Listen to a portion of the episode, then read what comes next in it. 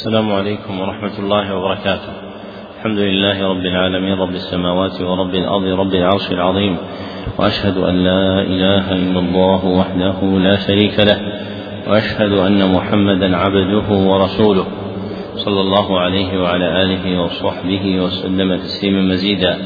أما بعد فهذا المجلس الثالث في شرح الكتاب الثاني من برنامج اليوم الواحد العاشر. والكتاب المقروء فيه هو الاعتقاد الخالص من الشك والانتقاد للعلامة أبي الحسن ابن العطار رحمه الله تعالى وقد انتهى بنا البيان إلى قوله قاعدة العلم علمان. نعم. الحمد لله وصلى الله وسلم على نبينا محمد وعلى آله وصحبه وسلم.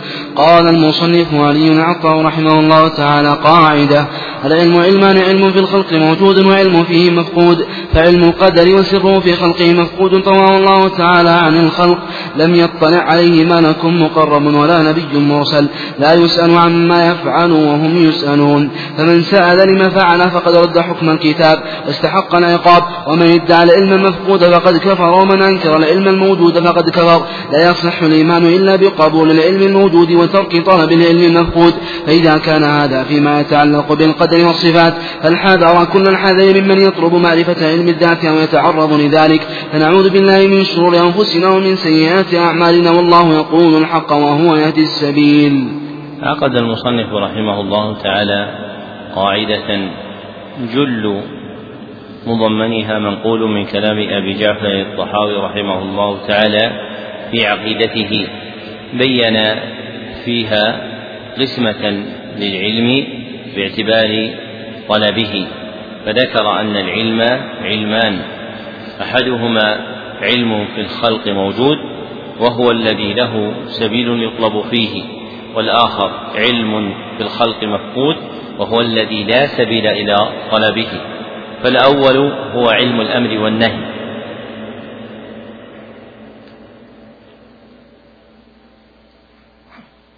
فالأول هو علم الأمر والنهي الذي خوطبنا به في الكتاب والسنة وما التحق بذلك. والثاني هو ما استأثر الله عز وجل بالإحاطة بعلمه من حقائق القدر والصفات. فالواجب على العبد أن يشتغل بطلب العلم الممكن تحصيله وهو علم الخطاب الشرعي. وأما ما لا سبيل إليه من العلم المفقود المخفى عنا فإنه لا ينبغي للعبد أن يتشاغل به. وهذا معنى قول المصنف ومن ادعى العلم المفقود فقد كفر. لمن ادعى العلم المغيب عنا فقد كفر إذ لا سبيل إلى الإحاطة به. ومن أنكر العلم الموجود فقد كفر أي علم خطاب الشرع الذي أمرنا ونهينا به. لا يصح الإيمان إلا بقبول العلم الموجود وترك طلب العلم المفقود. نعم. الله عليكم. فصل يجب الإيمان بجميع رسل الله وأنبيائه وأن جميع ما جاءوا به حق وصدق. قال الله تعالى قولوا آمنا بالله وما أنزل إلينا وما أنزل إلى إبراهيم وإسماعيل وإسحاق ويعقوب. الآية والآية التي في آل عمران قل آمنا بالله وما أنزل علينا.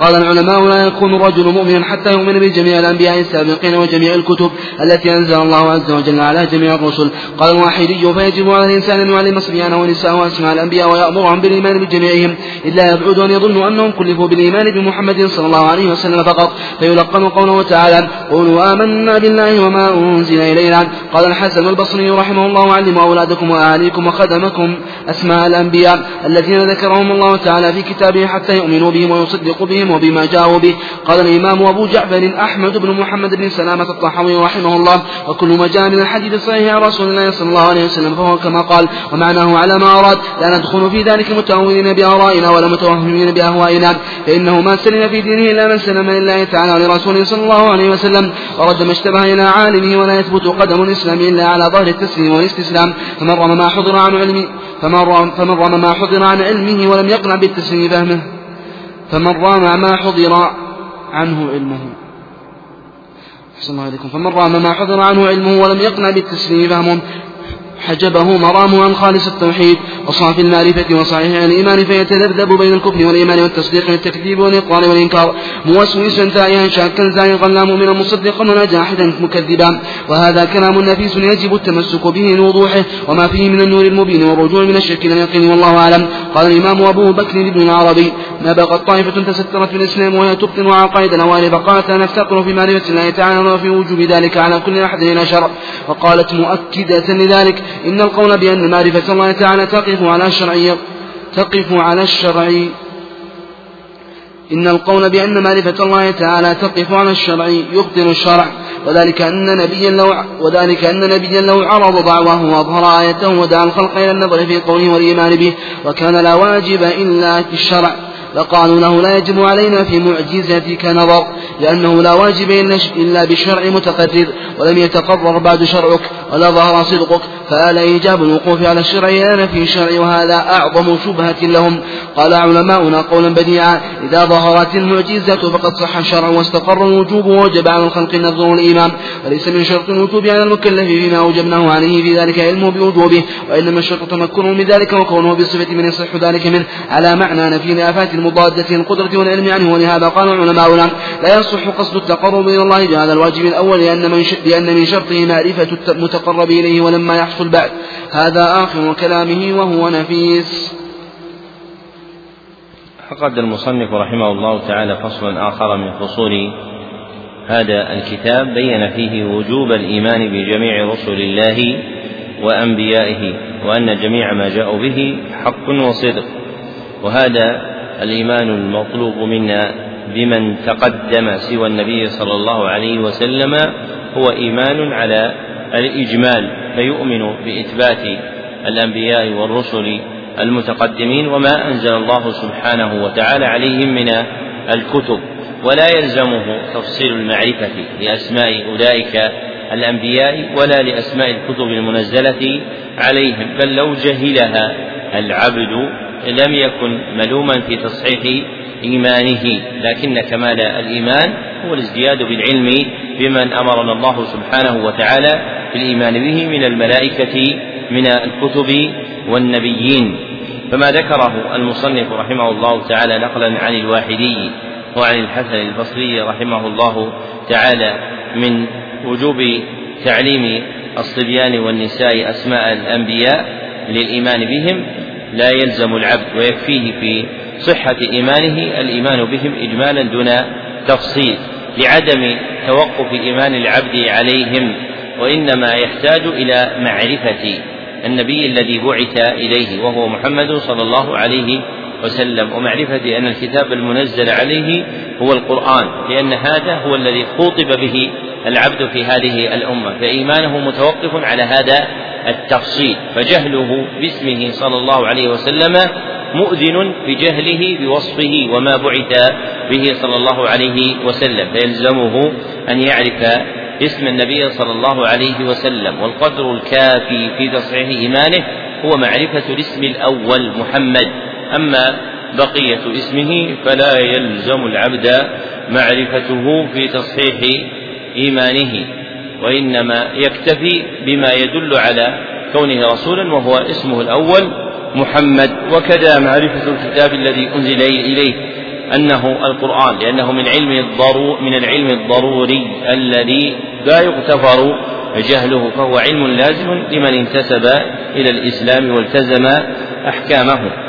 ثم ذكر رحمه الله تعالى نقلا عن أبي من جعفر أبي جعفر الطحاوي رحمه الله تعالى في تعظيم مقام التصديق والتسليم. فمتى صح حديث عن النبي صلى الله وسلم عليه وجب على العبد أن يسلم له وألا يدخل في ذلك متأولا برأيه ولا متوهما بهواه. ولا تثبت قدم الإسلام إلا على ظهر التسليم والاستسلام.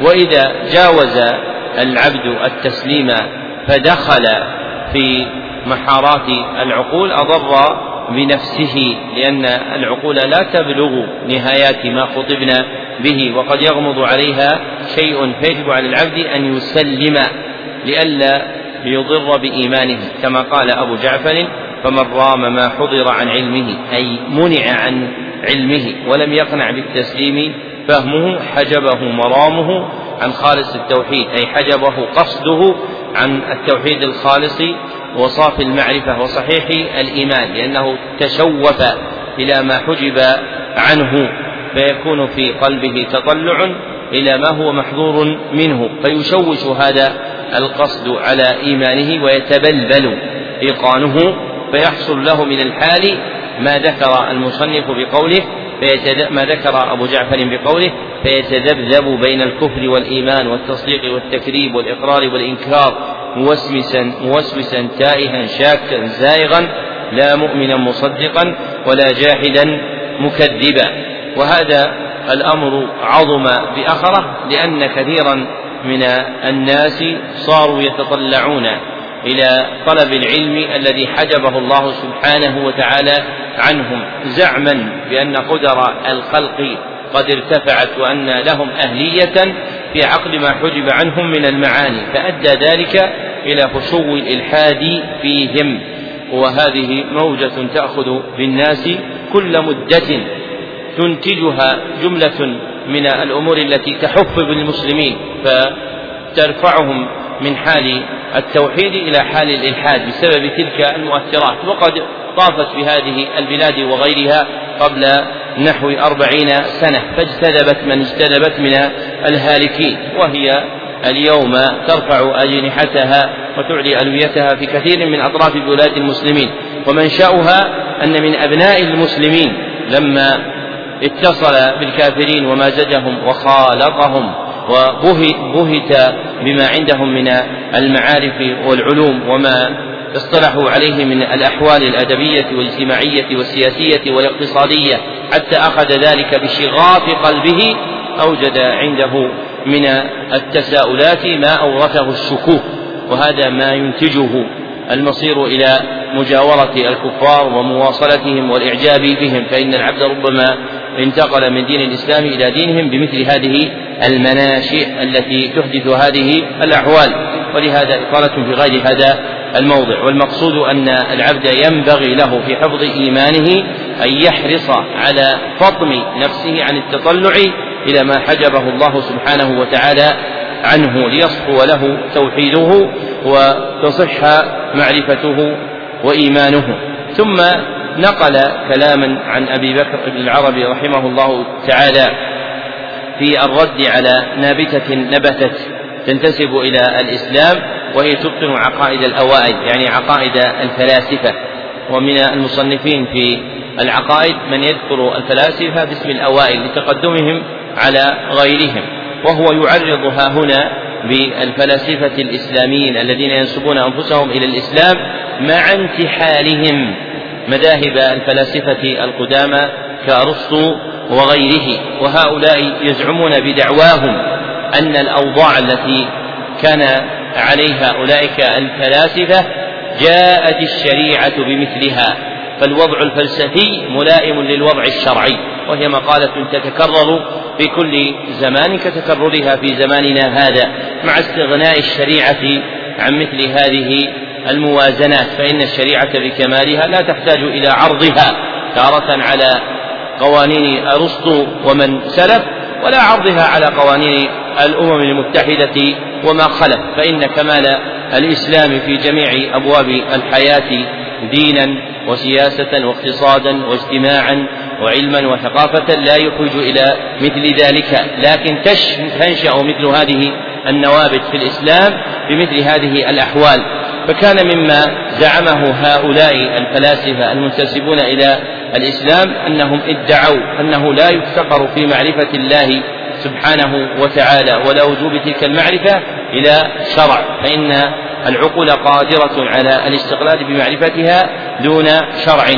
وقالوا في توكيد ذلك إن القول بأن معرفة الله تقف على الشرع يبطل الشرع أي إذا ادعي أن ثبوت معرفة الله عز وجل موقوفة على وجود دليل شرعي بطل ذلك الدليل الشرعي وذلك أن لو أن نبيا لو عرض دعواه وأظهر آيته ودعا الخلق إلى النظر في قوله والإيمان به وكان لا واجب إلا بالشرع لقالوا له لا يجب علينا في معجزتك نظر لأنه لا واجب إلا بالشرع متقرر.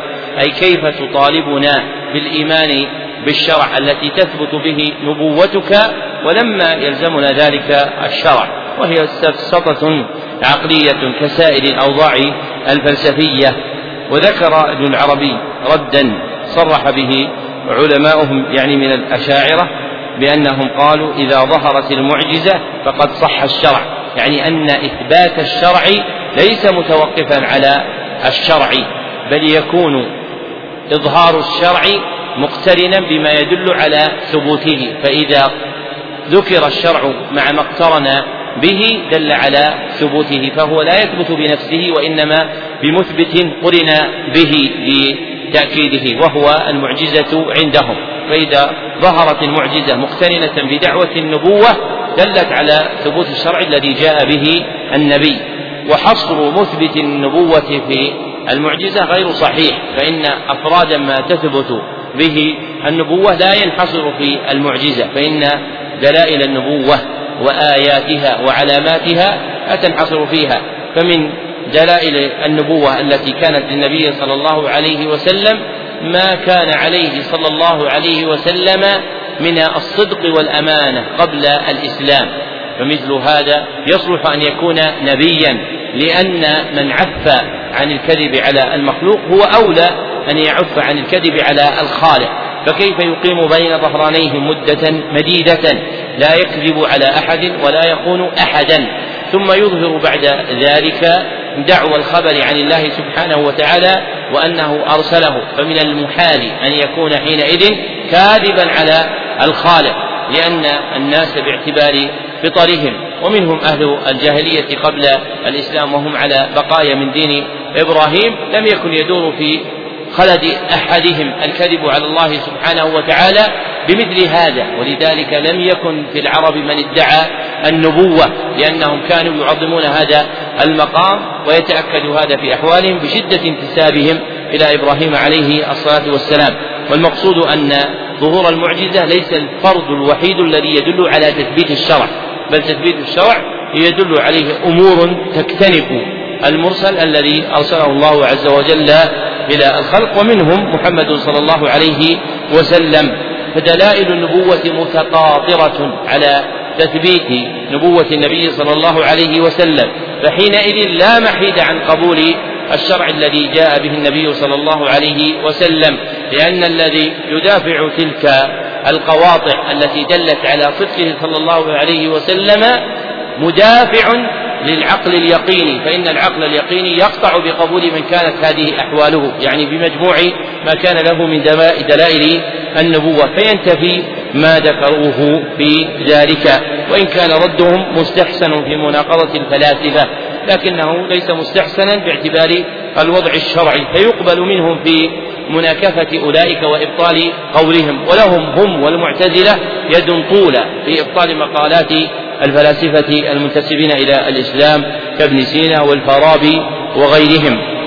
ثم ذكر ابن العربي رحمه الله تعالى في كلامه ما يشعر بمصيره إلى ما عليه الأشاعرة في مسألة التحسين والتقبيح. ودفع ذلك. وتقدم أن القول بالتحسين والتقبيح سلك به العقلي سلك فيه أهل السنة مسلكا وسطا فقالوا بإمكان الحكم على الأشياء بالحسن والقبح بالعقل لكن ترتب تعلق الذمة بها مع الثواب والعقاب مناط بورود الخطاب الشرعي. نعم. أحسن الله إليكم فصل. من اعترف من اعترف بالوحدانية والإلهية وجحد النبوة من أصلها عموما أو نبوة نبينا خصوصا أو أحد من الأنبياء الذين نص عليهم بعد علمه بذلك فهو كافر بلا ريب كالبراهمة ومعظم اليهود والأروسية للنصارى والغرابية من الروافض الزاعمين أن عليا كان مبعوث إليه جبريل عليه السلام. وكالمعطلة والقراميطة والإسماعيلية والعنبرية من الرافضة وإن كان بعض هؤلاء قد أشركوا في كفر آخر مع من قبلهم وكذلك من دان بالوحدانية وصحة نبوة نبينا صلى الله عليه وسلم ولكن جوز على الأنبياء الكذب فيما أتوا به وادعى في ذلك المصلحة بزعمها ولم يدعها فهو كافر بإجماع كالمتفلسفين وبعض الباطنية والروافض وغلاة المتصوفة وأصحاب الإباحة فإن هؤلاء زعموا أن ظاهر الشرع وأكثر ما جاءت به الرسل من الإخبار عما كان ويكون من أمور الآخرة والحشر والقيامة والجنة والنار ليس منها شيء على مقتضى لفظها ومفهوم خطابها وإنما خاطبوا بها الخلق على جهة المصلحة لهم إذ يمكنهم التصريح لقصور أفعالهم فمضمن مقالاتهم إبطال الشرائع وتعطيل الأوامر والنواهي وتكذيب الرسل والارتياب فيما فيما والارتياب فيما أتوا به وكذلك من أضاف إلى نبينا صلى الله عليه وسلم تعمد الكذب فيما بلغه وأخبر به وشك في صدقه وسبه قال إنه لم يبلغ أو استخف به أو بأحد من الأنبياء أو أزرع عليهم أو آذاهم أو قتل نبيا أو فهو كافر بالإجماع.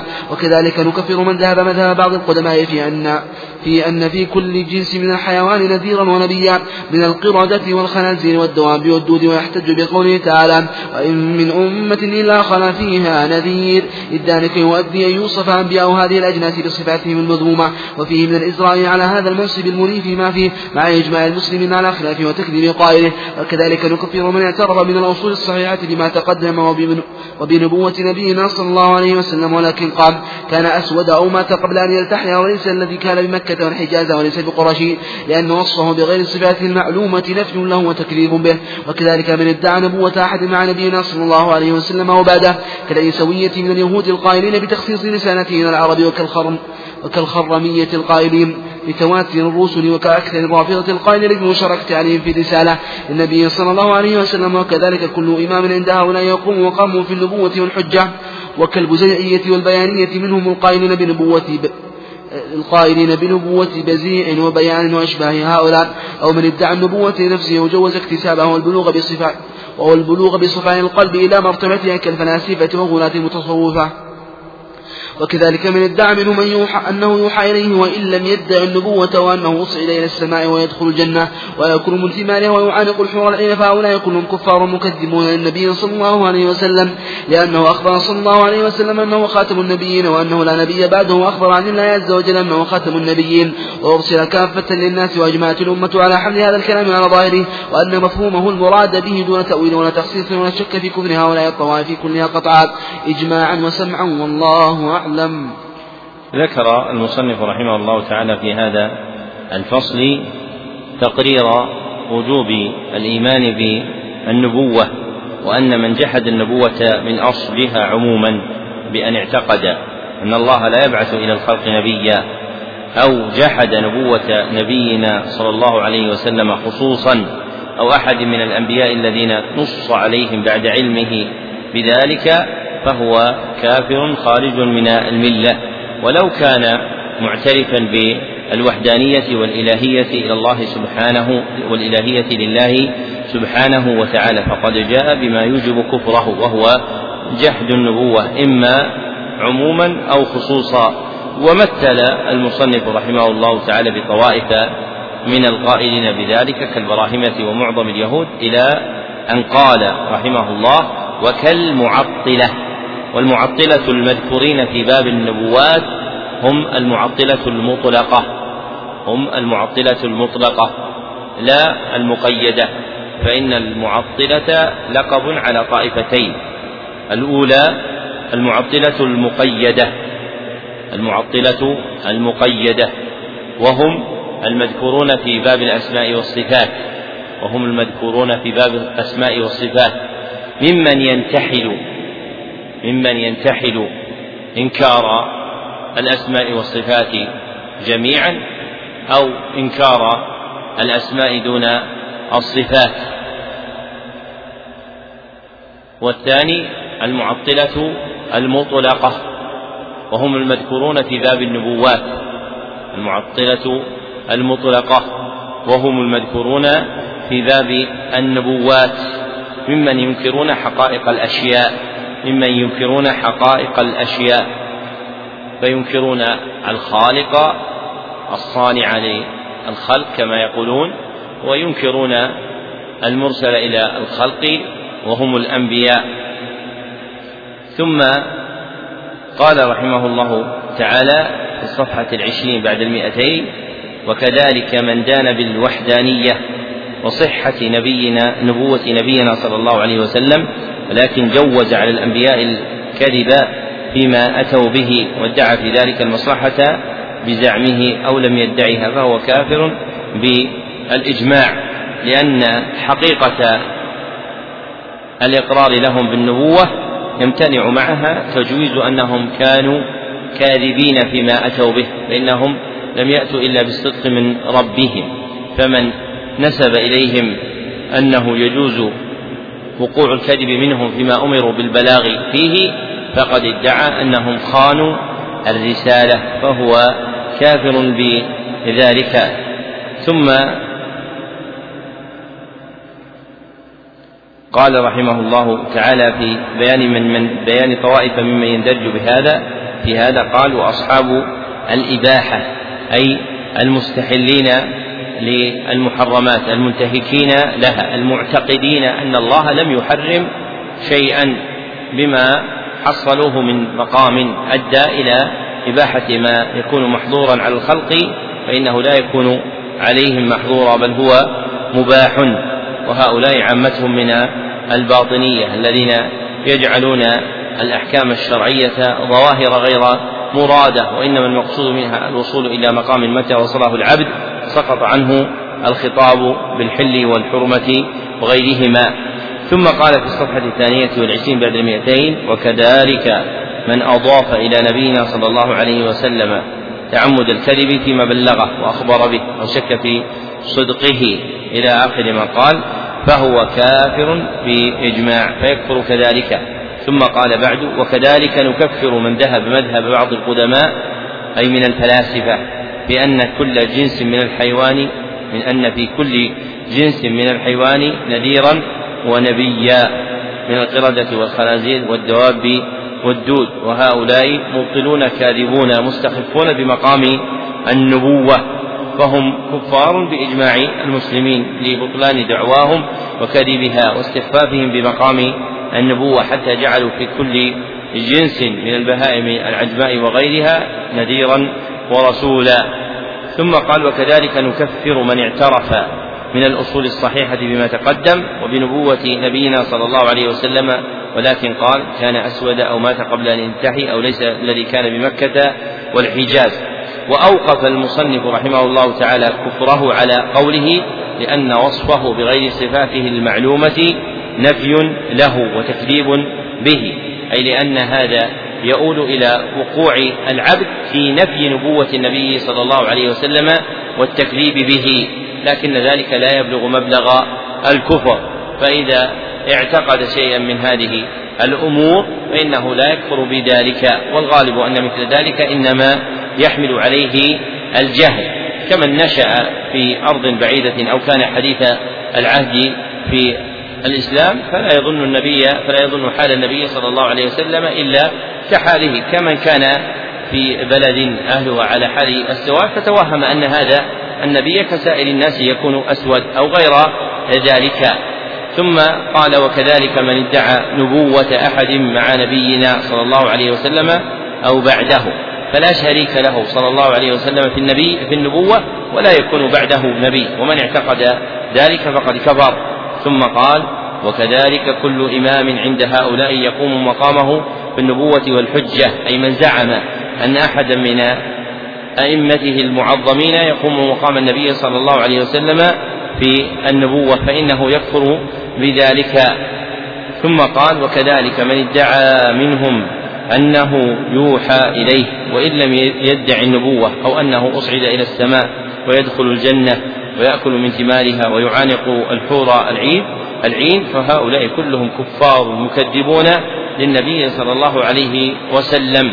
وعلل تكذيبهم بمناقضتهم للخبر الصادق من كلام الله وكلام النبي صلى الله عليه وسلم أن محمدا صلى الله عليه وسلم هو خاتم النبيين وأن الله سبحانه وتعالى لا يبعث بعده نبيا كما قال تعالى ولكن رسول الله وخاتم النبيين فمن ناقض ذلك بادعاء النبوة في أحد أو زعم أن أحدا يشرك النبي صلى الله عليه وسلم فيها وأنه يكون بعده نبي أو نسب إماما معظما عنده إلى النبوة فهؤلاء كلهم كافرون لأنهم مكذبون بختم النبوة هم لا يعتقدون أن النبوة مختومة به صلى الله عليه وسلم وهذا تكذيب بالقرآن الكريم فيكفرون.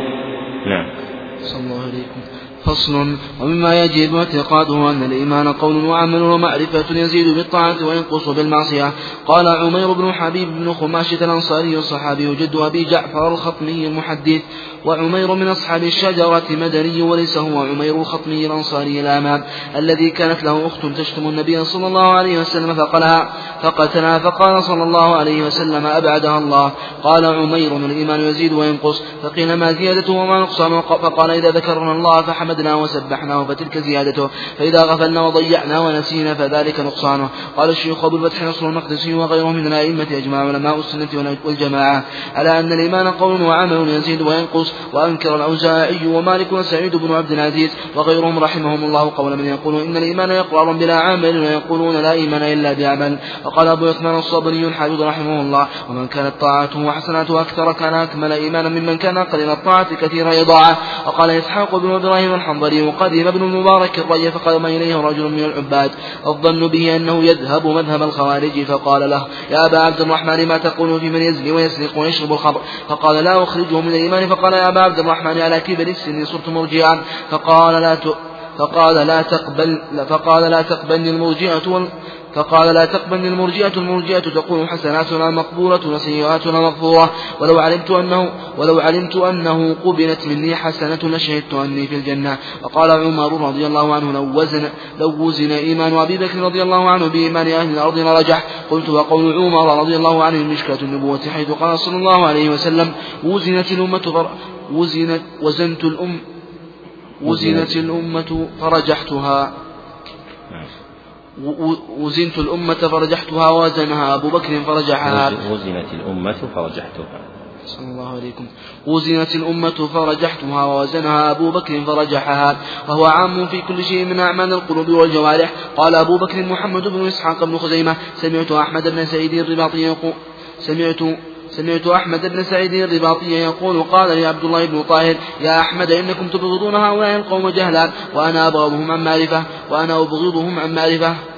إن أول أم إن أول أمرهم أنهم لا يرون للسلطان طاعة والثاني أنه ليس الإيمان عندهم قدر والله لا والله والله لا أستجيز أن أقول إيماني كإيمان يحيى بن يحيى ولا كإيمان أحمد بن حنبل وهم يقولون إيماننا كإيمان جبريل وميكائيل وقال ابن خزيمة أيضا سمعت الحسين بن حرب أخا أحمد بن حرب الزاهد يقول أشهد أن دين أحمد بن حرب الذي يدين الله به أن الإيمان قول وعمل ويزيد وينقص. عقد المصنف رحمه الله تعالى فصلا آخر من فصول كتابه قرر فيه أن الإيمان قول وعمل ومعرفة ومراده بالمعرفة الاعتقاد. فأهل السنة يرون أن الإيمان منقسم على هذه المطالب الثلاثة وأنه قول وعمل واعتقاد فهو قول بالقلب وعمل وقول باللسان. وعمل بالقلب وعمل باللسان واعتقاد بالقلب. فأما قول القلب فهو اعتقاده. فأما قول القلب فهو اعتقاده. وأما عمل القلب فهو حركاته وإراداته. فهو حركاته وإراداته. فمثال الأول اعتقاد العبد أن لله ملائكة. اعتقاد العبد أن لله ملائكة. ومثال الثاني محبة الله والتوكل عليه. فهي عمل للقلب. وأما قول اللسان فهو الإقرار بالشهادتين والنطق بهما. أما قول اللسان فهو الإقرار بالشهادتين والنطق بهما. وأما عمل اللسان فهو ما لا يتأتى إلا به. ما لا يتأتى إلا به. كقراءة القرآن والتهليل والتسبيح. ذكر هذه المعاني المتقدمة أبو العباس ابن تيمية. وشيخ شيوخنا حافظ الحكم في معارج القبول. وذكر المصنف رحمه الله تعالى آثارا عن السلف رحمهم الله تعالى في إثبات زيادة الإيمان ونقصانه لأن الأمر كما قال يزيد بالطاعة وينقص بالمعصية. فكان مما ذكره قول عمير بن حبيب الأنصاري رضي الله عنه الإيمان يزيد وينقص. الحديث أخرجه ابن أبي شيبة في كتاب الإيمان وغيره وإسناده حسن وهو من أقدم الآثار المنقولة في زيادة الإيمان ونقصانه. ثم ذكر إجماع علماء السنة والجماعة على أن الإيمان قول وعمل يزيد وينقص منقولا عن أبي الفتح نصر بن إبراهيم المقدسي الشافعي رحمه الله تعالى وأتبعه بنكير السلف على بعض المذاهب المرذولة التي ادعت أن الإيمان يكون بالإقرار بلا عمل وهذا أمر باطل فلا إيمان إلا بعمل كما قال السلف وسبق بسط هذه الجملة في التقريرات على كتاب الإبانة لابن بطة لما قرأنا قدرا منه يتعلق بذلك في برنامج منتخب الأبواب والفصول المتقدم قبل سنة فبسط ذلك يطلب منه. ثم ذكر رحمه الله تعالى من كلام الأئمة ما يدل على ذلك في قصة عبد الله بن مبارك ومن بعده. نعم. فصل يجب اعتقاد أن المؤمن إذا أذنب ذنوبا كثيرة صغائر كانت أو كبائر لا يكفر بها وإن خرج من الدنيا غير تاب منها ومات على الإخلاص والتوحيد إلا أن يعتقد تحليل ما حرم الله وتحليل ما أحل الله فإنه يكفر بذلك لأنه ذنب من الذنوب القلبية المكفرة قال بعض العلماء إلا أن يكون متأولا في ذلك قلنا إن أردت التأويل المصادم فلا سمع ولا طاعة لك ولا لنا وإن أردت التأويل الملائم فليس في ذلك كلامنا والله يعلم المفسد من المصلح وأمر كل وأمر كل وأمر كل من يرتد الحديث المتقدم اللي صفحة 33 بعد المئتين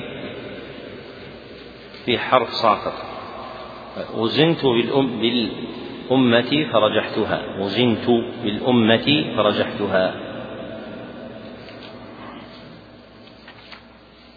نعم. وأمر كل من ارتكب ذنبا لا نكفره. أعيد أعيد. فصل. فصل يجب اعتقاد أن المؤمن إذا أذنب ذنوبا كثيرة صغائر كانت أو كبائر لا يكفر بها وإن خرج من الدنيا غير تاب منها ومات على الإخلاص والتوحيد إلا أن يعتقد تحليل ما حرم الله أو تحريم ما أحل الله فإنه يكفر بذلك لأنه ذنب من الذنوب القلبية المكفرة. قال بعض العلماء إلا أن يكون متأولا في ذلك قلنا إن أردت التأويل المصادم فلا سمع ولا طاعة لك ولا لنا وإن أردت التأويل الملائم فليس في ذلك كلامنا. والله يعلم المفسد من المصلح. وأمر كل من ارتكب ذنبا لا نكفره به إلى الله. إن شاء عفى عنه وأدخله الجنة يوم القيامة سالما غانما غير مبتلى بالنار ولا يعاقب على ما ارتكبه من الذنوب يكتسبه ثم استصحبه إلى القيامة من الآثام والأوزار. وإن شاء عاقبه وعذبه مدة بعذاب النار فإن, فإن عذبه ولم يخلده فيها. بل يعتقه ويخرجه منها. إلى نعيم إلى نعيم دار القرار. وكان الشيخ الإمام أبو الطيب سهل بن محمد الصعلوكي رحمه الله يقول المؤمن المذنب وإن عذب بالنار فإنه لا يلقى فيها إلقاء الكفار ولا يلقى فيها لقاء الكفار ولا يشقى فيها شقاء الكفار ولا يبقى فيها بقاء الكفار. قال الشيخ الإمام أبو عثمان الصابوني رحمه الله تلميذ أبي الطيب الصعلوكي المذكور معنى ذلك أن الكافر يجر على وجهه إلى النار ثم يلقى في النار منكوسا في السلاسل والأغلال وإن كان الثقال. والمؤمن المذنب يقتل بالنار فإنه يدخل كما يدخل مجرم السجن في الدنيا على الرجل من غير على الرجل من غير تنكيس ويلقى ومعنى قوله لا يلقى من النار لقاء الكفار لا يلقى من النار لقاء الكفار أن الكافر يحرق بدنه كله وكلما نضج جلده بدل جلدا غيره ليذوق العذاب. وأما المؤمنون فلا فلا تلفح وجوههم النار ولا تحرق أعضاء السجود ولا تحرق أعضاء السجود منهم. وحرم الله على النار أعضاء السجود ومعنى قوله لا يبقى في النار مقال الكفار لأن الكافر يخلد فيها.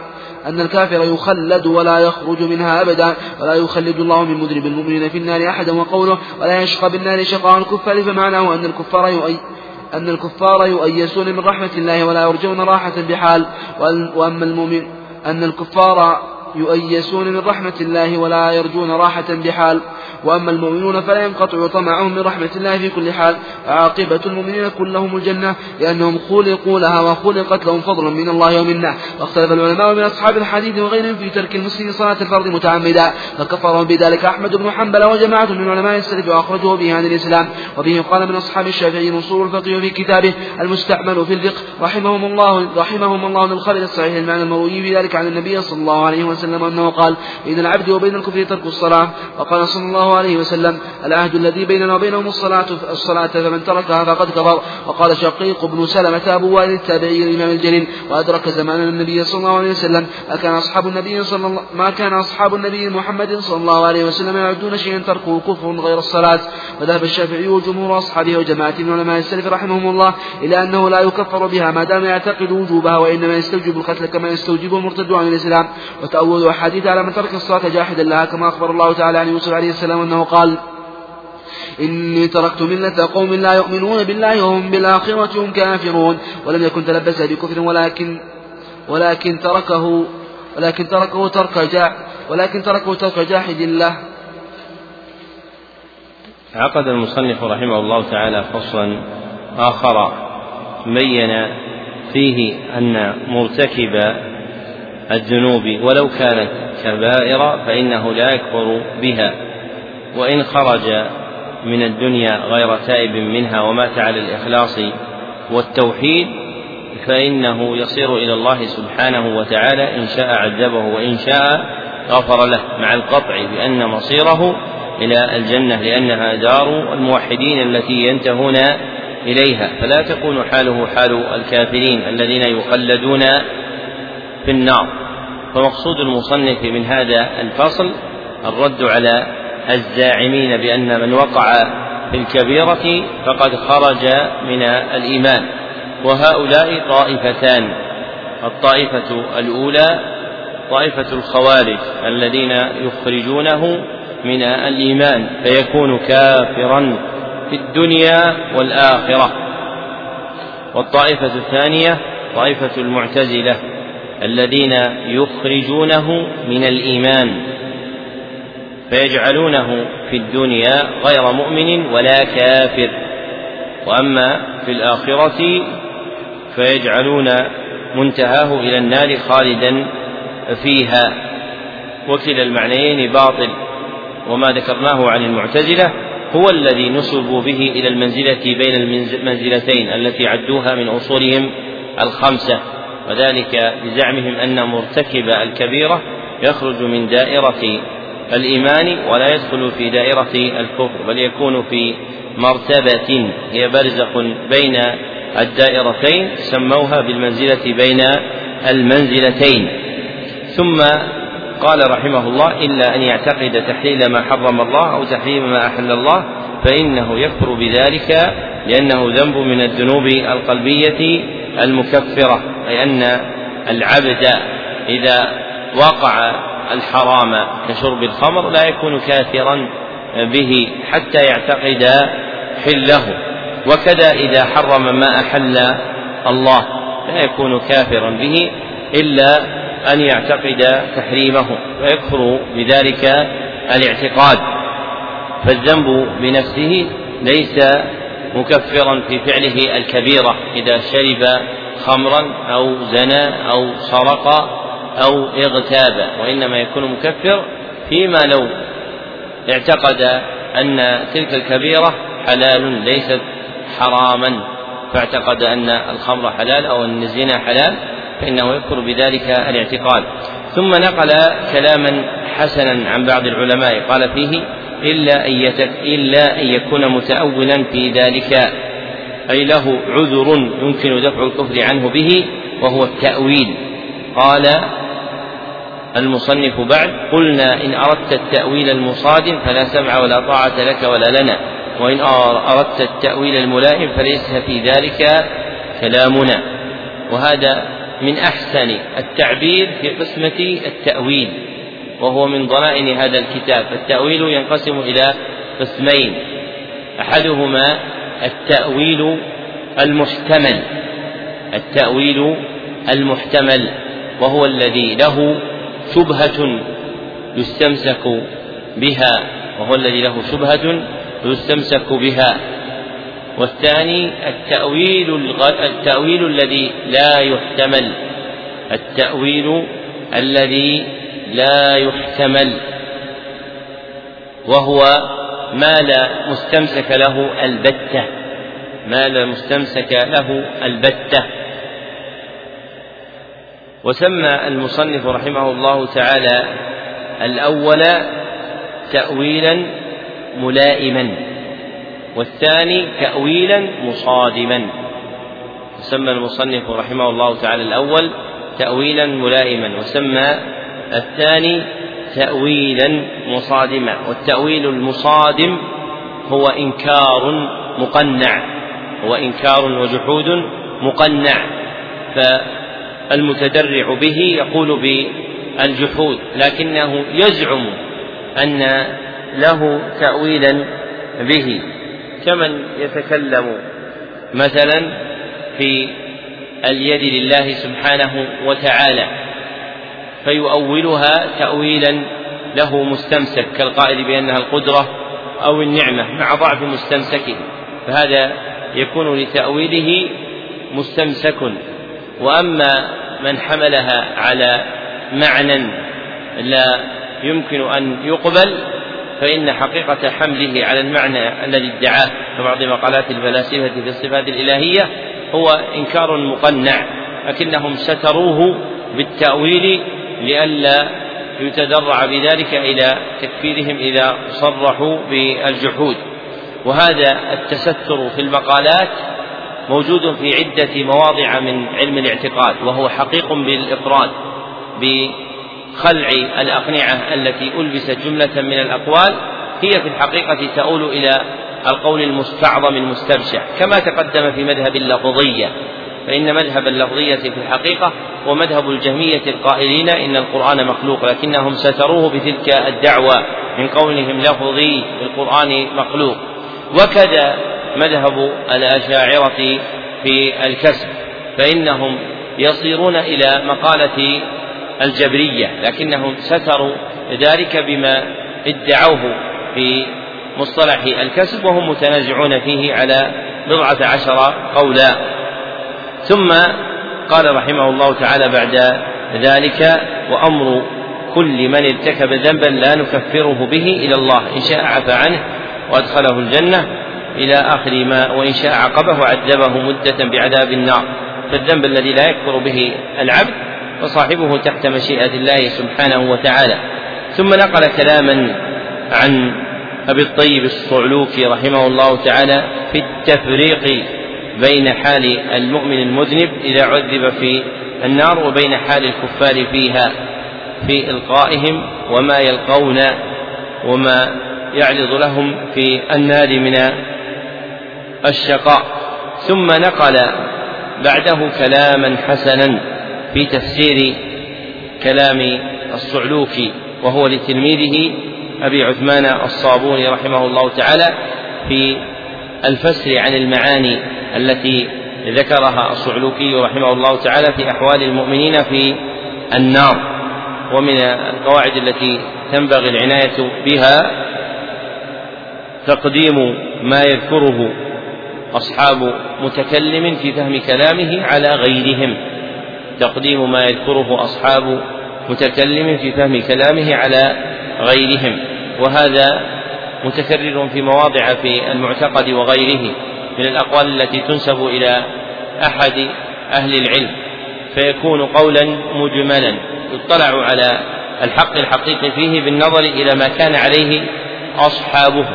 وكان الإمام أحمد رحمه الله تعالى ربما عزى أشياء إلى ابن مسعود رضي الله عنه لأنها المعروفة في أصحابه وهو يقطع بأن ما كانوا عليه هو مما تلقوه عن ابن مسعود رضي الله عنه فجعل النسبة التي أن فجعل نسبة الفعل الذي عقله عن أصحابه بما روي عنهم منسوبا إلى ابن مسعود رضي الله عنه. ثم ذكر رحمه الله تعالى اختلاف أهل العلم في ذنب من الذنوب هل يكفر به أم لا؟ وهو ترك الصلاة إذا تركها فلم يصلي هل يكفر أم لا؟ يكفر وابتدأ ذلك بذكر قول من كفره كأحمد وجماعة من علماء السلف وأخر القائلين بعدم التكفير كالشافعي وجمهور أصحابه وما تأول به الأحاديث الواردة في ذلك. وأصح المذهبين والله أعلم القول بتكفير تارك الصلاة ولو لم يجحدها فمن ترك الصلاة فإنه كافر وقد صح في جامع الترمذي عن عبد الله بن شقيق رحمه الله تعالى أنه قال ما كان أصحاب النبي صلى الله عليه وسلم يعدون شيئا من الأعمال تركه كفر غير الصلاة وهذا كالإجماع المنقول عنهم. ووقع في الكتاب وقال شقيق بن سلمة في الصفحة الثانية والأربعين بعد المئتين والصواب وقال عبد الله بن شقيق. فأصلحوها. نعم. الله عليكم. فصل. ويجب أن يعتقد أن أكساب العباد مخلوقة لله تعالى من غير مرية فيه ولا أعلم أحدا من أهل الحق والهدى ينكر هذا القول وينفيه. وأن الله تعالى يهدي من يشاء لدينه ويضل من يشاء عنه لا حجة لمن أضله الله عز وجل عليه ولا عذر له لديه. قال الله عز وجل قل فلله الحجة البالغة فلو شاء لهداكم أجمعين وقال تعالى فلو شئنا لآتينا كل نفس هداها ولكن حق القول مني لأملأن إن جهنم من الجنة والناس أجمعين. وقال تعالى ولقد ذرأنا لجهنم كثيرا من الجن والإنس. فسبحانه خلق الخلق بلا حاجة منه إليهم. فجعلهم فريقين فريقا للنائم فضلا وفريقا في الجحيم عدلا. وجعل منهم غويا ورشيدا وشقيا وسعيدا وقريبا من رحمته وبعيدا. لا يسأل عما يفعل وهم يسألون. وقال ألا له الخلق والأمر تبارك الله رب العالمين. قال الله عز وجل كما بدأكم تعودون. فريقا هدى وفريقا حق عليهم الضلالة. وقال تعالى أولئك ينالهم نصيبهم من الكتاب. وقال ابن عباس رضي الله عنهما هو ما سبق لهم من السعادة والشقاوة. وعن عبد الله بن مسعود رضي الله عنه قال حدثنا رسول الله صلى الله عليه وسلم وهو الصادق المصدوق. إن خلق أحدكم يجمع في بطن يجمع في بطن أمه أربعين يوما ثم يكون علقة مثل ذلك ثم يكون مضغة مثل ذلك ثم يبعث الله إليه الملك بأربع كلمات ثم يبعث الله إليه الملك بأربع كلمات. رزقه وعمله وأجله وشقي أو سعيد فوالذي نفسي بيده إن أحدكم يعمل بعمل أهل الجنة حتى ما يكون بينه وبينها إلا ذراع ثم يدرك ما سبق له في الكتاب فيعمل بعمل أهل النار فيدخلها وإن أحدكم لا يعمل بعمل أهل النار حتى ما يكون بينه وبينها إلا ذراع ثم يدرك ما سبق له في الكتاب فيعمل بعمل أهل الجنة فيدخلها. رواه البخاري ومسلم وهذه الرواية لفظ أبي العباس محمد بن إسحاق السراج عن يوسف بن موسى عن عائشة رضي الله عنها عن رسول الله صلى الله عليه وسلم قال إن الرجل لا يعمل بعمل أهل الجنة وإنه لمكتوب في الكتاب أنه من أهل النار. فإذا كان عند موته تحول فعمل عبد بعمل أهل النار فمات فدخل النار. وإن الرجل يعمل بعمل أهل النار وإنه لمكتوب في الكتاب أنه من أهل الجنة. فإذا كان قبل موته عمل بعمل أهل الجنة فمات فدخل الجنة. حديث صحيح. عقد المصنف هذا الفصل لتقرير كون أفعال العباد مخلوقة لله. كما قال ويجب أن يعتقد أن أكتاب العباد يعني أفعالهم مخلوقة لله سبحانه وتعالى فالله عز وجل خالقها. وذكره رحمه الله تعالى للأفعال باسم الأكساب محمول على المعنى اللغوي فالكسب هو ما يعمله الإنسان وأما المعنى الاصطلاحي المعروف عند الأشاعرة وهو مما اختلفوا في تقرير حقيقته حتى صار من الغوامض الخفية في علوم الاعتقاد. فيحمل كلامه على ما يراد به من اللسان العربي وأن المقصود به فعل العبد الذي يجترحه فيكتسبه فهو مخلوق لله سبحانه وتعالى. ثم قرر ثبوت قدر الله سبحانه وتعالى في الهداية والإضلال فقال وأن الله تعالى يهدي من يشاء لدينه يعني فضلا ويضل من يشاء عنه يعني عدلا. لا حجة لمن أضل الله عز وجل لمن أضله الله عز وجل عليه ولا عذر له لديه. وذكر من الآي ما يصدق ذلك. ثم أتبعه بحديثين يدلان على نفوذ قدر الله سبحانه وتعالى في العباد وأن الخلق قد انتهوا إلى ما جعل الله عز وجل لهم من جنة أو نار كما في حديث عبد الله بن مسعود وهو في الصحيحين وحديث عائشة بعده عند أحمد وغيره وكلاهما صحيح. نعم. صلى الله عليكم. فصل. ويجب اعتقاد أن الخير والشر والنفع والضر والحلو والبر بقضاء الله تعالى وقدره. لا مرد لهما ولا محيص ولا محيد عنهما ولا يصيب المرء إلا ما كتبه له إلا ما كتب له ربه. ولو جهد الخلائق أن ينفع المرء بما لم يقضه الله ولو لم له لم يقدروا عليه. ولو جهدوا أن يضروه بما لم يقضه الله عليه لم يستطيعوا كما ثبت في الحديث الحسن الصحيح عن تعليم النبي صلى الله عليه وسلم ابن عباس رضي الله عنهما.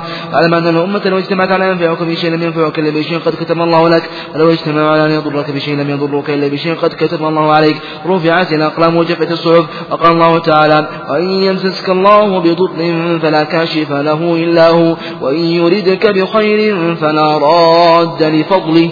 يصيب به من يشاء من عباده. ويجب أن لا يضاف إلى الله تعالى ما يتوهم أنه نقص على الإفراد. فلا يقال يا خالق القردة والخنازير والخنا فلا يقال يا خالق القردة والخنازير والخنافس. وإن كان لا مخلوق إلا والرب سبحانه وتعالى خالقه. وفي ذلك صح عن رسول الله صلى الله عليه وسلم في دعاء استفتاح الصلاة. تباركت وتعاليت والخير كله في يديك والشر ليس إليك. ومعناه والله أعلم. والشر ليس يضاف إليك إفرادا قصدا فيقال لك يا خالق الشر ويا مقدر الشر وإن كان هو الخالق المقدر لهما جميعا. ولذلك في أسماء الله تعالى لم لم يذكر الضار بانفراده بل قال الضار النافع المعز المذل الخافض الرافع. القابض الباسط المحيي المميت المنتقم العفو. وقد أضاف الخضر عليه السلام إرادة العيب إلى نفسه وإرادة الخير والبر والرحمة إلى الله تعالى في قصة سورة الكهف. فقال في السفينة فأردت أن أعيبها وفي الغلامين اليتيمين. فأراد ربك أن يبلغ أشدهما ويستخرجا كنزهما رحمة من ربك. وقال تعالى مخبرا عن إبراهيم صلى الله عليه وسلم أنه قال وإذا مرضت فهو يشفين أضاف المرض إلى نفسه والشفاء إلى الله تعالى وإن كان الجميع منه جل جلاله. أضاف النعمة إليه سبحانه والغضب أتى به سبحانه بصيغة مفعولية من غير ذكر الفعل فقال تعالى صراط الذين أنعمت عليهم غير المغضوب عليهم ولا الضالين. اكتبوا البيتين هذين أردت أن أستذكرهما متعلقان بالكسب لأن الكسب عند الأشعري يقولون لا حقيقة له. قال الناظم مما يقال ولا حقيقة تحته. مما يقال ولا حقيقة تحته. معقولة تدنو إلى الأفهام. معقولة تدنو إلى الأفهام. الكسب عند الأشعري الكسب عند الأشعري والحال عند البه. والحال عند البه. الشطر الأول. الحال عند البه. شمي وطفرة النظام. في الشطر الثاني. الكسب عند الأشعري والحال عند البهشمي وطفرة النظام. فهذه من الحقائق التي تذكر من المعاني التي تذكر في الاعتقاد ولا حقيقة تحتها. عقد المصنف رحمه الله تعالى في الجملة المتقدمة فصلا آخر بين فيه ما يجب اعتقاده من أن كل ما يقع من الأقدار من خير أو شر أو نفع أو ضر أو حلو أو مر فكله بقضاء الله سبحانه وتعالى وقدره لا مرد له ولا محيص عنه ولا قدرة للخلق على مدافعته فهو نافذ فيهم فالقدر حلوة وشره وحلوه ومره كله من الله سبحانه وتعالى ثم نبه رحمه الله تعالى أن تقرير شمول القدر لجميع الأفراد لا يؤذن بإضافة ما يوهم النقص إلى الله سبحانه وتعالى وإن كان من جملة قدره فيجب أن لا يضاف إليه ما يتوهم أنه نقص على الإفراد فلا يقال يا خالق القردة والخنازير والخنافس وإن كان الله سبحانه وتعالى خالق كل شيء. ثم ذكر في تقرير هذا المعنى قوله صلى الله عليه وسلم في الصحيح والشر ليس إليك ومعناه والشر لا يضاف إليك لا أنه ليس خالقا له فإن الله سبحانه وتعالى خالق كل شيء لكن لا يفرد ذلك بنسبته إلى الله سبحانه وتعالى. ولم تأتي في الكتاب والسنة إضافة الشر إلى الله سبحانه وتعالى مفردا وإنما وقع ذلك في القرآن والسنة على ثلاثة طرائق. أحدها إدراجه في عموم مخلوقاته. إدراجه في عموم مخلوقاته سبحانه. إدراجه في عموم مخلوقاته سبحانه. قال تعالى الله خالق كل شيء. قال تعالى الله خالق كل شيء. وثانيها إضافته إلى فاعله. إضافته إلى فاعله إضافته إلى سببه إضافته إلى سببه. قال الله تعالى ومن شر ما خلق ومن شر ما خلق. وثالثها حذف فاعله عند ذكره حذف فاعله عند ذكره. قال تعالى وأنا لا ندري. أشر أريد بمن في الأرض أم أراد بهم ربهم رشدا. فتجافي ذكر الشر على وجه الإفراد في القرآن في نسبته إلى الله سبحانه وتعالى وقع لتنزيهه عز وجل عن ذلك. ذكر هذه المسالك الثلاثة أبو العباس ابن تيمية وتلميذه أبو عبد الله ابن القيم. وعلل المصنف امتناع إضافة الشر إلى الله في قول القائل يا خالق الشر أو يا مقدر الشر بقوله ولذلك في أسماء الله تعالى لم يذكر الضار بانفراده بل قال الضار النافع المعز المذل الخافض الرافع إلى آخر ما ذكر. وهذه الأسماء تسمى سن الأسماء الإلهية المتقابلة المزدوجة. الأسماء الإلهية المتقابلة المزدوجة. لأن أسماء الله عز وجل ثلاثة أنواع. أحدها الأسماء المفردة. مثل الله والرحمن. وثانيها الأسماء المضافة. مثل مالك يوم الدين. وعلام الغيوب. وثالثها الأسماء المزدوجة المتقابلة. الأسماء المزدوجة المتقابلة. مثل القابض الباسط. مثل القابض الباسط. ولم يصح من النوع الثالث إلا هذا الاسم. ولم يصح من النوع الثالث إلا هذا الاسم. وأما ما ذكره المصنف رحمه الله تعالى فهذا ورد في حديث عد الأسماء الحسنى في بعض طرقه وهو حديث ضعيف لا يثبت ضعفه الترمذي وابن حزم وغيرهما. نعم. أحسن الله إليكم. فصل. ويجب الاعتقاد أن الله تعالى مريد لجميع أعمال العباد خيرها وشرها. لم يؤمن أحد إلا بمشيئته ولم يكفر إلا بمشيئته. قال الله تعالى ولو شاء ربك لجعل الناس أمة واحدة وقال ولو شاء ربك لآمن من في الأرض كلهم جميعا ولو شاء سبحانه أن لا يعصى ما خلق إبليس وكفر الكافر وكفر الكافرين. وكفر الكافرين وإيمان المؤمنين وإلحاد الملحدين وتوحيد الموحدين وطاعة المطيعين ومعصية العاصين كلها بقضاء الله وقدره وإرادته ومشيئته أرادها وشاءها وقدرها وقضاها ويرضى سبحانه الإيمان والطاعة ويسخط الكفر ويسخط الكفر والمعصية ولا يرضاها. قال الله تعالى إن تكفروا فإن الله غني عنكم ولا يرضى لعباده الكفر وإن تشكروا يرضه لكم. عقد المصنف هذا الفصل لبيان شمول إرادة الله سبحانه وتعالى جميع أعماله والمراد بها الإرادة الكونية. فإن إيمان المؤمن لم يقع إلا بإرادته سبحانه وكفر الكافر لم يقع إلا بإرادته سبحانه. وهذه الإرادة الكونية تسمى بالمشيئة. فإرادة الله عز وجل نوعان. فإرادة الله عز وجل نوعان. أحدهما الإرادة الكونية. الإرادة الكونية وتسمى المشيئة. والآخر الإرادة الشرعية. والآخر الإرادة الشرعية. والفرق بين الإرادتين من وجهين. والفرق بين الإرادتين من وجهين. أحدهما أن المراد في الإرادة الكونية قد يكون محبوبا لله وقد لا يكون.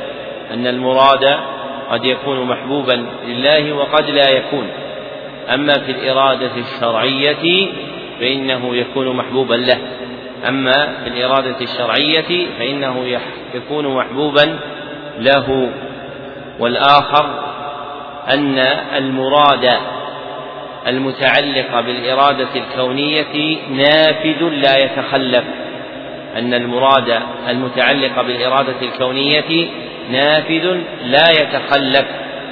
وأما المراد المتعلق بالإرادة الشرعية فقد يقع وقد لا يقع. أما المراد المتعلق بالإرادة الشرعية فقد يقع وقد لا يقع. نعم. صلى الله عليكم.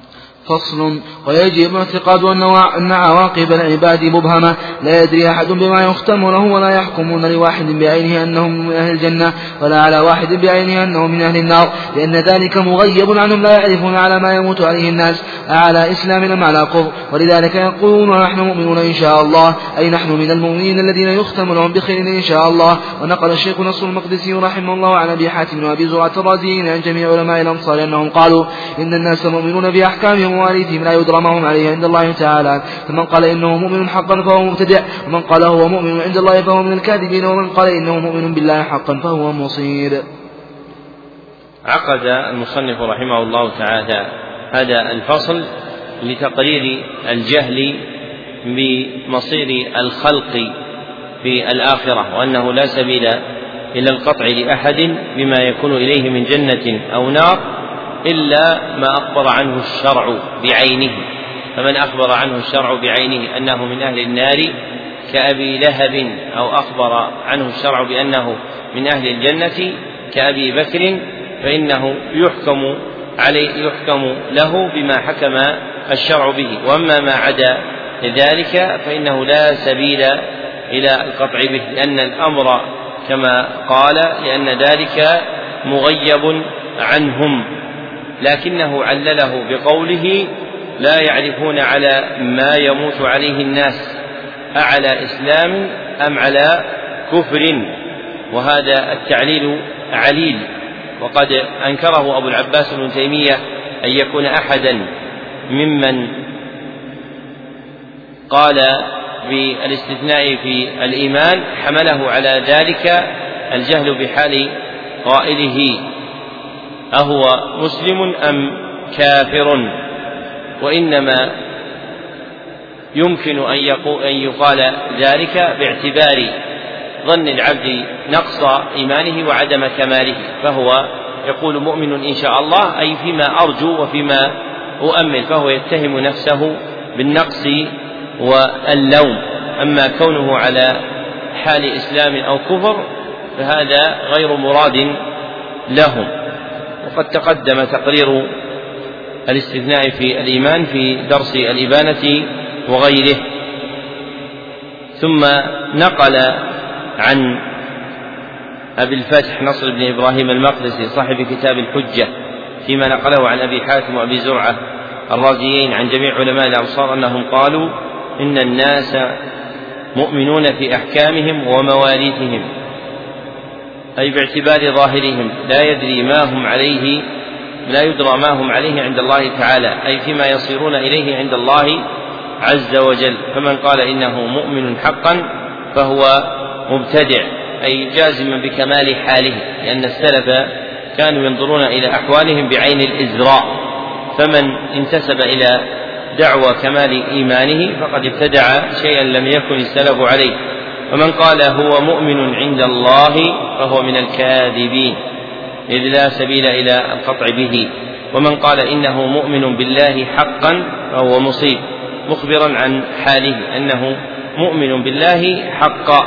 أما كونه في نفسه مؤمنا حقا فهذا لا سبيل إليه لما ينبغي أن ينظر العبد إلى نفسه من إزرائها وعيبها وعدم رفعها إلى مقام ربما لم تبلغه ولم تترشح له.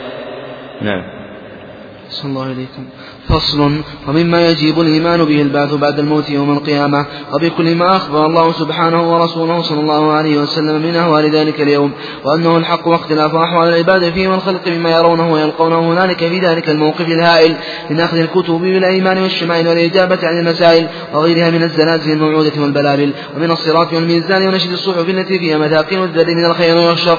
ويجب الإيمان بشفاعة النبي صلى الله عليه وسلم للمدن بأهل التوحيد وبالحوض والكوثر وإدخال فريق فريق من الموحدين الجنة بغير حساب ومحاسبة فريق حسابا يسيرا وإدخالهم الجنة دون سوء يمسهم وعذاب يلحقهم وإدخال فريق النار من المؤمنين ثم إعتاقهم وإخراجهم منها وإلحاقهم بإخوانهم الذين سبقوهم إليها ونعلم حقا يقينا أن مذنب الموحدين لا يخلدون في النار ولا يتركون فيها أبدا وأما الكفار فإنهم يبقون فيها أبد العابدين لا يخرجون منها ولا هم يستعتبون وقال سبحانه لا يفتر عنهم هم فيه مبارسون ونعلم ونشهد ونعتقد أن الجنة والنار مخلوقتان قبل الخلق وأنهما باقيتان لا يفنيان أبدا ولا يخرج الله من الجنة أحد ولا يسلط عليهم الموت أبدا ولا يسلط عليهم الموت فيها ولا يزيل عنهم نعيمها ويأمر بالموت ويأمر بالموت فيذبح على سور بين الجنة والنار وينادي المنادي يا أهل الجنة خلود ولا موت ويا أهل الجنة ويا أهل النار خلود ولا موت على ما ورد به الخبر الصحيح عن رسول الله صلى الله عليه وسلم ويجب الإيمان بملك الموت الموكل بقبض أرواح العالمين وبعذاب القبر لمن كان له أهلا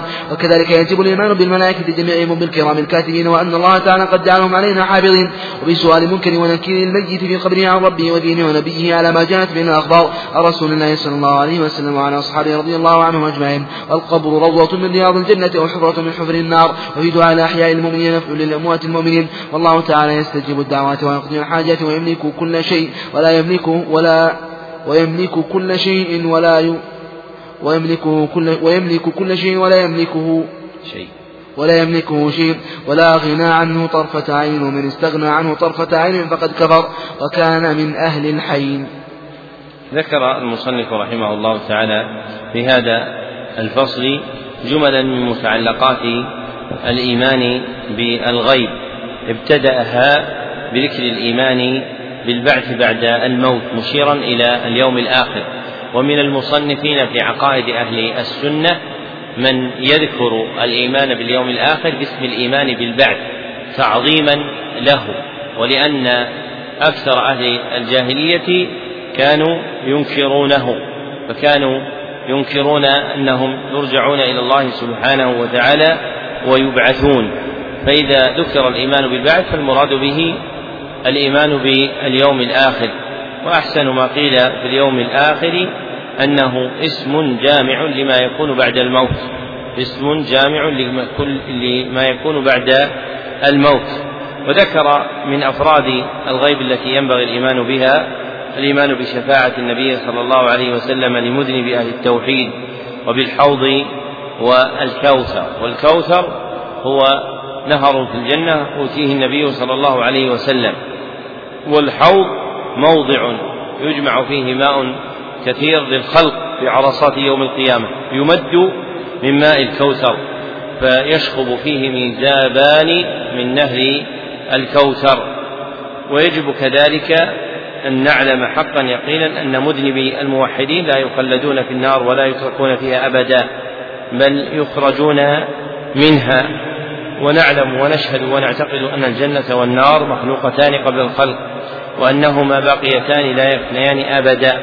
ومعنى قوله مخلوقتان قبل الخلق يعني قبل مصير الخلق إليهما ودخولهم فيهما. ثم ذكر من أفراد ذلك ولا يخرج الله من الجنة أحدا ولا يسلط عليهم الموت ولا يزيل عنهم نعيمها. ويأمر بالموت فيذبح على سور بين الجنة فيصور في صورة كبش أملح ثم يذبح والمذبوح هو الموت ومن ظن أنه ملك الموت فقد غلط في ذلك وهو قول بعض المعتزلة. ثم ذكر من أفراد الغيب الذي يجب الإيمان به الإيمان بملك الموت الموكل بقبض أرواح العالمين وبعذاب القبر. وكذلك يجب الإيمان بالملائكة جميعهم وبالكرام الكاتبين وأن الله تعالى قد جعلهم علينا حافظين. وبسؤال منكر ونكير والكاف في الأول يجوز فتحها وكسرها فيقال منكر ومنكر ويجوز أيضا تحليتهما بال فيقال المنكر والنكير وهما الملكان اللذان يسألان العبد في قبره. وثبت تسميتهما عند الترمذي في حديث حسن. ومن جملة ما يجب الإيمان به من الغيب الإيمان بأن القبر روضة من رياض الجنة لمن نعمه الله أو حفرة من حفر النار لمن عذبه. ثم ذكر أن دعاء الأحياء للمؤمنين نفع للأموات وهذا أمر مجمع عليه فمن دعا لميته نفعه. ذلك إذا أجاب الله دعاءه. والله تعالى يستجيب الحاج الدعوات ويقضي الحاجات. كما ذكر المصنف إلى آخر قوله وكان من أهل الحين يعني الهلاك في من زعم أن الله سبحانه وتعالى يمكن الاستغناء عنه فإنه كافر وقد صار من أهل الحين يعني الهلاك في الدنيا والآخرة. نعم. أحسن الله إليكم. فصل. من أنكر الجنة أو النار أو البعث أو الحساب أو القيامة فهو كافر بإجماع للنص عليه وإجماع الأمة على صحة نقله متواترا. وكذلك من اعترف بذلك ولكنه قال إن المراد بالجنة والنار والحشر والنشر والثواب والعقاب معنى غير ظاهره.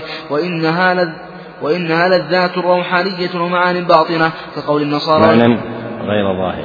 النسخة الثانية أصح. معنى غير ظاهر.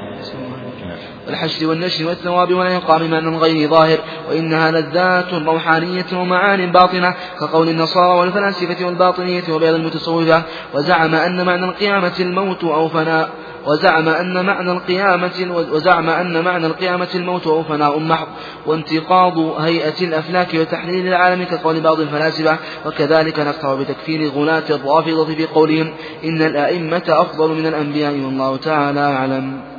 عقد المصنف هذا الفصل تتميما لما تقدمه عند ذكر شيء من علم الغيب وهو الجنة والنار والبعث والحساب وغير ذلك من أفراد يوم القيامة التي أجمع عليها المسلمون وتواترت الأدلة الواردة فيها من الكتاب والسنة فمن أنكرها فهو كافر وكذلك من أثبتها لكن على غير الوجه الذي قدرته الشريعة كالزاعم بأنها لذات روحانية ومعان باطلة فإن هذا كافر. وهذا من جنس المسائل المستترة التي تقدمت. فهذا يزعم أنه يثبت الجنة لكنه يحملها على لذات تحصل وليس متعلقها الثواب.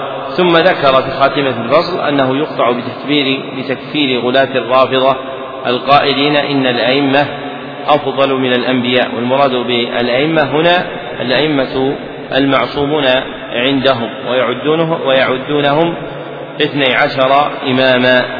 نعم. صلى الله فصل.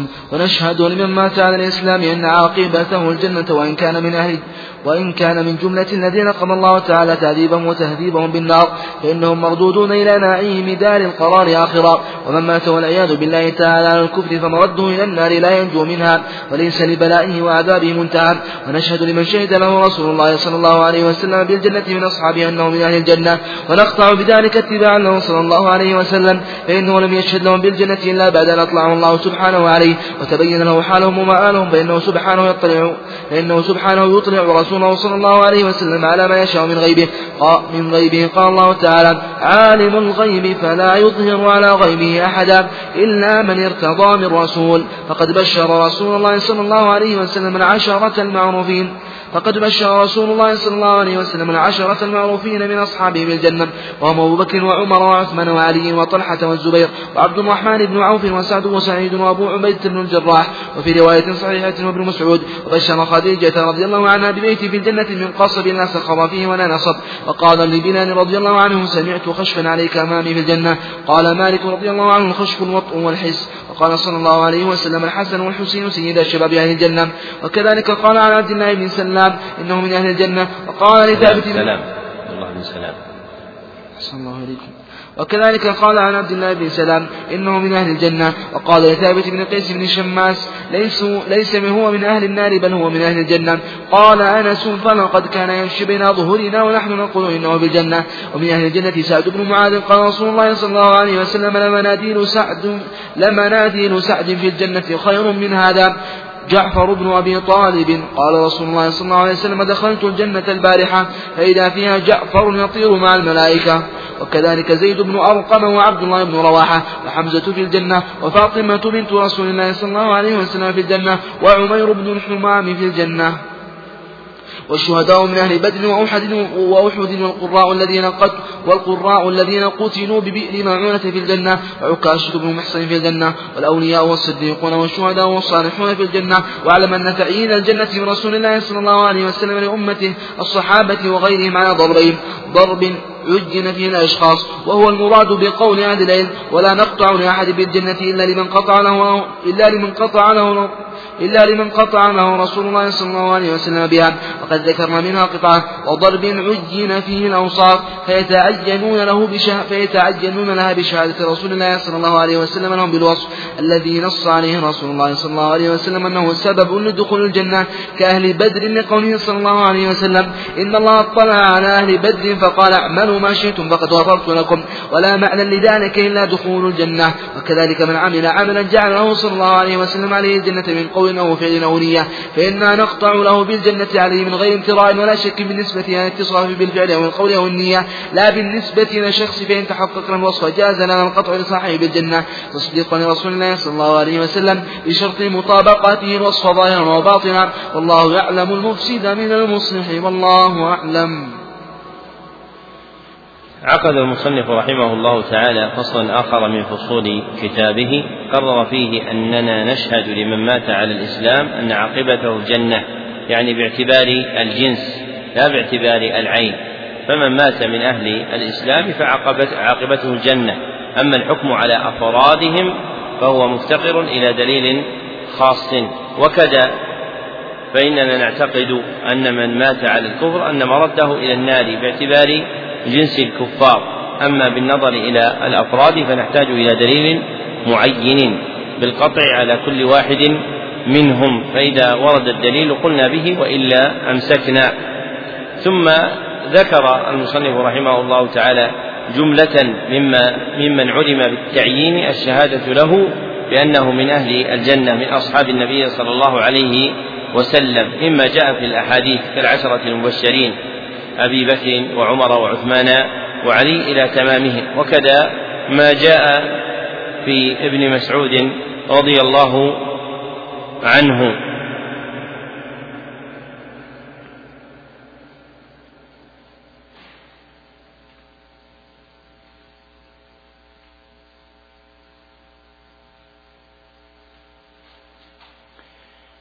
وكذا ما جاء في خديجة و بلال والحسن والحسين وعبد الله بن سلام أو ثابت بن قيس بن شماس وسعد بن معاذ وجعفر بن أبي طالب وزيد بن أرقم إلى آخر ما عد المصنف. وذكر المعتني شيئا من الأحاديث الواردة في تعيينهم منها ما وقع موقع ما أراد المصنف ومنها ما لم يقع كذلك فروي فيه أحاديث غير الذي ذكرها كعبد الله بن مسعود رضي الله عنه. ثم ختم هذا الفصل بقوله واعلم أن تعيين الجنة بالرسول الله صلى الله عليه وسلم لأمته الصحابة وغيرهم على ضربين أحدهما ضرب عين فيه الأشخاص. وهو المراد بقول أهل العلم لا يقطع لأحد الجنة إلا من إلا لمن قطع له رسول الله صلى الله عليه وسلم. والثاني ضرب عين فيه الأوصاف فيتعينون لها بشهادة رسول الله صلى الله عليه وسلم لهم بالوصف. وهذا في غير أصحاب النبي صلى الله عليه وسلم. وأما أصحابه صلى الله عليه وسلم فقد قام الدليل على أنهم جميعا في الجنة. قال الله تعالى وكلا وعد الله الحسنى يعني الجنة. فإن الحسنى إذا ذكرت في القرآن المراد بها الجنة. فجميع أصحاب النبي صلى الله عليه وسلم مقطوع بأن مصيرهم إلى الجنة. وإنما الشأن في غيرهم. فمن كان من غيرهم وجاء دليل بتعيينه أنه في الجنة فهذا يكون في الجنة. ومن لم يكن كذلك فإنه لا يقطع عليه بأنه من أهل الجنة بعينه وإنما ينظر إلى الأوصاف. فإذا وجدت فيه رجي له في جملة المتصفين بذلك الوصف. ثم قال في آخر الفصل وكذلك من عمل عملا جعل له صلى الله عليه وسلم عليه الجنة من قول أو فعل أو نية فإننا نقطع له بالجنة عليه من غير امتران ولا شك بالنسبة إلى الاتصاف بالفعل أو القول أو النية لا بالنسبة إلى الشخص. فنقول إن من فعل ذلك أو قال ذلك أو غير ذلك مما علق عليه الوصف في استحقاق الجنة فإنه يكون من أهلها. وأما التعيين بالشخص فيحتاج إلى دليل. نعم. صلى الله عليكم. فصل ونشهد ونعتقد أن أفضل أصحاب رسول الله صلى الله عليه وسلم أبو بكر ثم عمر ثم عثمان ثم علي وأنهم الخلفاء الراشدون الذين ذكر النبي صلى الله عليه وسلم خلافتهم بقوله صلى الله عليه وسلم فيما رواه الحافظ أبو حاتم بن حبان في صحيحه بإسناده إلى سفينة رضي الله عنه عن النبي صلى الله عليه وسلم قال الخلافة ثلاثون سنة وسائرهم ملوك الخلفاء والملوك اثنا عشر قال أبو حاتم رحمه الله معنى الخبر أن من بعد الثلاثين سنة يجوز أن يقال لهم أن من بعد الثلاثين سنة يجوز أن يقال لهم خلفاء وإضاء على سبيل الاضطرار وإن كانوا ملوكا في الحقيقة وآخر الاثني عشر من الخلفاء كان عمر بن عبد العزيز.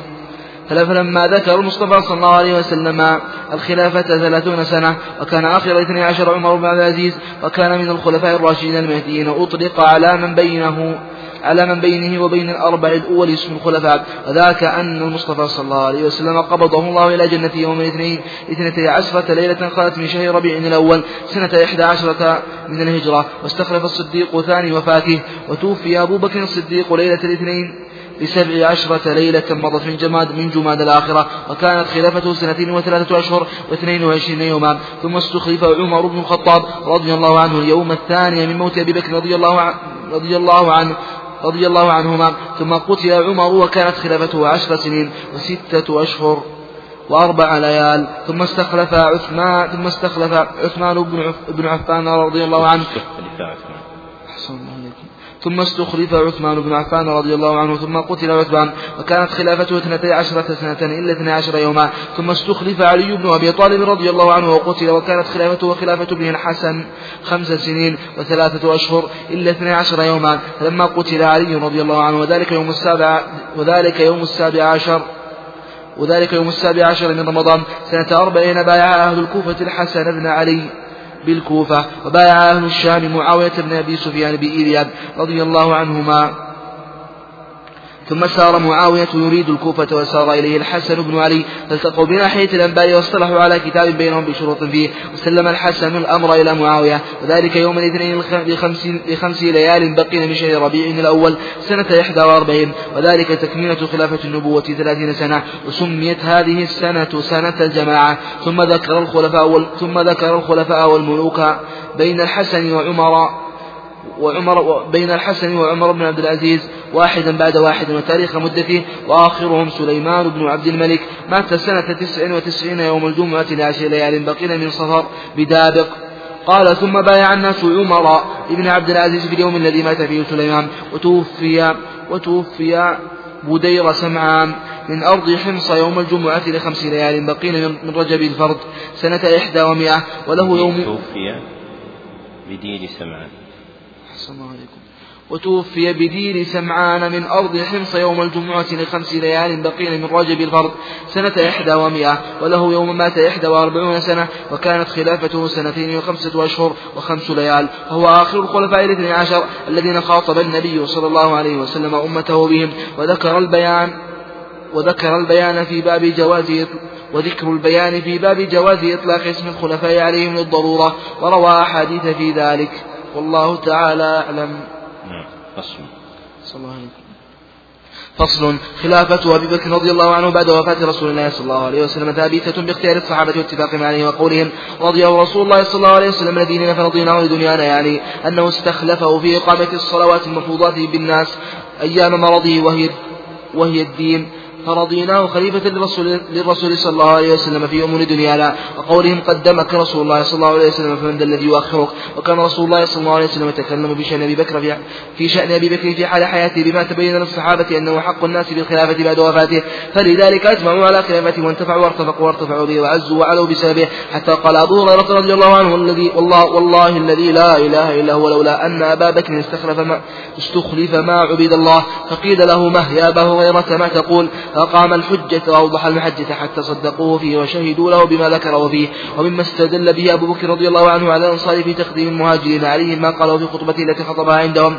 نحن الصادقون وأنتم المفلحون والله جعل المفلحين مع الصادقين. أما وصف المهاجرين بالصادقين في قوله تعالى للفقراء المهاجرين الذين أخرجوا من ديارهم وأموالهم. الآية ثم قال أولئك هم الصادقون. وأما وصف الأنصار بالمفلحين في الآية التي بعدها والذين تبوأوا الدار والإيمان إلى قوله فأولئك هم المفلحون. وأما كون المفلحين مع صديقنا في قوله تعالى الأنصار في براءة يا أيها الذين آمنوا اتقوا الله وكونوا مع الصادقين. ثم خلافة عمر رضي الله عنه باستخلاف أبي بكر واتفاق الصحابة بعده عليه واتفاق الصحابة بعده عليه وإنجاز وعد الله سبحانه مكان وإنجاز وعد الله سبحانه مكانه في إعلاء الإسلام وإعظام شأنه. ثم خلافة عثمان بن عفان رضي الله عنه بإجماع أهل الشورى وجملة الصحابة عليه وسكون قلوبهم به حين جعل الأمر إليه ثم خلافة علي رضي الله عنه ببيعة الصحابة إياه حين عرفه حين عرفه ورآه كل منهم رضي الله عنهم حق الخلق وأولاهم في ذلك الوقت بالخلافة ولم يستجيزوا عصيانه وخلافه فكان هؤلاء الأربعة الخلفاء الراشدين الذين نصر الله بهم الدين وقصر الإلحاد وكسر وقهر الملحدين وقوى بمكانهم الإسلام ورفع له بنهيه من الأعلام ودور بضياع وبهائم الظلام وفيهم أنزل الله قوله تعالى وفيهم أنزل وفيهم أنزل قوله تعالى وعد الله الذين آمنوا منكم وعملوا الصالحات ليستخلفنهم في الأرض كما استخلف الذين من قبلهم وليمكنن لهم دينهم الذي ارتضى لهم وليبدلنهم من بعد خوفهم أمنا. قوله تعالى والذين معه أشداء على الكفار رحماء بينهم. إلى قوله كزرع أخرج شطأه فآزره فاستغلظ فاستوى على سوقه. يعجب الزراع ليغيظ بهم الكفار. فمن أحبهم وتولاهم ودعا لهم فاز فاز في الفائزين. ومن أبغضهم وسبهم وسبهم ونسبهم إلى ما نسبهم إليه الروافض والخوارج. لعنهم الله فقد هلك في الهالكين قال رسول الله صلى الله عليه وسلم لا تصبوا أصحابي فمن سبهم فعليه لعنة الله. عقد المصنف رحمه الله تعالى فصلا آخر من فصول هذا المعتقد بين فيه ما يجب علينا اعتقاده في أفضل أصحاب الرسول صلى الله عليه وسلم وأنهم أبو بكر ثم عمر ثم عثمان ثم علي وهؤلاء هم الخلفاء الراشدون. وهؤلاء هم الخلفاء الراشدون فترتيبهم في الفضل كترتيبهم في الخلافة. وذكر في ذلك حديث الخلافة ثلاثون رواه أبو داود وغيره من حديث سفينة مولى الرسول صلى الله عليه وسلم وإسناده حسن وليس تمامه وسائرهم. ملوك والخلفاء والملوك اثنا عشر وإنما تمام ثم يؤتي الله ملكه من يشاء. ثم نقل رحمه الله تعالى كلاما عن أبي حاتم بن حبان في صحيحه في تفسير تلك المدة وبيان مقاديرها في تقدير مدة كل واحد من هؤلاء الأربعة وما كان عليه من الولاية في زمانه حتى انتهى إلى تقدير المدة ثلاثين بتمام ولاية علي رضي الله عنه وتتميم الاثني عشر خليفة الوارد في غير هذا الحديث بعمر بن عبد العزيز رحمه الله تعالى. ثم أتبع هذا الفصل بفصل آخر ذي صلة قوية به ببيان وجوه ثبوت خلافة الخلفاء الأربعة وطرائق ذلك وابتدأه بذكر ما ثبتت به خلافة أبي بكر رضي الله عنه فبين أن خلافة أبي بكر ثابتة باختيار الصحابة واتفاقهم عليه فكان طريق إثباتها إجماع الصحابة على أنه هو الخليفة بعد رسول الله صلى الله عليه وسلم وأورد المصنف من الأحاديث والآثار ما يدل على استحقاقه ذلك المقام. وأما خلافة عمر رضي الله عنه فقد ذكر المصنف في الصفحة الرابعة والسبعين بعد المئتين أنها ثبتت باستخلاف أبي بكر إياه واتفاق الصحابة بعده عليه. فالطريق التي ثبتت بها خلافة عمر غير الطريق التي ثبتت بها خلافة أبي بكر. فخلافة أبي بكر ثبتت بالاتفاق. وأما خلافة عمر رضي الله عنه فثبتت بالاستخلاف أي بعهد أبي بكر إلى عمر بأنه الخليفة من بعده. وسلم الصحابة رضي الله عنهم لأمر أبي بكر وأنفذوه. واتفقوا على عمر بن الخطاب. ثم بين طريق ثبوت خلافة عثمان وأنه بإجماع أهل الشورى الستة. وجملة الصحابة عليه وسكون قلوبهم به بعد عمر بن الخطاب رضي الله عنه. ثم ذكر أن طريق ثبوت خلافة علي رضي الله عنه بعد عثمان هو بيعة الصحابة إياه إذ لم يبقى بعده أحد أحق بعد موت عثمان أحد أحق بالخلافة من علي لما كان عليه من صحبة النبي صلى الله عليه وسلم ومنزلته منه. فهؤلاء هم الأربعة الخلفاء الراشدون وهم أفضل أصحاب النبي صلى الله عليه وسلم. فالواجب على العبد محبتهم وتوليهم والدعاء لهم. ومن وقع في معاداتهم وسبهم والتهكم بهم فقد سلك طرائق أهل البدع والضلال كالروافض والخوارج. وختم المصنف رحمه الله تعالى هذا الفصل بحديث لا يثبت عن النبي صلى الله عليه وسلم والأحاديث المحرمة سب الصحابة ثابتة في الصحيحين وغيرهما. نعم.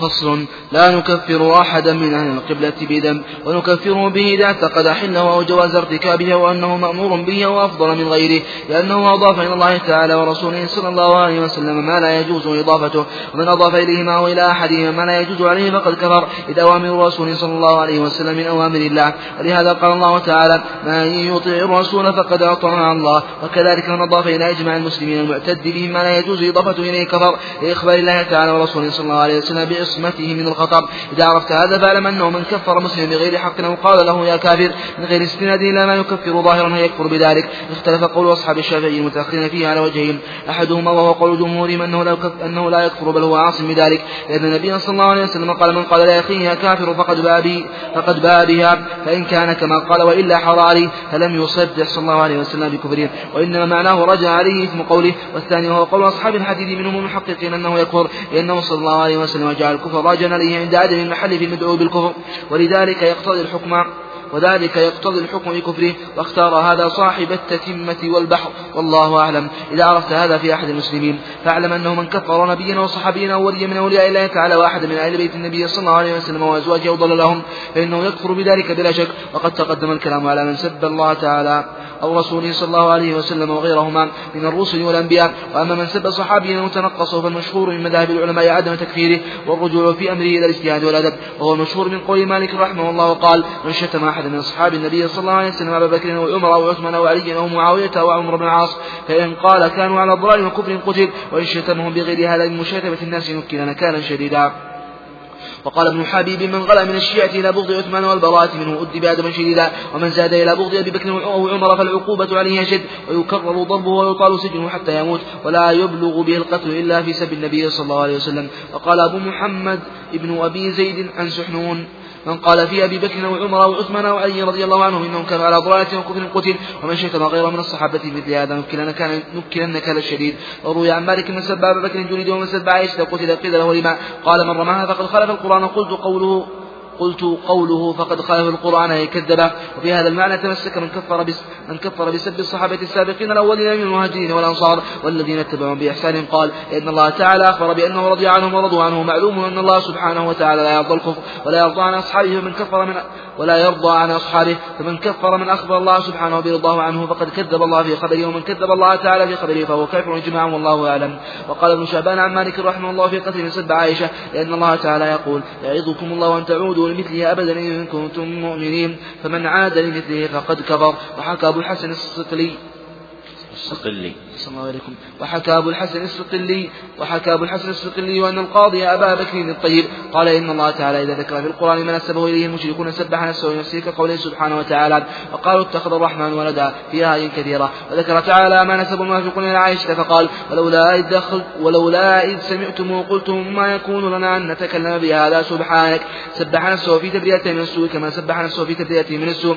وهذا يشهد لمالك في قتل من سب عائشة. ومعنى هذا والله أعلم أن الله سبحانه لما عظم سبها كما عظم نفسه وكان سبها سب لنبيه صلى الله عليه وسلم وقرن سب نبيه صلى الله عليه وسلم وأداه بأداء وأداه بأدائه تعالى وكان حكم مؤذيه تعالى القتل وكان حكم مؤذيه تعالى القتل كان مؤذي نبيه كذلك. ولهذا قال ابن شعبان ومن سب غير عائشة من أزواج النبي صلى الله عليه وسلم ففيه قولان أحدهما يقتل لأنه سب النبي صلى الله عليه وسلم بسب حليلته والآخر أنه كسائر أصحابه يجلد حد المفتري. قال وبالأول يقول وشتم رجل عائشة بالكوفة فقدم إلى موسى بن عيسى العباسي فقال من أحضر هذا؟ قال ابن أبي ليلى أنا. فجلد ثمانين وحرق رأسه وأسلمه في الحجامين.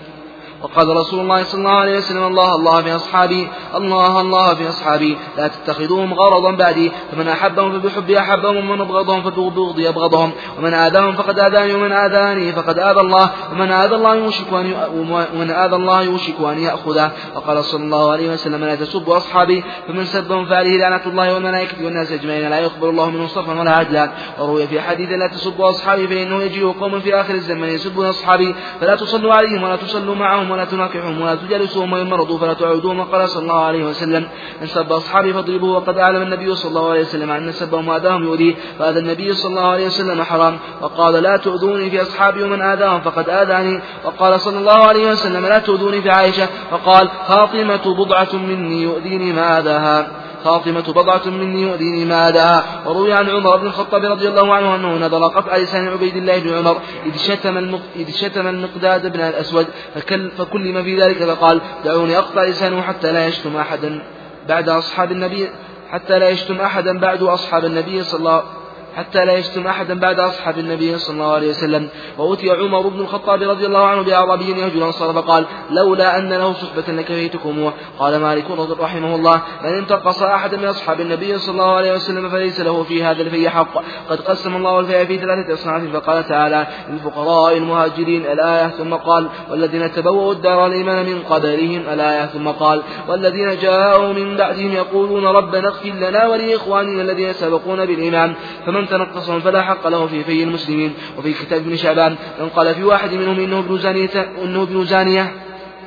وأمه مسلمة يحد عند بعض أصحابنا حدين.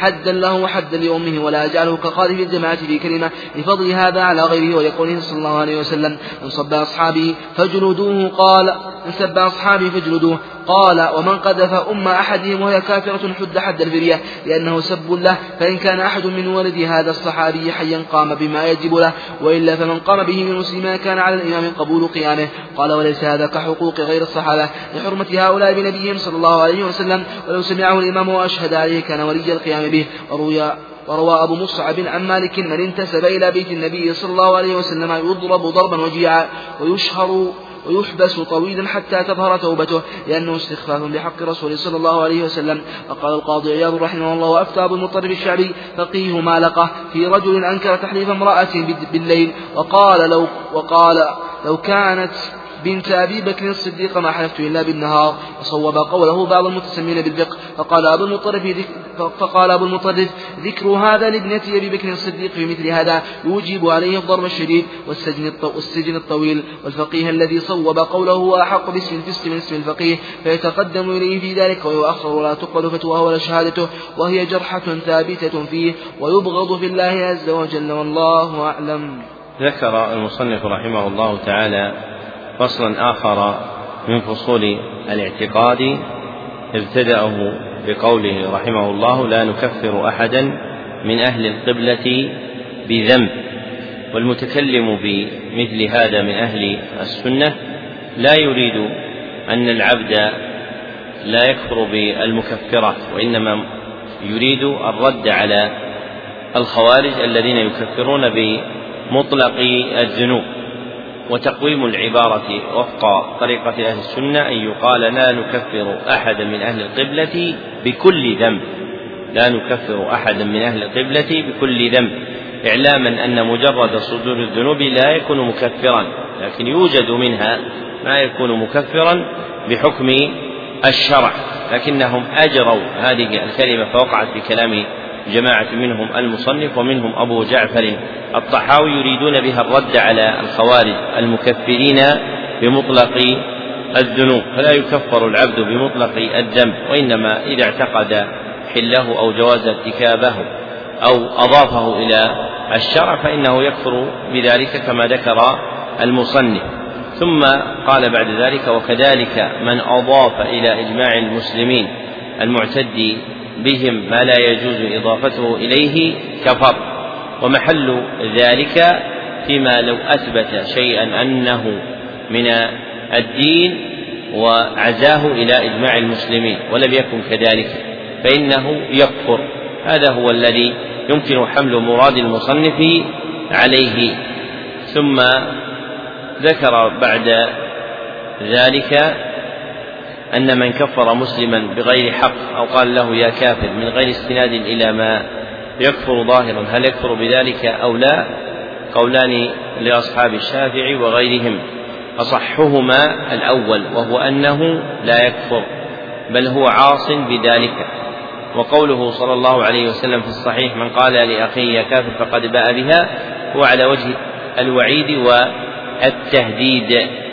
ثم قال بعد في الصفحة الثمانين بعد المئتين إذا عرفت هذا في أحد من المسلمين فاعلم أنه من كفر نبيا أو صحابيا أو وليا من أولياء الله أو أحدا من آل بيت النبي صلى الله عليه وسلم أو أزواجه أو ضللهم فإنه يكفر بذلك بلا شك. ومراده من هؤلاء من ثبت خبر الشرع بأنه مسلم. فالمقصود بقوله أو وليا ليس كل ولي وإنما أراد وليا ثبت الشرع أثبت الشرع كونه مسلما كالخضر مثلا. فلا وجه لما ذكره المعتني من قوله وأما قوله من كفر وليا من أولياء الله تعالى وأحدا من آل بيت النبي صلى الله عليه وسلم فإنه يكفر فإن وجه هذا عنده من ثبت بطريق الشرع أنه مسلم. أما من خفي ذلك بطريق الشرع فلا يحكم عليه. ثم قال وقد تقدم الكلام على من سب الله أو رسوله أو غيرهما. وأما من سب صحابيا أو تنقصه فالمشهور أو تنقصه فالمشهور من مذاهب العلماء عدم تكفيره. وأطنب رحمه الله تعالى في بيان مقام الصحابة وحرمة سبهم وأورد في ذلك أحاديث ثابتة وغير ثابتة وبعضها يصدق بعضا في تثبيت المعنى. وسب الواحد من الصحابة مما اختلف فيه كما ذكر المصنف هل يكفر به أم لا؟ والصحيح التفصيل أنه إن سبه بما يؤدي إلى التكذيب بالقرآن فهو كافر. إن سبه بما يؤدي إلى التكذيب بالقرآن فهو كافر. كمن سب عائشة ورماها بالفرية في عرضها فهذا مكذب بالقرآن فهو كافر. أما إن كان سبه لا يتضمن ذلك فإنه لا يكفر بل يكون فاسقا. كمن وصف أحدا منهم بالجبن أو البخل أو غير ذلك من أوصاف الخلق فلا يكون كافرا بذلك وإنما يكون فاسقا. وذكر المصنف رحمه الله تعالى في أثناء كلامه خلافا في إلحاق سائر أزواج النبي صلى الله عليه وسلم بعائشة رضي الله عنها في من رمى إحداهن بشيء هل يكون حكمه حكم ساب عائشة بذلك أم لا؟ قولان واختار ابن شعبان الذي نقل عنه المصنف. أنه يكون كساب عائشة وهو الصحيح. لتصريح القرآن بشرف أزواج النبي صلى الله عليه وسلم وعلو مكانتهن. ومن أحسن الكتب المقررة ما تعلق بالسب عامة ومن جملته سب الصحابة كتاب أبي العباس بن تيمية الصارم المسلول فإنه استطرد فيه حتى استوفى متعلقات السب كلها وله كلام طويل في ترتيب سب الصحابة على أنواع باعتبار الشمول لهم جميعا أو بعض أفرادهم وباعتبار رجوع ذلك إلى العدالة الدينية أو خارج عنها كالصفات الجبلية مما ذكرناه في غير هذا المقام. نعم. صلى الله عليكم. فصل. فنعتقد جواز الجمعة والعيدين وغيرهما خلف كل إمام مسلم برا كان أو فاجرا. وهذا إذا كان الإمام الخليفة أو السلطان. أما إذا كان الإمام غيرهما فالأولى أن يكون عدلا ويكره أن يكون فاسقا. والحق في إمامته المسلمين لا فيها حق للسلطان سوى التورية ذكر ذلك جماعة من العلماء. ولأنه وصلة بين الخلق وخالقهم فالأولى أن يكون عدلا. وقال صلى الله عليه وسلم ليؤمكم خياركم وأكثركم أخذا للقرآن. ونعتقد جواز الجهاد للكفار معهم وإن كانوا جورة الفجر وندعو لهم بالإصلاح وبسط العدل في الرعية. ولا يجوز الخروج عليهم بالسيف فإن صدر منهم العدول عن العدل إلى الجور والحيف. ويجوز الخروج عليهم بقول الحق لإعلاء كلمة الله تعالى والصدق ثبت أن رسول الله صلى الله عليه وسلم قال اسمعوا واطيعوا وإن تمر عليكم عبد حبشي كأن رأسه زبيب رواه البخاري وعن ابن عمر رضي الله عنهما عن النبي صلى الله عليه وسلم على المرء المسلم السمع والطاعة فيما أحب وكره إلا يؤمر بمعصيته فإذا أمر بمعصيته فنسمع ونطاع رواه البخاري ومسلم. عن أبي هريرة رضي الله عنه قال قال رسول الله صلى الله عليه وسلم عليك السمع والطاعة في وسرك ويسرك ومنشطك ومكرهك وأثرة عليك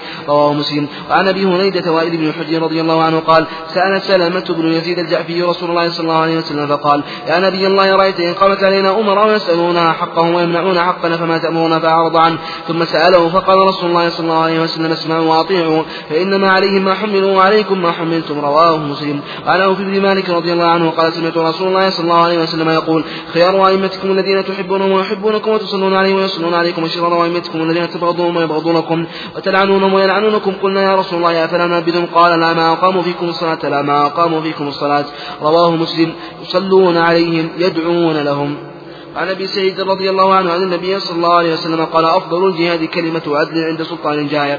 رواه أبو داود والترمذي وقال حديث حسن. فإن كان الإمام الذي هو السلطان الغالب عليه قبول الحق والعمل به ألان له القول ولم يخرج عليه به. وإن كان جائرا أغلظ له في القول إلا أن يخاف ان يسطو عليه. في في فيلين له القول والكتاب العزيز والسنة النبوية. فيلين.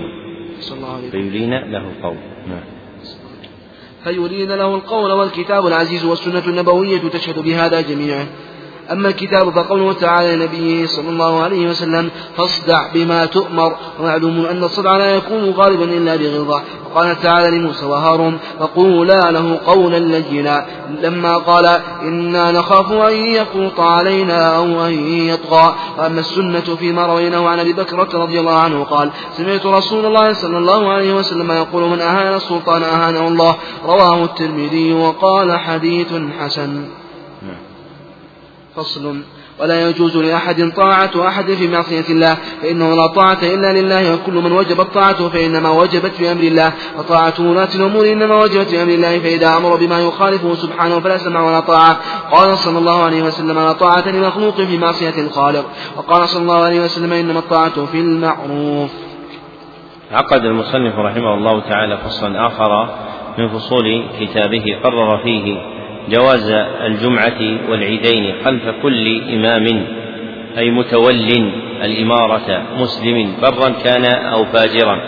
وإنما ذكر هذين لأنهما الموضعان اللذان يجتمع فيهما الناس وراء الإمام عادة فيما سلف. فكانوا يجتمعون في المشاهد العظيمة الجمعة والعيدين والحج. فذكروهما للدلالة على انتظام الأحكام وراء الإمام فجعلوا دليلا على طلب الشرع انتظام الأحكام وراءه الاجتماع في الصلاة خلفه في جمعة وعيد وحج. ثم ذكر رحمه الله تعالى أن الحق في المتولي على المسلمين في إمامتهم هو حق الولاية فهو إمام لهم باعتبار ولاية الحكم دون غيرها واللائق به أن يكون عدلا بدلائل القرآن والسنة. وأورد المصنف حديثا لا يخلو من ضعف وفي معناه أحاديث صحيحة تغني عنه. ثم ذكر من جملة ما يعتقد مما يتصل بهذا الباب أننا نعتقد جواز جهاد الكفار معهم ولو كانوا ظالمين فجرة وندعو لهم بالإصلاح وبسط العدل في الرعية ولا يجوز الخروج عليهم بالسيف وإن صدر منهم العدول عن العدل إلى الجور والحيف فإن وقع منهم الظلم لم يجز مبارزتهم بالحرب. ثم قال المصنف ويجوز الخروج عليهم بقول الحق لإعلاء كلمة الله تعالى والصدق.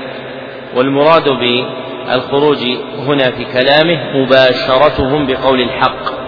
مباشرتهم بقول الحق لا منازعتهم وتسمية هذا خروجا اصطلاح خاص له. وأما الخروج فحقيقته هي منازعة ولي الأمر وهذه المنازعة تكون بالسيف وتكون باللسان. حتى ذكر الحنابلة رحمهم الله تعالى من جملتها ما جرى مجرى الكناية بما لو تكلم كلاما يلقيه على وجه الكناية يريد به منازعة ولي الأمر فيما هو من شأنه فهذا يكون مندرجا في جملة الخروج المنهي عنه. وأما الذي أراده المصنف وهو مباشرته بقول الحق فتسميته بالخروج اصطلاح خاص له وهو ما أمر الله سبحانه وتعالى به من كان قادرا عليه. وإلى ذلك أشار المصنف في قوله فإن كان الإمام الذي هو السلطان الغالب عليه قبول الحق والعمل ألآن له القول ولم يخرج عليه به. وإن كان جائرا أغلظ له في القول إلا أن يخاف أن يسطو عليه. أي باعتبار ما يصلح به السلطان ممن يستطيع بذل النصح له وبلوغه. فيجب عليه أن ينصح له وأن يستعمل معه ما يرجى به صلاحه. فإن كان يغلب على الظن أنه يستصلح باللين بما عنده من قبول الحق عمد إلى استعماله معه. وإن كان ممن يستصلح بتخشين القول له استعمل معه إذا أمن العبد حصول مفسدة أعظم من مباشرته بالنصيحة. ثم ذكر رحمه الله تعالى جملة من الأدلة المقررة ما يجب لمن ولاه الله عز وجل أمرنا من السمع والطاعة في المنشط والمكره. والعسر واليسر وهذا أصل شرعي مقرر في الدين بريء من عقائد السياسيين فليس عقيدة سياسية وليدة برهة من الزمن أو أو ولاية معينة بل هي عقيدة سنية سلفية في كتب أهل السنة والجماعة قديمها وحديثها ولهذا المعنى إطالة في غير هذا المقام لكن المقصود أن تعرف أن ما يذكر في هذا الباب فهو مقتبس من دلائل الشريعة وليس مولدا من آراء الناس أو معلقا ببرهة من الزمن ولا صلة له بآل فلان أو آل فلان وإنما صلته بالدين الذي تعبدنا الله سبحانه وتعالى به سواء كنا أو كان أهل السنة في هذا البلد أو في غيره. ثم أتبع هذا الفصل بفصل ملازم له وهو التنبيه إلى أن الطاعة المأمور بها والسمع مما تقدم في حظ ولي الأمر محله فيما أمر بغير معصية الله. فإن أمر بمعصية الله سبحانه وتعالى فلا سمع له ولا طاعة في معصية الله عز وجل. نعم.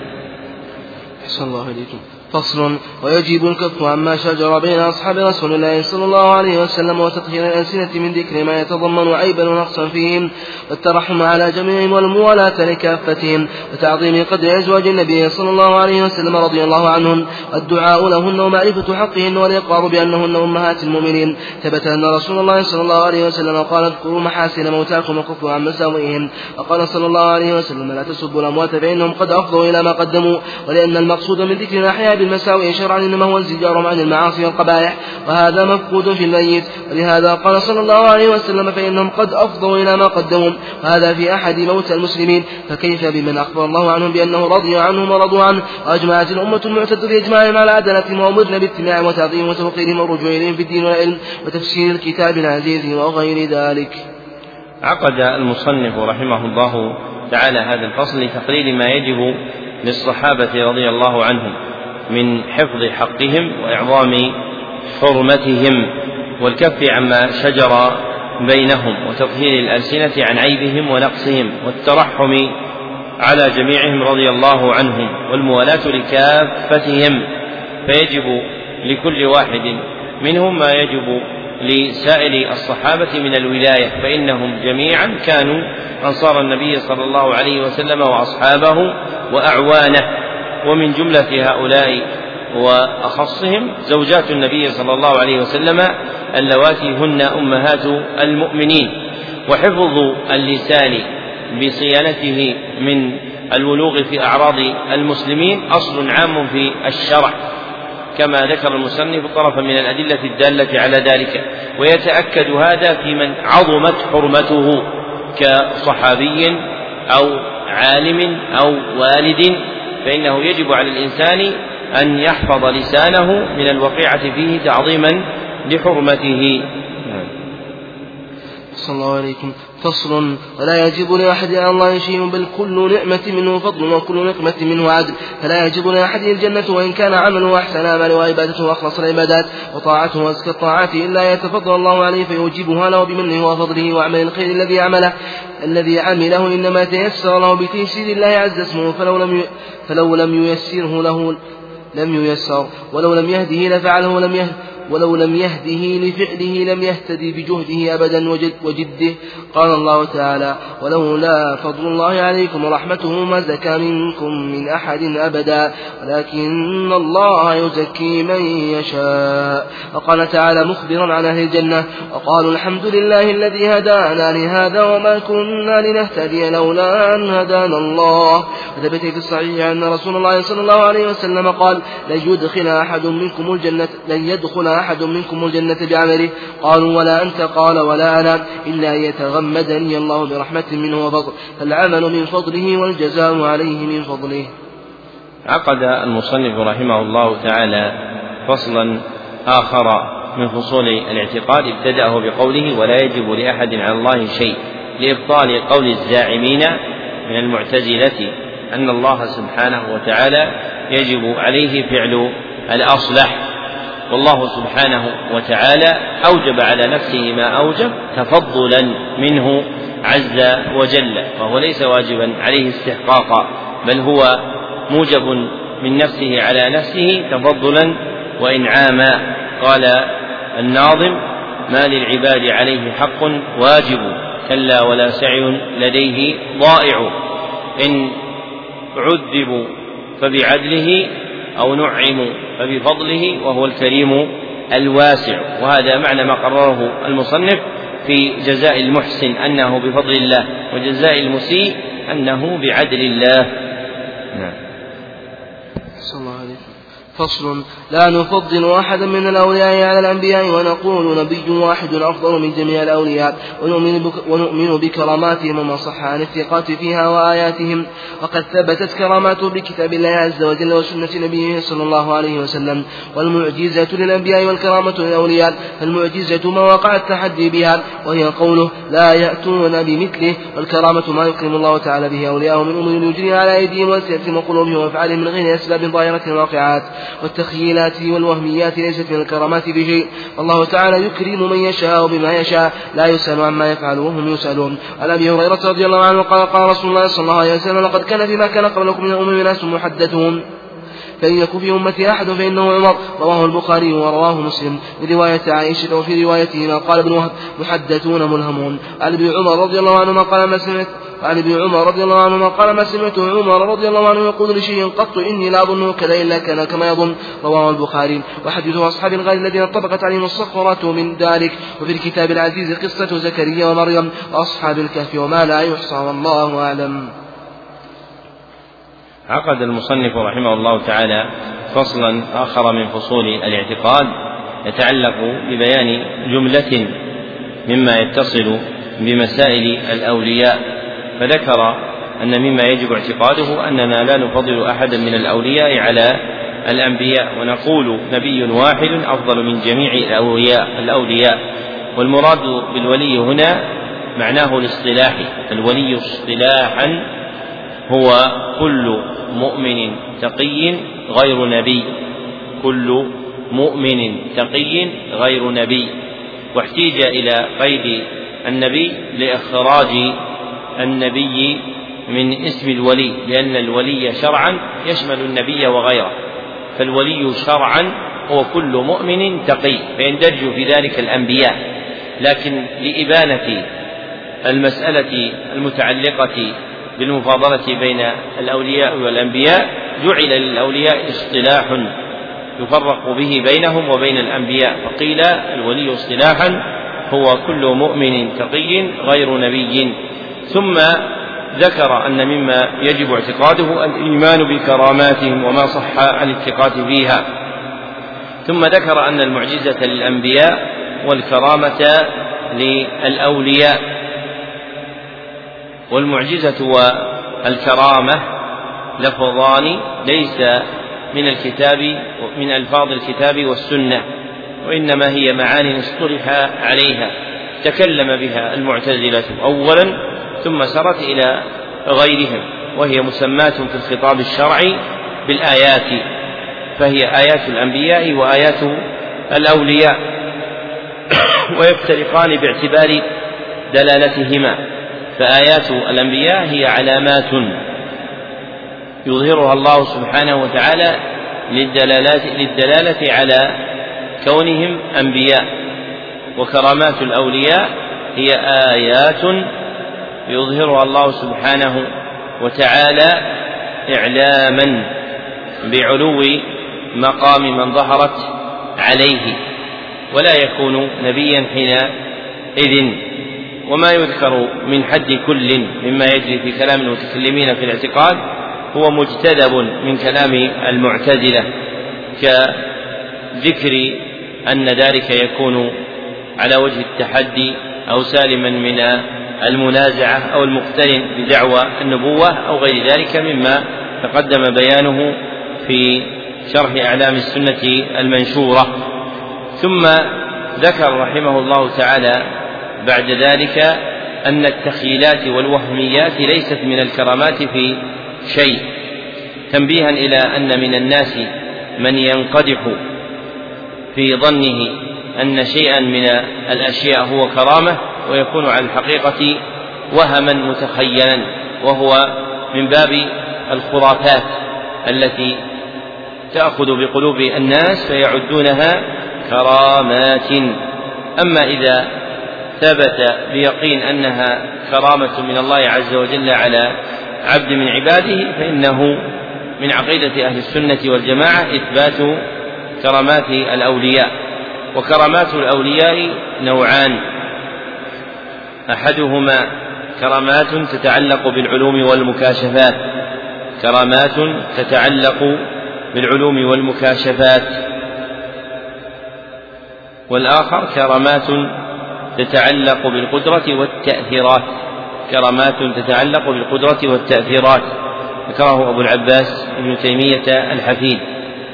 وأورد المصنف رحمه الله تعالى من الأحاديث طرفا يدل على وقوع كرامات الأولياء. نعم. فصل ونعتقد ونشهد أن الله جل جلاله أجل لكل, أجل لكل مخلوق أجلا وأن نفسا لن تموت إلا بيد الله كتابا مؤجلا. فإذا انقضى الأجل فليس إلا الموت وليس منه فوت قال الله تعالى ولكل أمة أجل. فإذا جاء أجلهم لا يستأخرون ساعة ولا يستقدمون. وإن مات أو قتل فقد انتهى أجله المسمى له. قال الله تعالى قل لو كنتم في بيوتكم لبرز الذين كتب عليهم القتل إلى مضاجعهم. وقال تعالى أينما تكونوا يدرككم الموت ولو كنتم في بروج مشيدة. ذكر المصنف رحمه الله تعالى في هذا الفصل ما يجب اعتقاده من انتهاء الخلق إلى آجال. فإن الله لما خلق الخلق قدر لهم أقدارا ولهم وضرب لهم آجالا. فكل نفس قد قدر لها كتاب مؤجل. فإذا انقضى أجلها وانتهت إليه فليس وراء ذلك إلا الموت. وكما يكون هذا في أفراد الخلق فإن الحياة الدنيا كلها مقدرة بقدر من الله سبحانه وتعالى فتنتهي إلى أجل أخفي عنا علمه ضربه الله سبحانه وتعالى للخلق. فإذا قضى الله عز وجل ذلك ذهبت الحياة الدنيا وجاءت حياة الآخرة. نعم. فصل. ودين الله في السماوات والأرض واحد وهو دين الإسلام. قال الله تعالى إن الدين عند الله الإسلام. وقال تعالى ورضيت لكم الإسلام دينا. وهو بين الغلو والتقصير والتشبيه والتعطيل وبين الجبر والقدر وبين الأمن واليأس.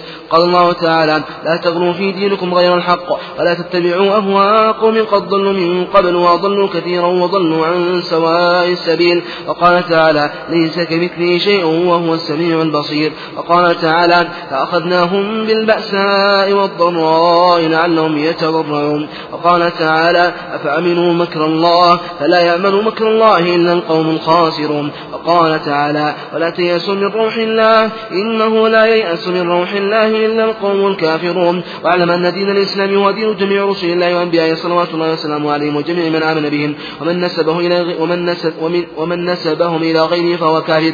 قال الله تعالى إخبارا عن نوح عليه السلام وأمرت أن أكون من المسلمين. وعن موسى عليه السلام يا قوم إن كنتم آمنتم بالله فعليه توكلوا إن كنتم مسلمين. وقال تعالى ما كان إبراهيم يهوديا ولا نصرانيا ولكن كان حنيفا مسلما. وقال ربنا وجعلنا مسلمين لك ومن ذريتنا أمة مسلمة لك. وقال وأوصى بها إبراهيم بنيه ويعقوب يا بني إن الله اصطفى لكم الدين فلا تموتن إلا وأنتم مسلمون. وقال أم تقولون إن إبراهيم وإسماعيل وإسحاق ويعقوب والأسباط كانوا هودا أو نصارى. قل أنتم أعلم أم الله؟ وقال قال الحواريون نحن أنصار الله آمنا بالله واشهد بأننا مسلمون.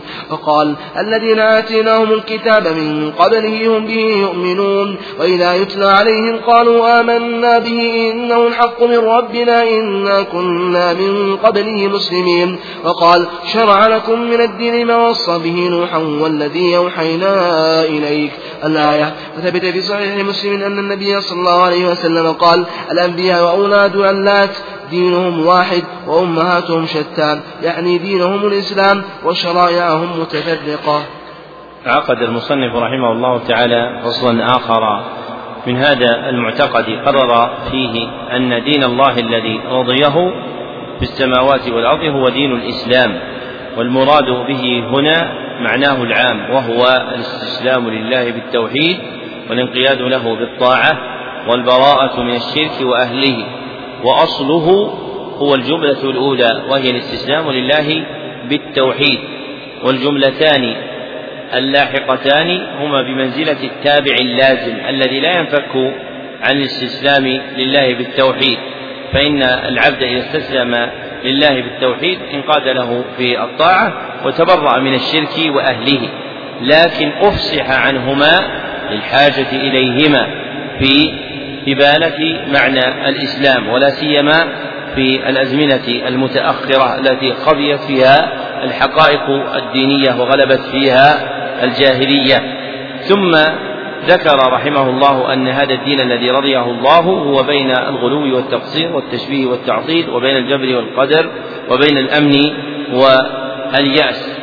فهو دين وسط كما قال تعالى وكذلك جعلناكم أمة وسطا أي خيارا عدولا. وذكر رحمه الله تعالى آيا في تحقيق ما عليه هذا الدين من العدل في أبواب متفرقة. ثم قال واعلم أن دين الإسلام هو دين جميع رسل الله وأنبيائه.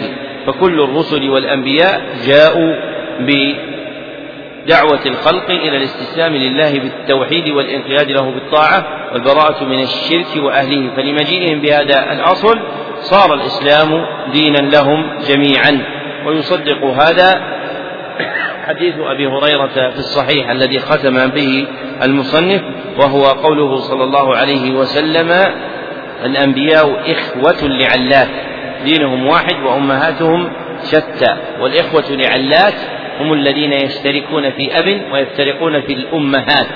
وفسر المصنف رحمه الله تعالى ذلك بقوله يعني دينهم دينهم الإسلام وشرائعهم متفرقة أي يجتمعون في الأصل الجامع لهم وهو الاستسلام لله بالتوحيد. ثم يقع الافتراق بينهم باعتبار الشرائع التي تكون في الدين الذي بعث به كل واحد منهم. نعم.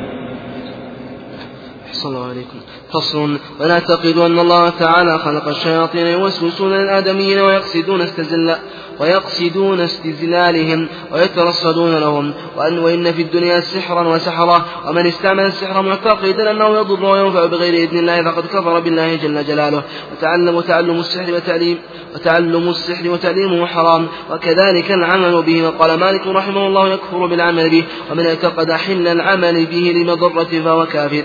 والشافعي رحمه الله قالوا إنه يجوز تعلمه وتعليمه والعمل به لدفع ضرره لا للإضرار به وهو ضعيف باتفاق العلماء. وإنما ذكرت للتحذير منه لما يلزم من الدفع به عن نفسه, عن نفسه تعاطي الأسباب المحرمة. والركون إليها والفاسد لا يدفع بالفاسد وإنما يدفع بالحق والله يعلم المفسد من المصلح. عقد المصنف رحمه الله تعالى فصلا آخر في هذا المعتقد ذكر من جمله أن مما ينبغي أن نعتقد أن الله تعالى خلق الشياطين يوسوسون للآدميين أي يحسنون لهم فعل الشر ويثبطونهم عن الخير أي يحسنون لهم فعل الشر ويثبطونهم عن الخير. وهذا فعل الشياطين الذين هم شياطين الجن وهم المرادون عند الإطلاق. فإن ذكر الشياطين عند الإطلاق يراد به شياطين الجن كالمذكورها هنا. وإلا في أصل الخلق فإن الشياطين نوعان. أحدهما الشياطين الجنية وفعلها الوسوسة. الشياطين الجنية وفعلها الوسوسة. والآخر الشياطين الإنسية. وفعلها الوشوشة الشياطين الإنسية وفعلها الوشوشة. وهم يجتمعون في أنهم يدعون الخلق إلى الشر ويثبطونهم عن الخير لكنهم يفترقون في ذلك. فالوسوسة إلقاء خفي في النفس والوشوشة إلقاء خفي خارج النفس. وإنما وصف بالوشوشة لأن الغالب في الخلق هو إخفاء الشر وتحسينه بذلك الطريق فلا يظهره ولا يبرزه لأن الفطرة تنفر منه ولكنه يلقيه خفاء إلى الخلق ويستدرجهم بذلك. ثم ذكر من جملة ذلك الاعتقاد بأن في الدنيا سحرا وسحرة.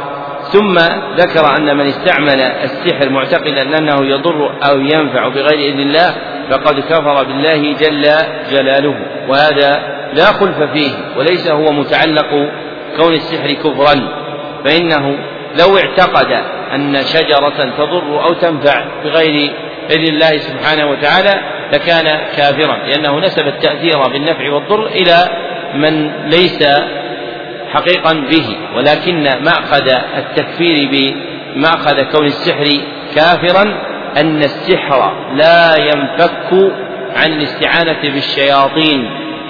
فالسحر اصطلاحا عند العرب هو رقى ينفث فيها بالاستعانة بالشياطين. هذه هي حقيقة السحر. وكانت العرب تعده طبا فكان من العلوم الاصطلاحية الطبية. ثم جاء الشرع في بيان أحكامه. وهذه الأحكام المذكورة في الشرع محلها هذا المعنى وهو كفر سواء في تعلمه أو في تعليمه أو في غير ذلك. فما يقع من التفريق في كلام بعض الفقهاء رحمهم الله تعالى من التفصيل فيما إذا كان الكفر السحر مشتملا على الكفر فإنه يكون كفرا. أما إذا كان بطرق خفية فإنه لا يكون كفرا. فإن استعمال الطرق الخفية لا يسمى في الشرع كفرا لا يسمى في الشرع سحرا فلا ينزل عليه حكمه. وإنما المخصوص باسم السحر في الأحكام الشرعية هو المعنى المتقدم من الرقى التي تشتمل على العقد مع النفث فيها والاستعانة بالشياطين فهذا هو الذي يسمى سحرا في الشرع وتعلق به أحكامه.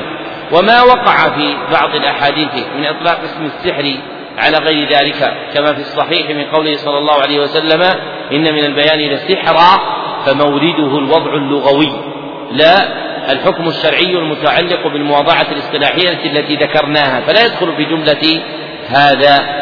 نعم.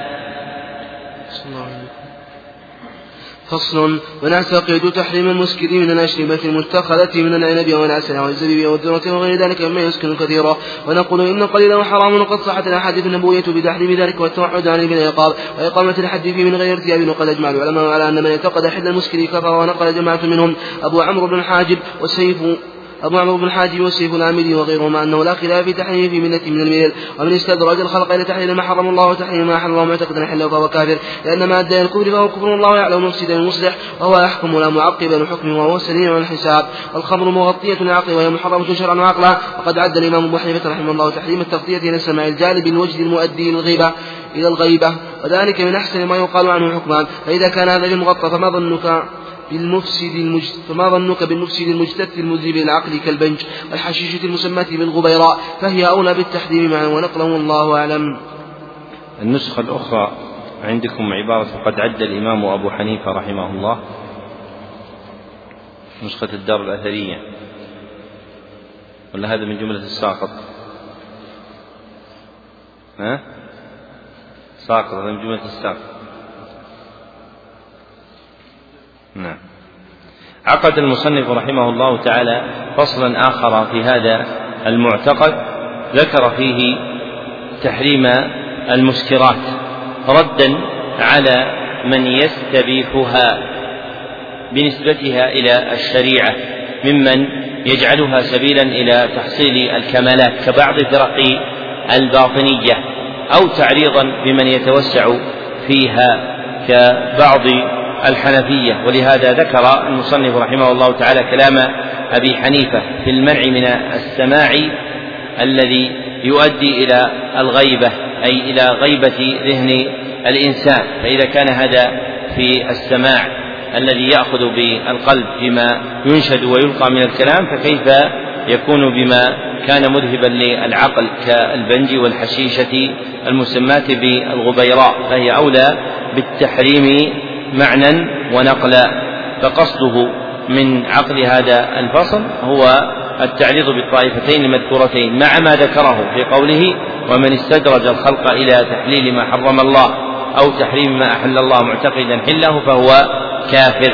تنبيها إلى أن من الخلق من يزعم أن تناول مثل هذه المسكرات من المشروبات وغيرها أنه يرفع العبد إلى حال من الكمال يحصل بها تمام عبوديته لله سبحانه وتعالى فيقدر على أحوال لا يمكنه الوصول إليها بدونها وهذا معنى باطل فإنه لا يستعان بالحرام على الطاعة ولم يجعل الله عز وجل ما ينفع الناس فيما حرمه عليهم.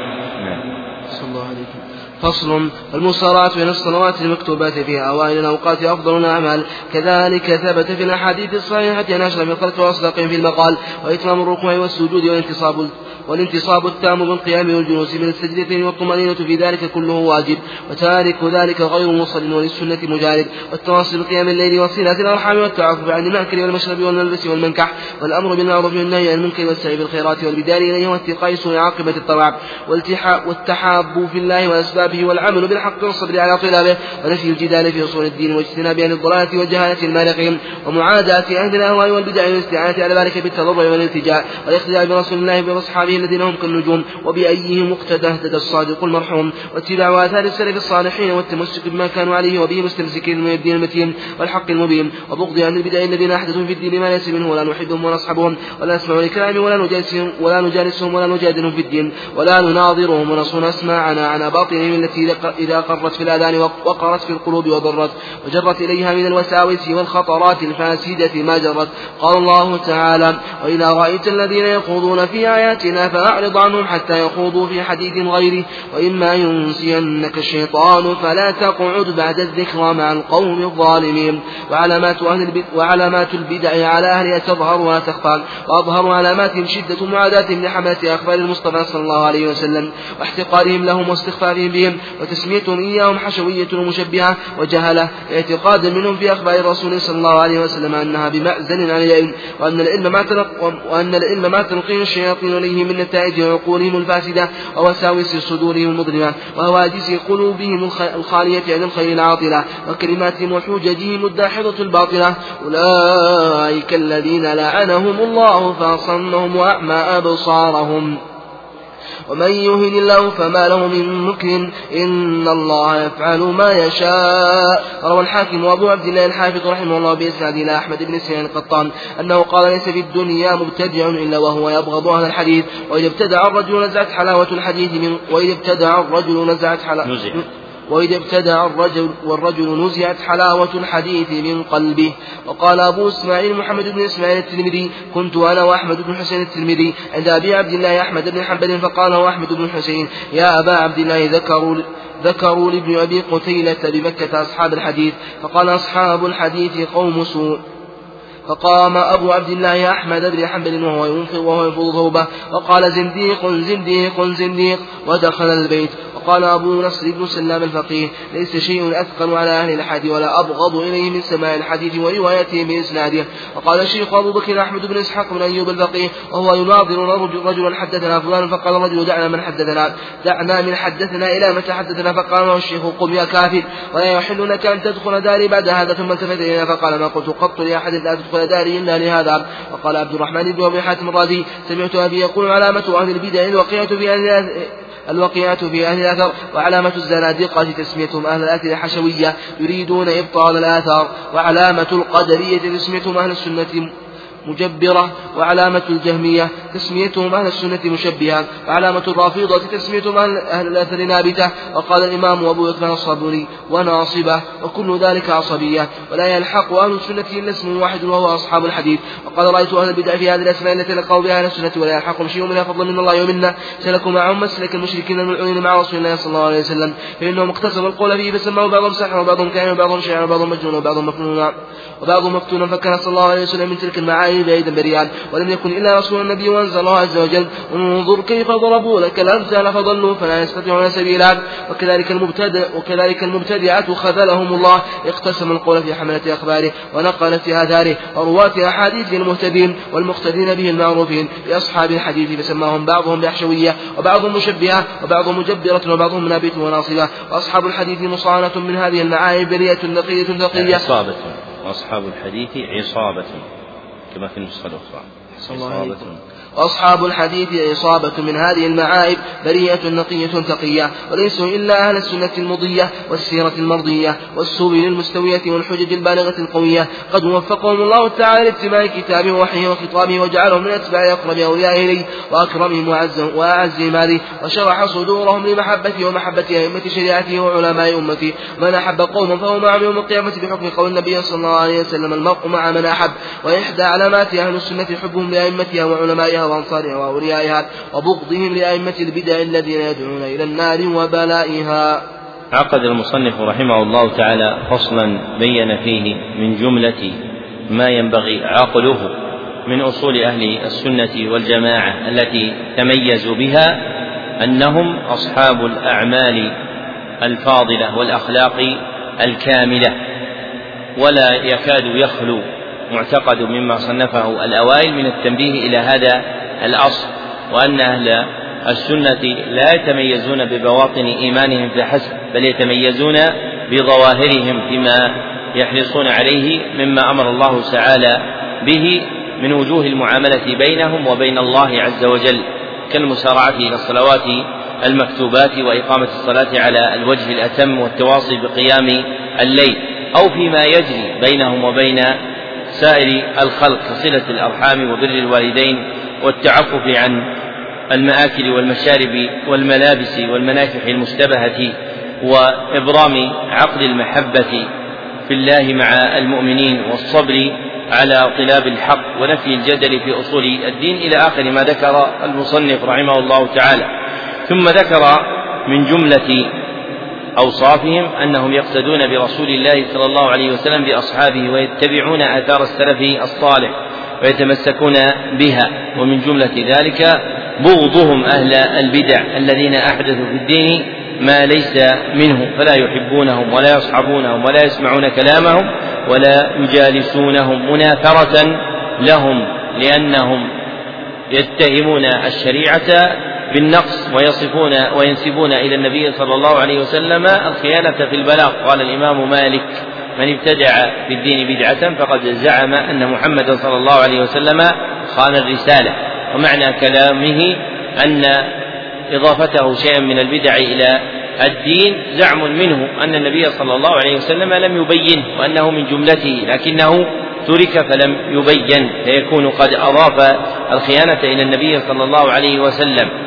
ثم ذكر من جملة ما يعاملون به أننا لا نجادلهم في الدين والمجادلة المنهي عنها هي المجادلة المذمومة كالكائنة بغير علم أو المصحوبة بالشغب والجدل بالباطل. فمتى اقترنت بمعنى من المعاني التي توجب الذم فهي المنهي عنها. وأما المجادلة المحمودة فهذه مما أذن الشرع بها بل مما أمر الشرع بها في إحقاق الحق وتزييف الباطل. ومن أعظم أوصاف المجادلة التي توجب ذمها فقدان العلم في المجادل للمبطلين. فإذا فقد أحد كمال العلم في نفسه لم يجز له أن يجادل أهل الضلال خوفا عليه من الوقوع في شباك شباكهم. فإن الأمر كما ذكر ذكر الذهبي رحمه الله تعالى في توجيه مأخذ كراهة السلف للاستماع لأهل البدع ومجادلتهم ومجالستهم قال لأن القلوب ضعيفة والشبه خطافة. انتهى كلامه. فربما خطف قلب عبد بشبهة من هذه الشبه. فمن عري من العلم الراسخ فإن قيامه بالمجادلة قيام مذموم. ثم ذكر علامات أهل البدع وأنها لا تخفى وأن من أظهر علاماتهم شدة معاداتهم لحملة أخبار المصطفى صلى الله عليه وسلم واحتقارهم لها لهم واستخفافهم بهم وتسميتهم حشوية أو مشبهة أو جهلة أو غير ذلك من الأسماء التي جعلوها لهم. فمن أعظم علامات أهل الأهواء أنهم يكرهون حملة الحديث لشدة الآثار عليهم.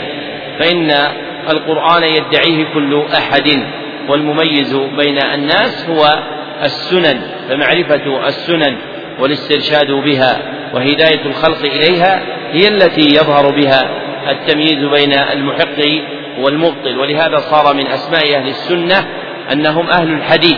والمراد بذلك أنهم المتبعون له المعظمون له. ولو كان واحدهم نحويا أو مفسرا أو فقيها فإنه لا يخرج عن هذا الوصف لأن وصف أهل الحديث يراد به من عظم الحديث واتبعه وقدمه على غيره فيكون من جملة أهله. وهذه الصفة موجودة بالقديم والحديث فإن أنصار السنن يكرههم. دعاة الأهواء والبدع في كل زمان ومكان. ثم ذكر كلاما حسنا عن أبي حاتم محمد بن إدريس الرازي وهو في عقيدته المختصرة في ذكر علامة أهل البدع وأنها الوقيعة في أهل الأثر. ثم ذكر جملا من النبز بالباطل الذي جرى به قول من تقدم من أصحاب الضلالة من الزنادقة والقدرية والجهمية وغيرهم من تسميتهم أهل السنة تارة بالحشوية أو بالمشبهة أو بالمجبرة أو بالنابتة أو بالناصبة أو غير ذلك من الألقاب الباطلة التي يراد بها انتقاص أهل السنة والحديث.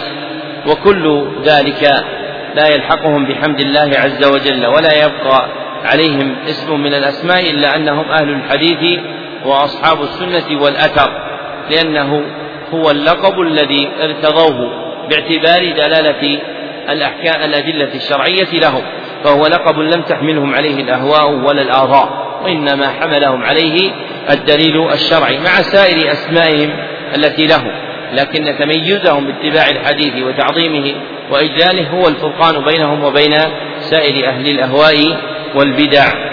نعم. أحسن الله إليكم فصل. الحب في الله والبغض فيه من أوثق عرى الإيمان. فمن أحب ما فمن أحب ما أبغض الله أو أبغض ما أحب الله فقد كفر. وقد قال الله تعالى يا أيها الذين آمنوا من يرتد منكم عن دينه فسوف يأتي الله بقوم يحبهم ويحبونه. أذلة على المؤمنين عزة على الكافرين يجاهدون في سبيل الله ولا يخافون لومة لائم. ذلك فضل الله يؤتيه من يشاء. وقال تعالى قل إن كنتم تحبون الله فاتبعوني يحببكم الله ويغفر لكم ذنوبكم. روى البخاري ومسلم من رواية أنس رضي الله عنه عن النبي صلى الله عليه وسلم قال ثلاث من كن فيه وجد بهن حلاوة الإيمان أن يكون الله ورسوله أحب إليه مما سواهم وأن يحب المرء لا يحبه إلا لله. وأن يكره أن يعود في الكفر بعد أن ينقضى الله منه كما يكره أن يلقى في النار. ومعلوم أن حب الله ورسوله واجب على جميع الوجوه فمن أحب كلام الله تعالى وسنة رسول الله صلى الله عليه وسلم القائمين بها على وفقهما من غير تبديل ولا تغيير ولا تحريف ولا تصحيح لفظهما ومعانيهما. فقد أحب الله ورسوله من أبغضهم فقد أبغض الله ورسوله من حرفه وبدله وغيره صحت فقد افترى على الله ورسوله خصوصا إن كان عامدا لذلك. معتقدا حله فانه يكون كافرا مرتدا بلا شك. وإن لم وإن لم يكن معتقدا حله لكنه عامد معاند. كان اثمه شديدا ويقابه مزيدا. فمحبة أهل الإيمان والطاعة والفرقان واجبه وبغضة أهل الكفر والبدع والمخالفة والمخالفة والفسوق والعصيان واجبة ومحبة العلوم الشرعية القائمين بها علما وعملا واعتقادا واجبة وبغضة وبغضة العلوم الفلسفية والسحرية والسحرية الكلامية والنجومية والكيماوية والسيماوية والقائمين بها علما وعملا واعتقادا واجبا. وحب أهل الوفاق وحب أهل الوفاق والإرفاق والإشفاق محبوب والشرع مطلوب وبغض أهل النفاق والشقاق ومردية الأخلاق مطلوب وفيه مرغوب وكل ما أحبه الله ورسوله فتركه ومخالفة سبب الفتنة والعذاب. ومن شانه فقد شان رسول الله صلى الله عليه وسلم فهو الأبتر. وقد خسر وخاب وتقطعت به الأسباب. وباء وباء, وباء بخسار الزلفى وحسن المآب. والمحبة واجبة ومندوبة ومحرمة ومكروهة ومباحة فالتقرب إلى الله بالواجب من أفضل القرب والتقرب إليه بالمندوب سبب لأن سبب لأن يكون صاحبه عنده محبوبا ولا يتصور القرب إليه بالمحرم والمكروه وقد يتقرب إليه بالمباح إذا اقترن بوصف المطلوب والله يعلم المفسد والمصلح. أكمل. عليكم فصل كما تجب محبة الله ورسوله تجب محبة أولياء الله تعالى وأفضل أولياء الصحابة رضي الله عنهم والتابعون لهم بإحسان ثم العلماء والعاملون في كل عصر وأوان والعلماء والصحابة أفضل جميع أفضل جميع العلماء بعدهم وعلماء التابعين أفضل العلماء بعدهم علماء كل قرن أفضل من علماء القرن الذي يوم خيرت له نفسه خلاف ذلك فقد ارتبك في الكيف وهم خير الناس والقبائل لقيامهم بالعلم والعمل والدلائل وهم مراد الأنبياء وتستغفرهم الملائكة والدواب وكل شيء حتى الحي حتى الحيتان في الماء والطير في الهواء يدعى يدعى يدعى كل منهم في ملكوت السماوات والأرض عظيما ويصلي عليهم الملائكة في كل حين ويسلمون تسليما. فمنهم الخلفاء الأربعة في الأئمة الراشدين القدوة الراسخين الهاديين المقدمين والفقهاء السبعة في التابعين والأئمة الأربعة أبو حنيفة ومالك والشافعي وأحمد بن حنبل في الخالدين وأصحاب كتب الحديث المسند كالبخاري ومسلم وأبي داود والترمذي والنسائي في الأئمة الحفاظ المحققين المحدثين وفقهاء الشام كالأوزاعي وغيرهم من العلماء الربانيين والفقهاء من الأئمة المحدثين. والفقهاء من الأئمة المحدثين والمصنفون من الحداق المحققين وهم معروفون وموصوفون عند عند النقاد العارفين. حشرا حشرنا في زمرتهم وأماتنا على محبتهم. آمين. حشرنا الله حشرنا الله كما في النسخة الأخرى. حشرنا الله في زمرتهم. حشرنا الله في زمرتهم وأماتنا على محبتهم. آمين. آمين.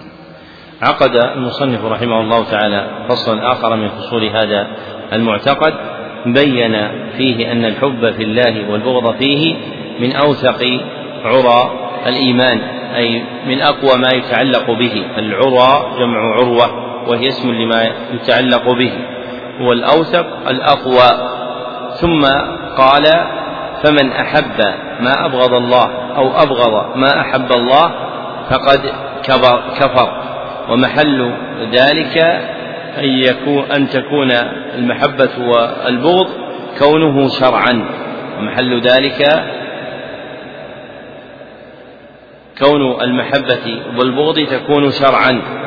فمن أحب ما أبغض الله أن يكون شرعا ودينا فهو كافر. فمثلا مما أبغض الله سبحانه وتعالى شرب الخمر أو الزنا. فمن أحب أن يكون هذا دينا فإنه يكفر بذلك. فليس المقصود بالمحبة المحبة الطبيعية أو البغضة البغضة الطبيعية وإنما المراد بذلك ما تعلق بالشرع. فالمذكور في نواقض الإسلام من أبغض شيئا مما جاء به النبي صلى الله عليه وسلم أي من أبغض كونه شرعا لا أنه أبغضه باعتبار الطبيعة. فإن النفس باعتبار الطبيعة قد تضعف وتكسل فتكره شيئا مما جاء به النبي صلى الله عليه وسلم. فمحل ما ذكره المصنف كون ذلك شرعا فمتى أحب ما أبغض الله أن يكون شرعا أو أبغض ما أحب الله أن يكون شرعا فقد كفر. ثم ذكر رحمه الله تعالى جملة من المحبوبات المأمور بها شرعا كمحبة الله ومحبة رسوله صلى الله عليه وسلم. ومحبة أهل الإيمان والطاعة ومحبة أهل الوفاق والإرفاق والإشفاق وأنه مأمور بها شرعا كما ذكر مقابل ذلك من بغضة أهل النفاق والشقاق وأهل العلوم الفلسفية الكفرية فهذا مما يؤمر به العبد أيضا. ثم ختم الفصل بالإخبار بأن المحبة تنقسم على الأحكام الخمسة. فمنها ما يكون واجبا ومنها ما يكون مندوبا ومنها ما يكون محرما ومنها ما يكون مكروها ومنها ما يكون مباحا. باعتبار متعلقها باعتبار متعلقها.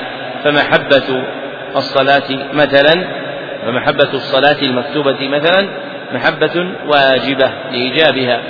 ومحبة الصلاة النافلة من المحبة المتنفر بها. وقل هكذا في بقية الأحكام. ثم عقد فصلا متعلقا بالفصل المتقدم فقال كما تجب محبة الله ورسوله تجب محبة أولياء الله تعالى وأفضل الأولياء الصحابة والتابعون ثم العلماء العاملون في كل عصر ومقدمهم علماء الصحابة. ثم قال وعلماء كل قرن أفضل من علماء القرن الذي يليه يعني باعتبار جماعتهم لا أفرادهم. يعني باعتبار جماعتهم لا أفرادهم فبالنظر إلى جماعة العلماء في القرن الماضي هم أعظم وأكمل من العلماء في القرن الواقع بعدهم. ولا يطرد ذلك في الأفراد وربما يكون أحد ممن تأخر أعظم ممن أفضل ممن تقدمه في القرن السابع. ثم قال ومن خيرت نفسه خلاف ذلك فقد ارتبك في التيه يعني من خيرت له نفسه عدم محبة هؤلاء الأولياء من الصحابة والعلماء فقد وقع في الضلال والسفه. ثم ذكر أفرادا من أولئك العلماء كالخلفاء الأربعة والفقهاء السبعة التابعين من أهل المدينة والأئمة الأربعة المتبوعين وأصحاب الكتب الستة المحدثين. نعم. صلى الله عليكم. فصل من لزم أمر الله تعالى وآثر طاعته تعالى فبتوفيق الله تعالى إياه. ومن ترك أمر الله وركب معاصيه فبخذلان الله إياه. ومن زعم أن الاستطاعة قبل الفعل بالجوارح إليه إن شاء عمل وإن شاء لم يعمل فقد كذب بالقدر ورد كتاب الله نصا. وزعم أنه مستطيع لما لم يريده الله عز اسمه ونحن نبرأ من الله تعالى من هذا القول ولكن نقول إن الاستطاعة من العبد مع الفعل فإذا عمل عملا بالجوارح من بر أو فجور. علمنا أنه كان مستطيعا للفعل الذي فعل فأما قبل فأما قبل أن يفعله فإنا لا ندري لعله يريد أمرا فيحال بينه وبين ذلك.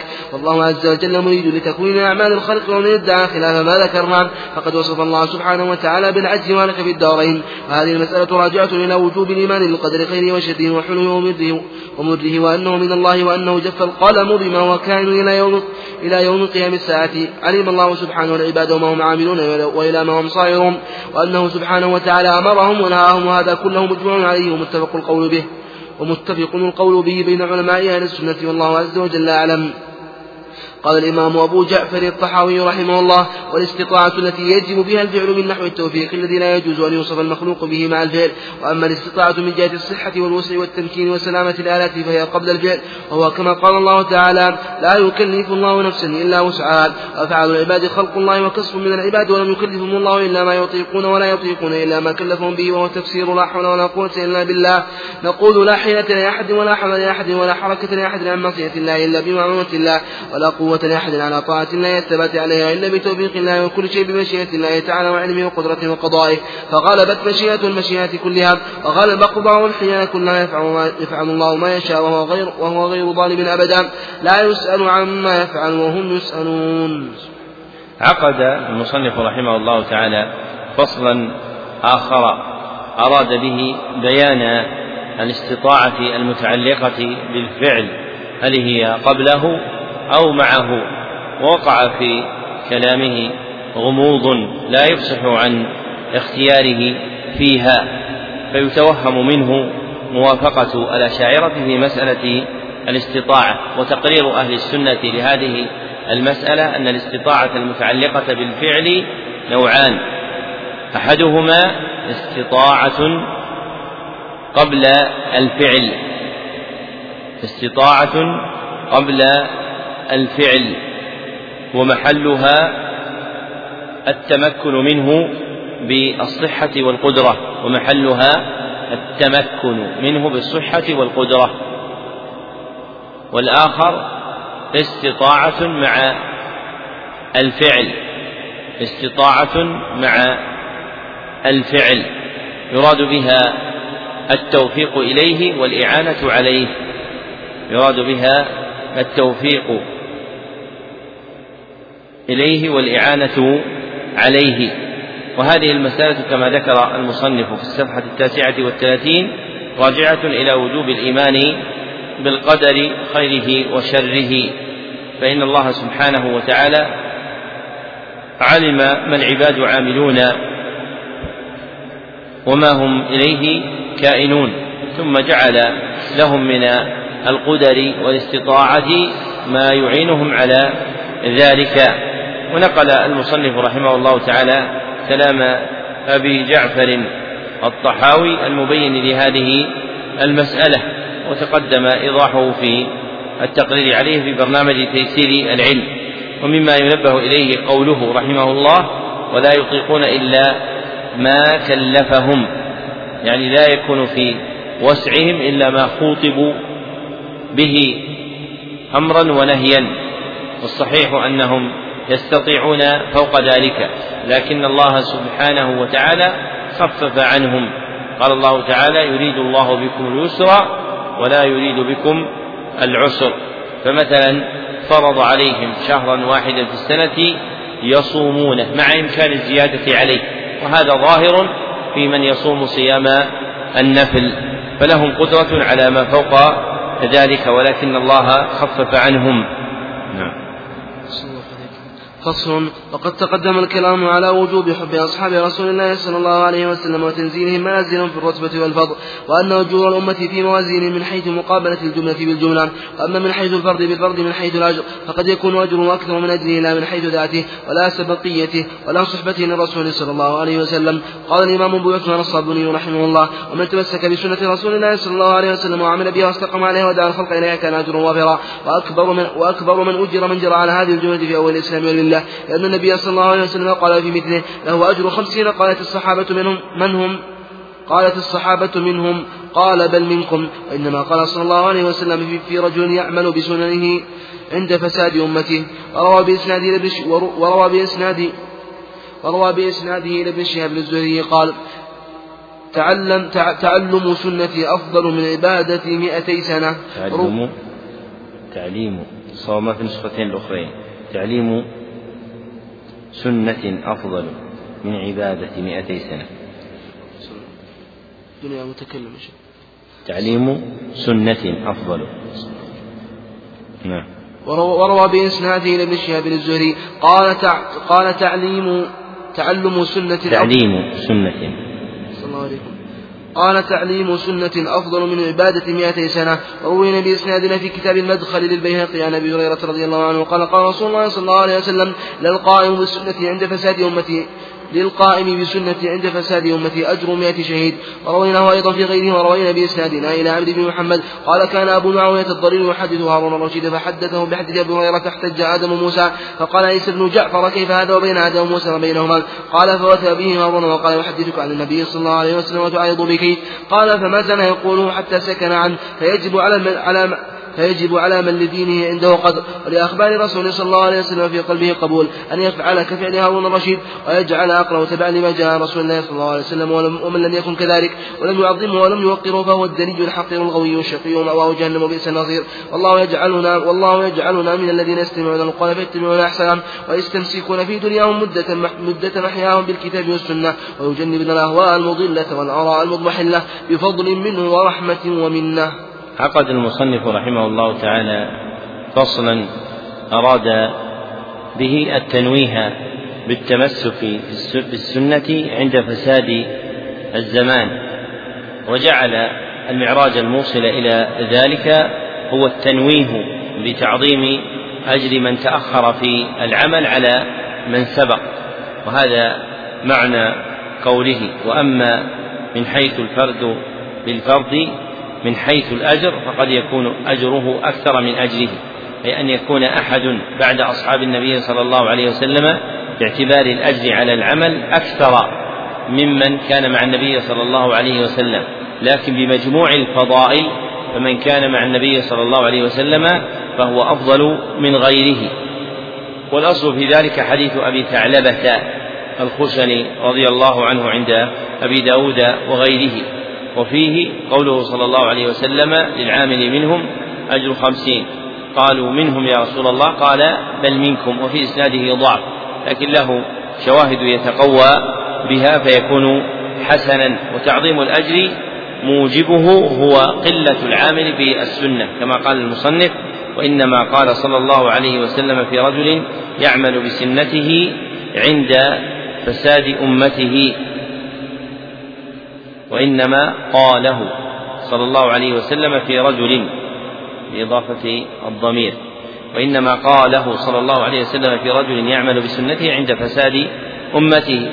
ثم ذكر شيئا من المروي في هذا المعنى عن ابن شهاب مرسلا وعن أبي هريرة ولا يصح من ذلك شيء. لكن تعظيم العمل في الزمن المتأخر عند فساده ثبت فيه حديث أبي ثعلبة الخشني وروي فيه أشياء أخرى لا تثبت. نعم. فصل إذا وقع العلم بالمراد من الشرع فذكر الاحتمالات المعنوية المستنبطة من اللفظ الشرعي المخالفة للمراد المعلوم تحريف أو تبديل أو تغيير أو تشكيك أو تضليل أو تعطيل أو تشبيه وكل ذلك إما كفر أو معصية والكفر إما شرعي أو لغوي أو لغوي والشرعي ما نطق الشارع به بلسان العربي على وفق لغة العرب الذين آمنوا به صلى الله عليه وسلم وفهمهم أو كان على مناهجهم لا ما أحدث من لغات النب النبطية والمفاهيم الغوية والاصطلاحات المخالفة الحادثية. واللغوي شرعي إلا ما علم أن المراد خلافه مثاله العفو في اللغة التوفية والإزالة. والكفر فيها التخطيط والستر والإزالة فإذا علم المراد تبينا أن ما خالفه لغوي غير مراد. فلا تخرج اللغة عن الشرع إلا العلم بعدم الإرادة من الشارع. فإذا قال صلى الله عليه وسلم قص الشوارب وأعف اللحم علمنا أن المراد ظهور زينة الله تعالى للعباد بها. لا لا, تبشيع خلق الله بإزالتها بدليل قوله في الرواية الأخرى وأوفوا اللحام وكذلك إذا ورد لفظ الكفر حمل على كل كفر من التغطية والستر والإزالة فإذا علم أن المراد أحدها وجب الحمل عليه وصار الباقي لغويا غير مراد. مثاله قوله صلى الله عليه وسلم للنساء إني رأيتكن أكثر أهل النار. قيل يا رسول الله لماذا قال بكفرهن؟ قيل يا رسول الله يكفرن بالله؟ قال يكفرن الإحسان يكفرن العشيرة. فلو لم يكن الكفر عند الصحابة في مفاهيم عنه صلى الله عليه وسلم محمولا عندهم على جميع وجوه الشرعية اللغوية لما حسوا الاستفهام ولما أجابهم صلى الله عليه وسلم. ولهذا ثبت لفظ الكفر في قوله صلى الله عليه وسلم في صحيح مسلم وإذا العبد والشرك والكفر ترك الصلاة وقوله العهد الذي بيننا وبينهم الصلاة فمن تركها فقد كفر. وفي قول شقيق بن سلمة التابعي الجليل أكان أصحاب محمد يعدون شيئا تركه كفر إلا الصلاة. حمله المحددون وكثير من الفقهاء على جميع وجوه من تغطية الحق وستره وإزالته في موضوع مفهومه وهو الكفر بالله وتأوله بعضهم على بعضها والتغطية والستر دون إزالة وهي إزالة الإسلام والله أعلم. ثم الكفر بالتحريف والتبديل قد يكون مخرجا عن الإسلام وقد لا يكون فإن كان مخرجا مثل التحريف في صفات الباري عز وجل المؤدية التشبيه بخلقه سبحانه وتعالى أو تعطيلها وإخراجها عما لا يليق بجاره فهو كفر مخرج عن الدين بلا شك. وكذلك التحريف في الأحكام الفروعية المجمع عليها الواجبة والمحرمة أو المحرمة بلا تأويل يسوغ, يسوغ أو أما المندوبة أو المكروهة أو المباحة فالتحريف فيها حكم حكمها بالتكفير لكونها أضاف, لكونه أضاف إلى الله تعالى ما لم يضيفه لنفسه ولا يجوز إضافته إليه. وقد كفر بعض أصحاب الشافعي رحمه الله بمجرد الكذب على النبي صلى الله عليه وسلم وإن لم يعتقد جوازه وكان مطابقا لأصول شريعته سدا للباب وضبطا للشريعة وأما من حيث موضوعه ووصفه فحكمه حكمه في وصفه في وصفه بالندبية والكراهة والإباحة. والتكفير بالتحريف والتبديل راجع إلى القصد والإصرار وعدمهما. وما يترتب على ذلك من تعدد الضرر والقصور في حكمه ومحله. وأما إطلاق الكفر على المعاصي فلا يجوز إلا لقصد الزجر عنها. كما أطلقه رسول الله صلى الله عليه وسلم عن النساء لما جعله السبب لما جعله السبب لدخول النار. وأطلقه عليهن لقصد زجرهن عن المعاصي التي هي كفر الإحسان وكفر العشير. فلما استفسر صلى الله عليه وسلم يكفرن بالله. قال لا. ومن هذا المعنى إطلاق. وصلى الله عليه وسلم غشنا ليس منا. لا يدخل الجنة. وقال ليس لا يدخل الجنة من في قلبه مثقال ذرة من كبر. ومعلوم أن مجرد الغش والكبر من غير اعتقاد حد لا يوجب الكفر والخلود في النار ولا عدم دخول الجنة مطلقا. ولا الخروج من ملة الإسلام وإنما ينقص الرتبة فأطلقه رسول الله صلى الله عليه وسلم لقصد الزجر. لا لاعتقاد الكفر. وقس على هذا كل ما ورد على وقس على هذا كل ما ورد على مثل هذا. ومنه قوله صلى الله عليه وسلم لعن المؤمن كقتله وكذلك قوله تعالى ومن يقتل مؤمنا متعمدا فجزاؤه جهنم خالدا فيها. وغضب الله عليه ولعنه وأعد له عذابا عظيما. في قول كل العلماء إلا ابن عباس رضي الله عنه وقد ثبت رجوع ابن عباس عنه والله أعلم. وقد تقدم فصل أنه لا يكفر أحد من القبلة لذم الكلام عليه وتفصيله.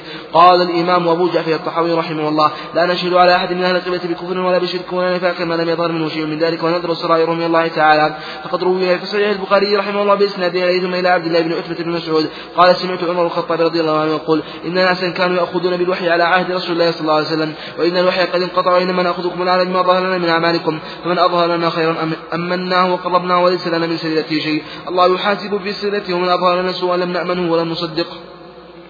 وإن قال إن وإن قال إن سريرته حسنة وروينا في صحيح مسلم رحمه الله عن أبي عبد الله طارق بن هشام رضي الله عنه قال سمعت رسول الله صلى الله عليه وسلم يقول من قال لا إله إلا الله وكفر بما يعبد من دون الله حرم ماله ودمه. وحسابه على الله. قال الله تعالى في حق المشركين فإن تابوا وأقاموا الصلاة وآتوا الزكاة فخلوا سبيلهم.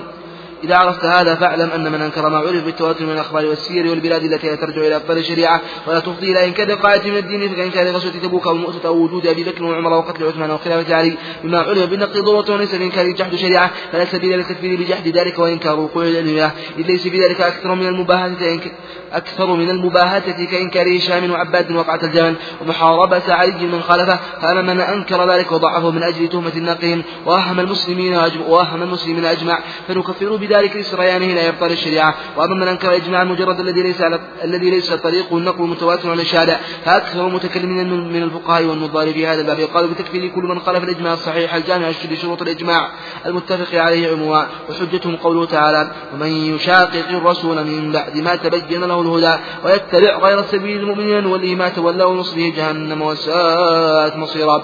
قوله صلى الله عليه وسلم من خالف الإسلام قيد شبر فقد خلع ربقة الإسلام من عنقه. وقد نقل العلماء الإجماع على تكفير من خالف الإجماع ولم يخالف أحد من السلف وقال جماعة من علماء الخلف المجمع عليه على ضربين. أحدهما ما علم من الدين الإسلامي بالضرورة كإجماعهم على عدة ركعات في الصلاة الخمس ومقدار وصول الزكاة ووجوب الصلاة والزكاة والصيام والحج وتحريم الزنا واللواط والخمر وأخذ الأموال بالباطل والأخذ بالأعراض بغير حق ونحو ذلك. فمن أنكر ذلك كفر. والثاني ما يعرفه العلماء ويجهله العوام كمقادير الفرائض لأهل ككون السدس للجدة والأخت من أم السدس وما شك ذلك قالوا فمنكر ذلك لا يكفر لا يكفر لا يكفر به لا يكفر به. قالوا لأنه لا يعرفه إلا العلماء وهم قليل فيلزم منه تكفير أكثر الخلق من المسلمين. وهذا الكلام ليس فيه تحقيق لأن الإنكار غالبا لا يكون إلا بعد اعتراف وهو المسمى بالجحود وأما من لم يعرف شيئا فإنما تسميه جاهلا أو مقصرا في التعلم. وكلاهما, لا وكلاهما لا يكفران بذلك. إلا أن يعتقد أنه لا يجب التعلم بعد علمهما بوجوبه بعد علمهما بوجوبه وكلامنا إنما هو في من علم وجوب العمل بالإجماع بجميع الأحكام الظاهرة والباطنة ثم أنكر وذلك لا يختلف مجمع عليه دون مجمع عليه مشتهرا كان وغير مشتهر بالصواب ما قال والسلف من تكفيره بجحوده إذ الجحود لا يكون إلا بعد إقرار والله أعلم. قال القاضي عياض رحمه الله بعد حكى الإجماع على تكفير من خالف الإجماع وذهب آخرون إلى الوقوف عند القطع بتكفير من خالف الإجماع الذي يختص بنقل العلماء وذهب آخرون إلى التوقف في تكفير من خالف الإجماع الكائن عن نظر كتكفير الظاهر بإنكار الإجماع لأنه بقول هذا مخالف. إجماع السلف على احتجاجهم به خارق للإجماع. نعم نكمل صلى الله عليكم. فصل. قال القاضي أبو بكر القول عندي أن الكفر بالله هو الجهل بوجوده والإيمان بالله هو العلم بوجوده وأنه لا يكفر أحد من قول ولا رأي إلا أن يكون هو الجهل بالله. وإن عصى بقول أو فعل نص الله ورسوله. أو أجمع المسلمون أنه لا يوجد إلا من كافر أو يقوم دليل على ذلك فقد كفر ليس لأجل, ليس لأجل قوله وفعله لكن لما يقارنه من الكفر فالكفر بالله لا يكون إلا بأحد ثلاثة أمور. أحدها الجهل بالله تعالى والثاني أن يأتي فعلا أو يقول قولا يخبر الله ورسوله أو يجمع المسلمون أن ذلك لا يكون إلا من كافر. كالسجود للصنم والمشي الكنائس بالتزام الزنار مع أصحابها في أعيادهم. بالتزام الزنار مع أصحابها في أعيادهم. ويكون ذلك القول أو الفعل لا يمكن معه العلم بالله تعالى. قال فهذان الضربان وإن لم يكونا جهلا. وإن لم يكون جهلا بالله فهما علم أن فاعلهما كافر منسلخ من الإيمان. فأما من نفى صفة من صفات الله الذاتية أو جحدها مسترسلا في ذلك فقوله ليس بعالم ولا قادر ولا مريد ولا متكلم وشبه ذلك من صفات الكمال الواجبة له سبحانه وتعالى. فقد نص أئمتنا على الإجماع على كفر من نفى عنه تعالى الوصف بها وأعراه عنها. وعلى هذا أحمل قول سحنون. من قال ليس لله كلام فهو كافر ولا يكفر المتأولين. والله أعلم. نعم نكمل فصل. من جهل صفة من صفات الله تعالى الذاتية اختلف العلماء في تكفيره فحكى عن أبي جعفر الطبري وغيره تكفيره وقال وقال أب وقال به أبو الحسن الاشعري مرة. وذهبت طائفة إلى أنه لا يخرج عن اسم الإيمان وإليه. رجع الاشعري وقال أنه لم يعتقد ذلك اعتقادا يقطع يقطع بصوابه. ويراه دينا وشرعا فإنما يكفر من يعتقد من يعتقد أن مقاله حق. واحتج هؤلاء بحديث السوداء وأن النبي صلى الله عليه وسلم إنما طلب من التوحيد لا غير وبحديث القائل إن قدر الله علي وفي رواية في لئن قدر الله علي وفي رواية فيه لعلي أضل لعلي أضل الله. ثم قال فغفر الله له. قالوا ولو بوحث أكثر الناس عن الصفات وكوشفوا عنها لما وجدوا من يعلمها إلا الأقل. وقد أجاب الآخر عن هذا الحديث بوجوه منها أن قدر أن أن قدر علي بمعنى أن قدر علي بمعنى قدر ولا يكون شكه في القدرة على إحيائه بل في نفس البعث الذي لا يعلم إلا بشرع ولعله لم يكن ورد عندهم به شرع يقطع به. ولعله لم يكن ورد عندهم به شرع يقطع عليه فيكون الشك فيه حينئذ كفرا فأما ما لم يرد به شرع فهو من مجوزات العقول ويكون قدر بمعنى ضيق ويكون ما فعله بنفسه إزراء عليها وغضبا لعصيانها وقيل قال هو وهو غير عاقل لكلامه ولا ضابط للفظه مما استولى عليه من الجزع والخشية التي أذهلت لبه فلم يؤاخذ به وقيل. بل هذا من مجاز كلام العرب الذي الذي صورته الشك ومعناه التحقيق وهو يسمى تجاهل وهو يسمى تجاهل العارف. وله أمثلة في كلام كقوله سبحانه لعله يتذكر أو يخشى وقوله وإنا أو إياكم لعلى هدى أو في ضلال مبين فأما من أثبت الوصف ونفى الصفة فقال أقول عالم ولكن لا علم له ومتكلم ولا كلام له وهكذا في سائر الصفات على مذهب المعتزلة. فمن قال بالمعالي لما يؤديه إليه قوله ويسوق إليه لمذهبه كفر لأنه إذا نفى العلم انتفى وصف عالم إلا يوصف بعالم إلا من له العلم فكأنهم صرحوا عنده بما أدى إليه قولهم. وهكذا عند هذا وهكذا عند هذا وهكذا عند هذا سائر فرق التأويل من المشبهة والقدرية وغيرهم ومن لم يرى أخذهم بمآل قولهم ولا ألزمهم ولا ألزمهم موجب مذهبهم. لم يرى إكفارا قال لأنهم إذ وقفوا إذا وقفوا على هذا قالوا لا نقول ليس بعالم ونحن ننتفي من القول بالمآل الذي ألزمتمونا نعم ونحن نعتقد نحن وأنتم أنه كفر بل نقول إن قولنا لا يؤول إليه على ما أصلنا فعلى هذين فعلى هذين المأخذين اختلف الناس في إكفار أهل التأويل. وإذا فهمته اتضح لك الموجب لاختلاف الناس في ذلك. والصواب ترك إكثارهم والإعراض عن الحتم عليهم بالخصام وإجراء حكم الإسلام عليهم في قصاصهم ووراثاتهم ومناكحتهم ودياتهم والصلاة عليهم ودفنهم في مقابر المسلمين وسائر المعاملات لكنه يغلظ عليهم بوجيع الأدب وشديد الزجر والهجر حتى حتى يرجعوا عن بدعتهم. وهذه كانت سيرة الصدر الأول فيهم فقد كان نشأ على زمن الصحابة رضي الله عنهم وبعدهم في التابعين من قلب هذه الأقوال من القدر. ورأي الخوارج والاعتزال فلما أزاحوا لهم فلم فما أزاحوا لهم قبرا ولا قطعوا لأحد منهم ميراثا لكنهم هجرهم هجروهم وأدبوهم بالضرب والنفي والقتل على قدر أحوالهم لأنهم فساق ضلال عصاة أصحاب كبائر عند المحققين أهل السنة ممن لم يقل بكفرهم خلافا لما رأى. خلاف ذلك والله الموفق للصواب. ومثل قول أصحاب الوصول والتكفير بالمال وآدمه وقول الفقهاء وأصحاب الفروع لازم لازم المذهب ليس المذهب ولازم القول ليس بقول أو هو مذهب وقول. والصحيح الذي عليه جمهور العلماء أنه ليس بمذهب ولا قول والله أعلم. وهذا معنى قول أئمة المنطق في الماهية الساذجة التي لا ينظر إلى سابقتها ولا لاحقتها بل ينظر إلى ذاتها من حيث هي. قال القاضي أبو بكر رحمه الله وأما مسائل الأجر والعيد والرؤية والمخلوق وخلق الأفعال وبقاء الأعراض والتولد والشبه من الدقائق فالمنع في إكثار المتأولين فيها أوضح. وليس في الجهل بشيء منها جهل بالله تعالى ولا أجمع المسلمون على إكثار من جهل شيئا منها والله أعلم. عقد المصنف رحمه الله تعالى في هذه الجملة ثلاثة فصول بعضها آخذ ببعض في تقرير حقيقة الكفر وما يكفر به الإنسان. ثم استطرد في ذكر جملة من المكفرات الواقعة في زمانه وما اختلف فيه منها مع تقرير قاعدة الحكم باللازم في آخر كلامه. وابتدأ الفصل الأول منها بقوله إذا وقع العلم بالمراد من الشرع أي تبين مقصود الشرع فيه فذكر الاحتمالات المعنوية المستنبطة من اللفظ الشرعي المخالفة للمراد المعلوم تحريف أو تبديل أو تغيير أي التصرف في فهم اللفظ بعد ثبوت معناه الشرع بوجه لغوي تحريفا أو تبديلا أو تغييرا فإنه إما كفر أو معصية بحسب الحامل عليه وقوة المؤثر فيه من شبهة. ثم بين رحمه الله تعالى أن الكفر يقع على معنى شرعي ومعنى لغوي فأما معناه اللغوي فهو الستر ويتضمن الإزالة والتغطية فهي مندرجة في ضمن هذه الحقيقة. وأما حقيقة الكفر شرعا فالكفر شرعا هو ستر الإيمان. فالكفر شرعا هو ستر الإيمان وهو نوعان. أحدهما ستر أصله ستر أصله ويسمى الكفر الأكبر. والثاني ستر كماله ويسمى الكفر الأصغر. وأراد المصنف بذكر هذه التوطئة التمهيد للإعلام بأن الكفر في الخطاب الشرعي يجيء تارة للدلالة به على الكفر الأكبر ويجيء تارة للدلالة به على الكفر الأصغر فلا يكون كفرا مخرجا من الملة بل يراد به المعنى اللغوي من ستر كمال الإيمان وذلك فيما وقع من إطلاق اسم الكفر على جملة من المعاصي كما قال المصنف وأما في الصفحة الخمسين بعد ثلاثمائة وأما إطلاق الكفر على المعاصي فلا يجوز إلا لقصد الزجر عنها كما أطلقه رسول الله صلى الله عليه وسلم على النساء إلى آخر ما ذكر وما أصحبه من أحاديث أطلق فيها الكفر لا يراد به المخرج من الملة وإنما يراد به ستر كمال الإيمان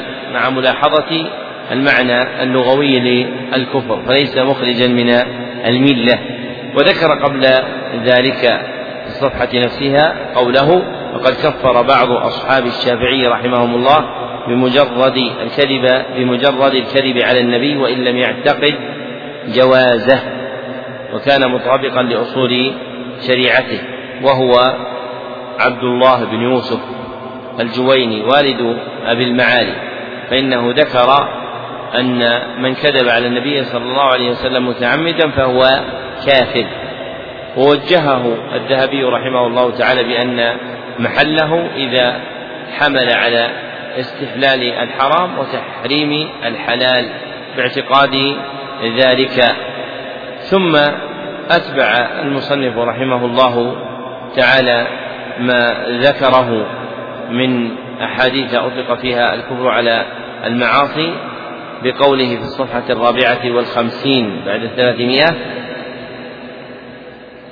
إذا عرفت هذا فاعلم أن من أنكر ما عرف بالتواتر من الأخبار والسير والبلاد التي لا ترجع إلى إبطال الشريعة ولا تفضي إلى إنكار قاعدة من الدين ومثل لها ثم قال فلا سبيل إلى تكفيره بجحد ذلك فلا يكون كافرا بمثل هذا. ثم قال فأما من أنكر ذلك وضاعفه من أجل تهمة الناقلين ووهم المسلمين أجمع فكفره بذلك فنكفره بذلك لسيرانه إلى إبطال الشريعة. وموجب تكفيره شيئان أحدهما تهمة الناقل تهمة الناقلين. وهم الصحابة رضي الله عنهم فيكون طعنا في جماعتهم باعتبار العدالة الدينية وهذا مكفر لأن من صدر منه ذلك مكذب بالقرآن. والآخر مخالفته للإجماع الضروري فيما ذكر كما قال ووهم المسلمين أجمع فخالف إجماعا ضروريا منعقدا لا يمكن دفعه فهذا يدل على كفره. ثم استطرد في ذكر حكم منكر الإجماع تبعا لما ذكره سابقا من كونه مخالفا في دعواه للمسلمين أجمع. وذكر رحمه الله تعالى كلاما في التكفير بإنكار الإجماع. هل يكفر منكره أم لا؟ والصحيح أن الإجماع الذي يكفر منكره هو المعلوم المقطوع به لثبوت النص. هو المعلوم المقطوع به لثبوت النص. حتى صار من الدين الظاهر المعروف. فهذا هو الذي يكفر به العبد من الإجماع. وهذا اختيار أبي العباس ابن تيمية رحمه الله تعالى. لأن دعوى الإجماع مما يتنازع فيها. وكم من إجماع يكون عند أحدهم قطعيا ولا يكون عند غيره قطعيا ثم أتبع هذا الفصل بفصل نقل فيه عن أبي بكر الباقلاني وهو القاضي المراد عند الإطلاق عند المالكية وهو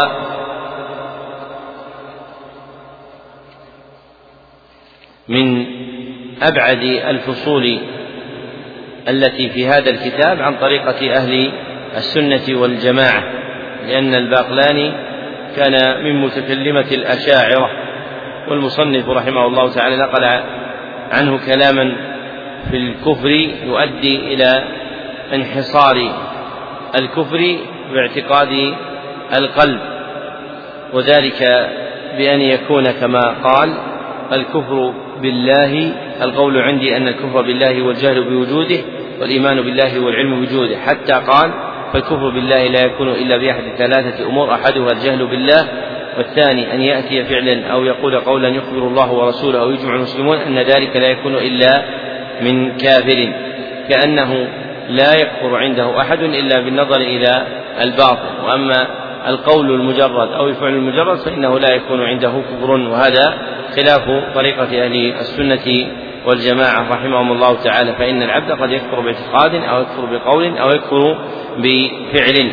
ثم ذكر شيئا من الأفراد المندرجة في هذا في قوله في الصفحة الثانية والستين بعد الثلاثمائة فأما من نفى صفة من صفات الله أو جحدها مستبصرا في ذلك أي عالما بذلك فقد نص أئمتنا على الإجماع على كفر من نفى عنه تعالى الوصف بها وأعراه عنه أي من أنكر صفة ثابتة لله سبحانه وتعالى فهو كافر بإنكاره ما جاء في القرآن والسنة.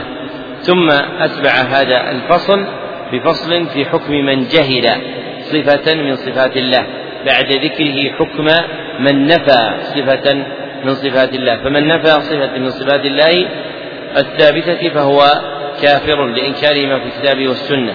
أما من جهل صفة من صفات الله تعالى فالعلماء مختلفون في تكفيره.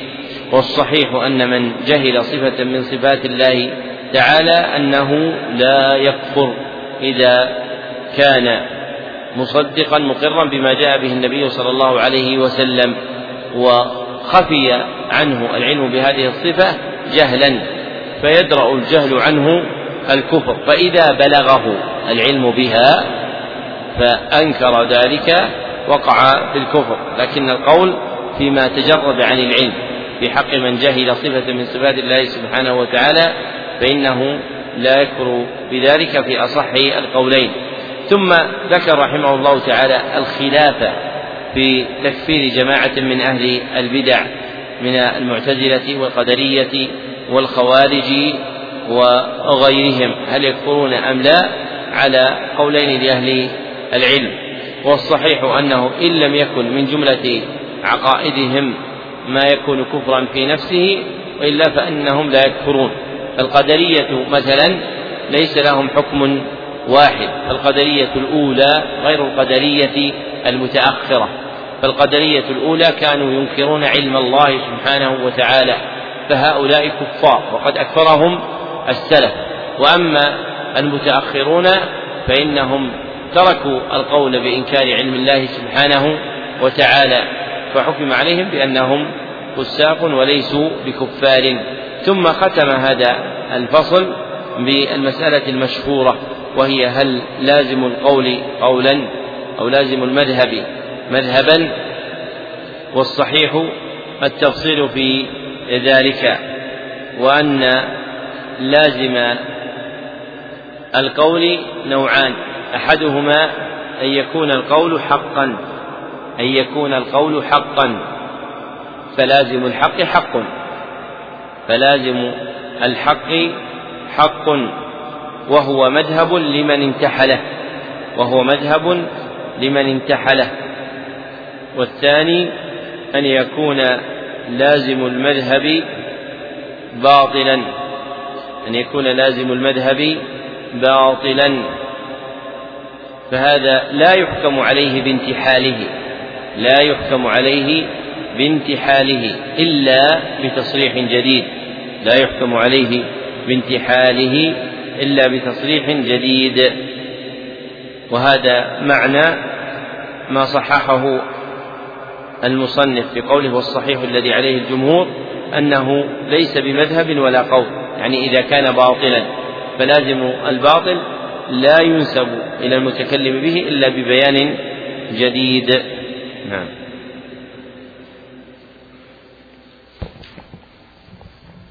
أحسن الله إليكم.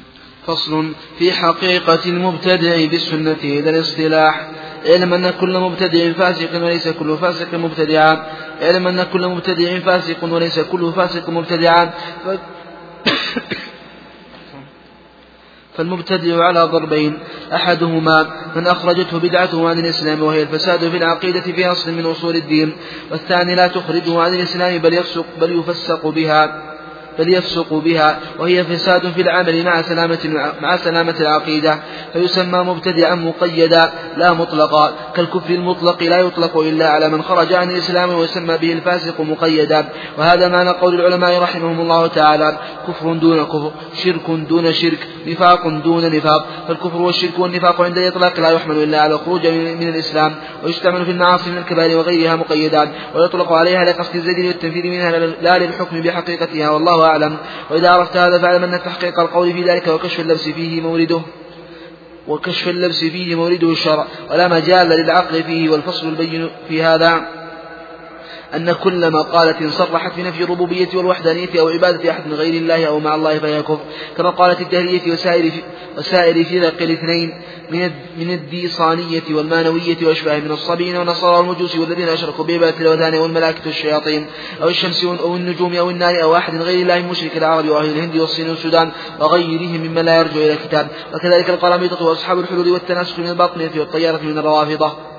من الروافض وكذلك من اعترف بإلهية الله وحدانيته ولكنه اعتقد أنه غير حي وغير قدير أو أنه محدث أو مصور أو ادعى له ولدا أو صاحبة أو والدا أو أنه متولد من شيء معا أو أن معه في الأزل شيئا قديما غيره أو أن ثم صانعا للعالم سواه أو مدبرا غيره. فلذا فذلك كله كفر بإجماع المسلمين كقول الإلهيين من الفلاسفة والمنجمين والطبيعيين. وكذلك من ادعى مجالسة الله والعروج إليه أو مكالمته أو حلول أو حلوله في أحد من الأشخاص كقول بعض المتصوفة والباطنية والنصارى والقرامطة الشرطة وكذلك نقطع على كفر من قال بقدم العالم وبقايا أو شك أو شك على مذهب أو شك على مذهب بعض الفلاسفة والدهرية أو قال بتناسك الأرواح وانتقالها أبد الآباد للأشخاص وتأديبها وتنعمها فيها بحسب ذكائها وخبثها. فصل ويكفر من دان بغير ملة المسلمين من الملل أو وقف فيهم أو شك أو صحح مذهبا وإن أظهر مع ذلك الإسلام واعتقده واعتقد إبطال كل مذهب سواه فهو كافر بظاهر ما ظهر من خلاف ذلك وكذلك يقطع بتكفير كل قائل قول يتوصل به إلى تضليل الأمة وتكفير جميع الصحابة كقول الكوميدية من الرافضة وتكفير جميع الأمة بعد النبي صلى الله عليه وسلم إذ لم تقد إذ, إذ لم تقدم إذ لم تقدم عليا وكفرت عليا إذ لم يتقدم ويطلب حقه في التقديم. فهؤلاء قد كفروا من وجوه لأنهم أبطلوا الشريعة بأسرها إذ قد انقطع نقلها ونقل القرآن إذ نقلها كفرة على زعمهم وإلى هذا والله أعلم وأشار مالك في عهد قوله بقتل من كفر الصحابة ثم كفروا من وجه آخر بسبب النبي صلى الله عليه وسلم على مقتضى قولهم. وزعمهم أنه عهد الله أنه عهد إلى علي وهو يعلم أنه يكفر وهو يعلم أنه يكفر بعده. على قولهم لعنة الله عليه وصلى الله على رسوله وآله. وكذلك نكفر بكل فعل أجمع المسلمون أنه لا يصدر إلا من كافر. وإن كان صاحبه مصرحا بالإسلام مع فعل ذلك كالسجود للصنم والشمس والقمر والصليب أو النار والسعي الكناس والبيع مع أصحابها بزيهم. من شد الزنانير وفحص الرؤوس فقد أجمع المسلمون. أن هذا لا يوجد إلا من كافر إلا من كافر. فإن هذه الأفعال علامة علامة على الكفر وإن صرح فاعلها بالإسلام. وكذلك أجمع المسلمون على تكفير كل من استحل القتل أو شرب الخمر أو الزنا مما حرم الله بعد علمه بتحريمه كأصحاب الإباحة من القرابطة وبعض غلاة المتصوفة وكذلك نقطع بتكفير كل من كذب وانكر قاعدة من قواعد الشرع وما عرف يقينا وما عرف يقينا بالنقل المتواتر من فعل الرسول وقع الإجماع المتصل عليه كمن أنكر وجوب الصلاة الخمس وعدد ركعات وسجداتها ويقول إنما أوجب الله في كتابه علينا الصلاة على الجملة وكونها خمسا وعلى هذه الصفة والشروط لا أعلم إذ لم يرد فيه القرآن نص جليل والخبر بها عن الرسول صلى الله عليه وسلم خبر واحد وكذلك أجمع المسلمون على تكفير من من الخارجين الصلاة طرفي النار على تكفير الباطنية بقول إن الفريضة أسماء رجال أمروا بولايتهم والخبائث والمحارم. أسماء رجال أمروا بالبراءة منهم. وقول بعض المتصوفة إن العبادة وطول المجاهدة إذا صفت إذا صفت نفوسهم أفضت إذا صفت نفوسهم أفضت بهم إلى إسقاطها وإباحة كل شيء لهم. صفت صفت. إذا صفت نفوسهم.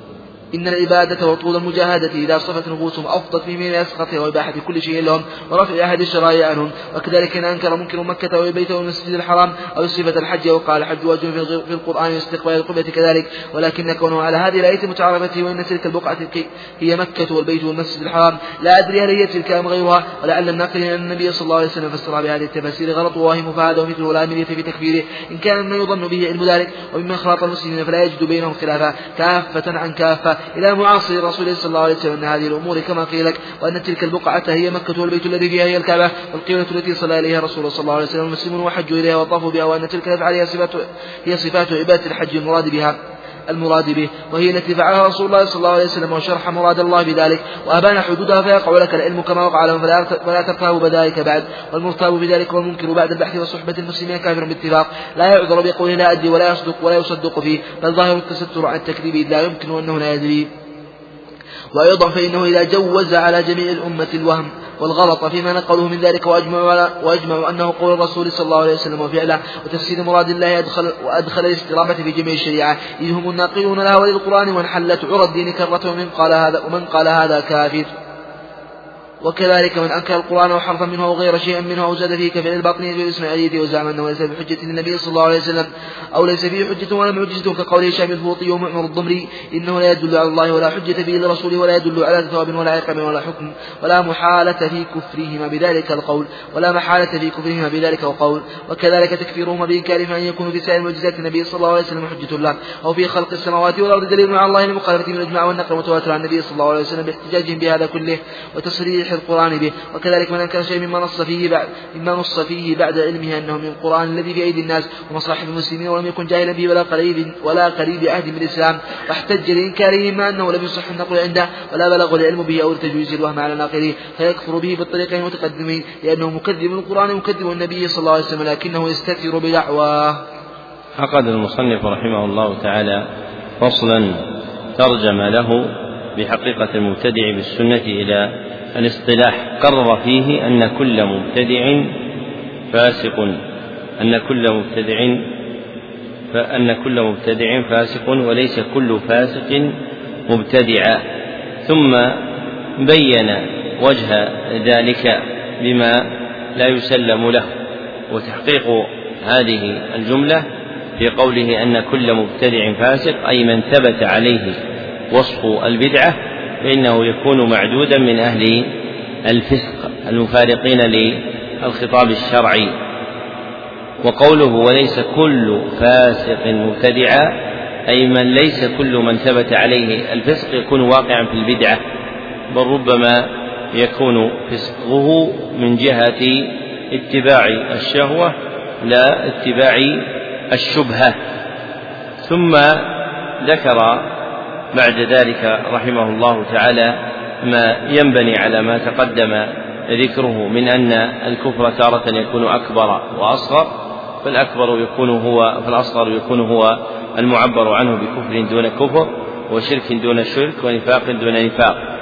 والكفر والشرك والنفاق عند الإطلاق تحمل على الأكبر.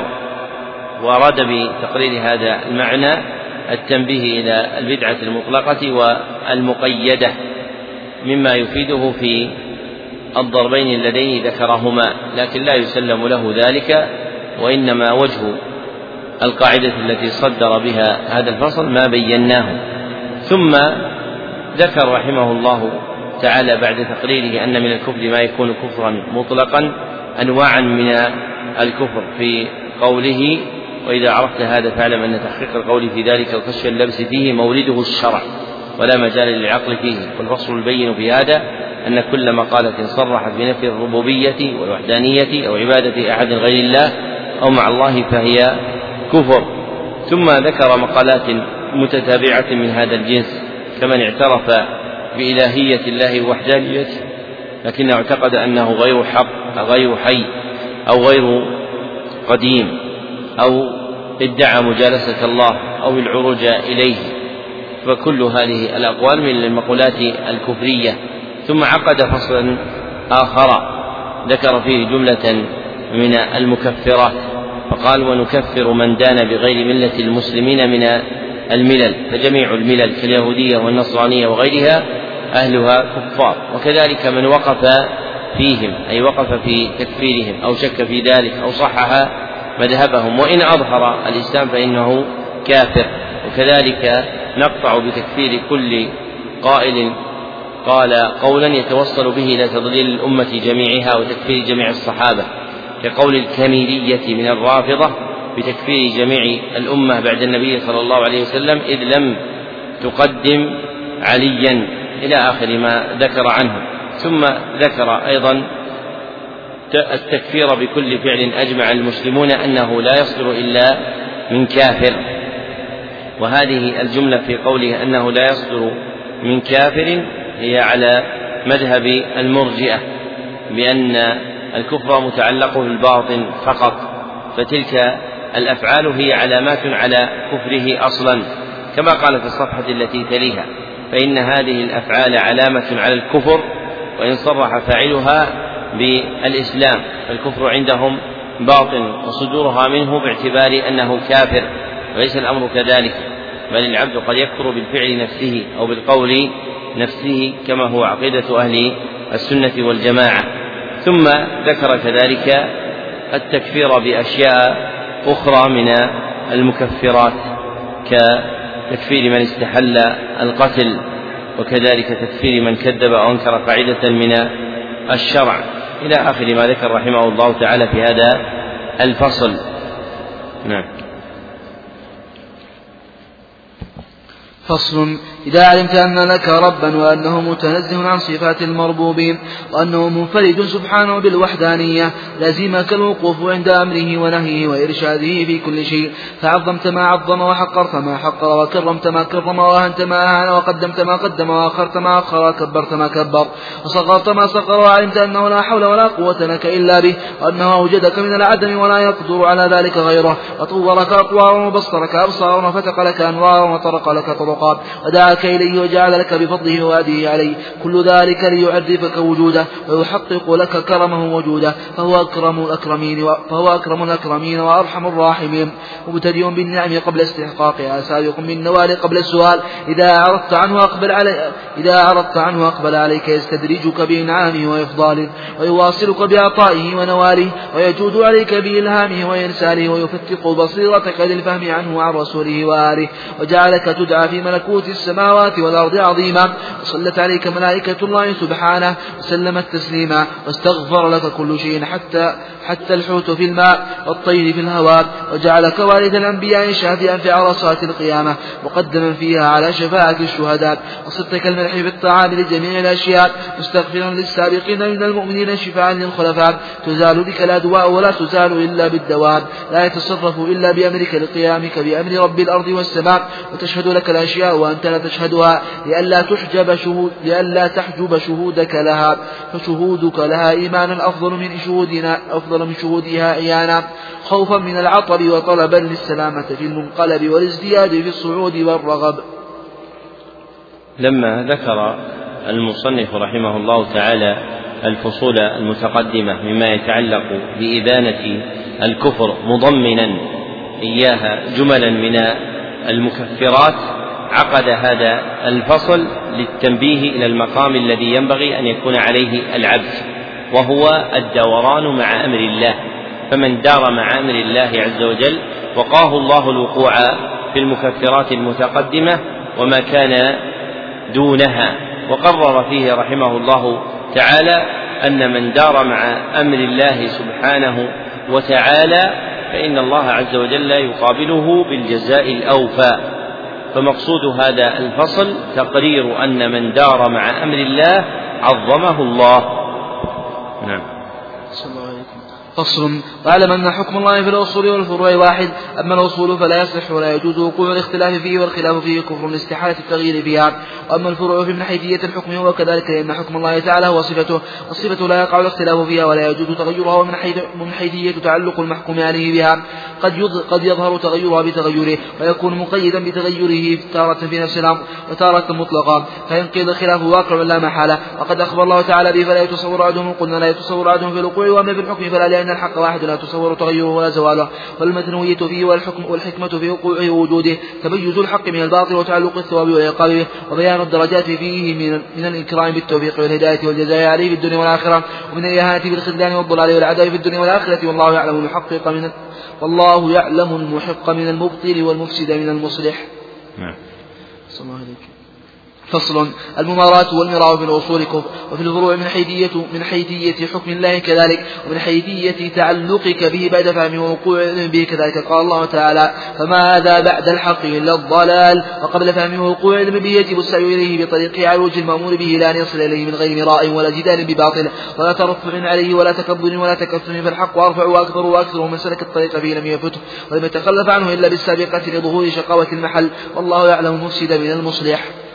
عقد المصنف رحمه الله تعالى فصلان أراد فصلين أراد بهما بيان جملة من الأحكام المتعلقة بالأصول والفروع وهو جار في تقرير أحكامهما على المعنى المبطل وهو كون وهو كون الأصول محلها الخبريات الاعتقادية وكون الفروع محلها العمليات الطلبية وسلف أن هذا مخالف للوضع الشرع فما رتب عليه من الأحكام يكون باطلا. غير أن ما أراد بيانه في أول الفصل وهو قوله واعلم أن حكم الله في الأصول والفروع واحد صحيح فالحق المراد سواء كان في الأصول أو الفروع هو واحد ولا يتعدد. ثم نشأ من هذا ذكره للخلاف وقوع الاختلاف في كل وهل يسوغ الاختلاف في الأصول أم لا. فذكر أن الأصول لا يصح الاختلاف فيها والخلاف فيها كفر وأما الفروع فمن حيثية الحكم هو كذلك أي من جهة صدوره عن الله سبحانه وتعالى لأن حكم الله تعالى هو صفته فمن صفاته سبحانه وتعالى الحكم والصفة لا يقع الاختلاف فيها وأما من حيث تعلق المحكوم عليه يعني فعل العبد فهي التي يجري فيها الخلاف. وتقدم فيما سلف بيان أن الخلاف يمكن جريانه في المسائل العقدية الخبرية كما يمكن جريانه في الفقهية الطلبية. لكن المفرق بين هذا وهذا من جهة تسويق الخلاف النظر إلى رتبة هذه المسألة هل هي قابلة للاجتهاد أم غير قابلة للاجتهاد؟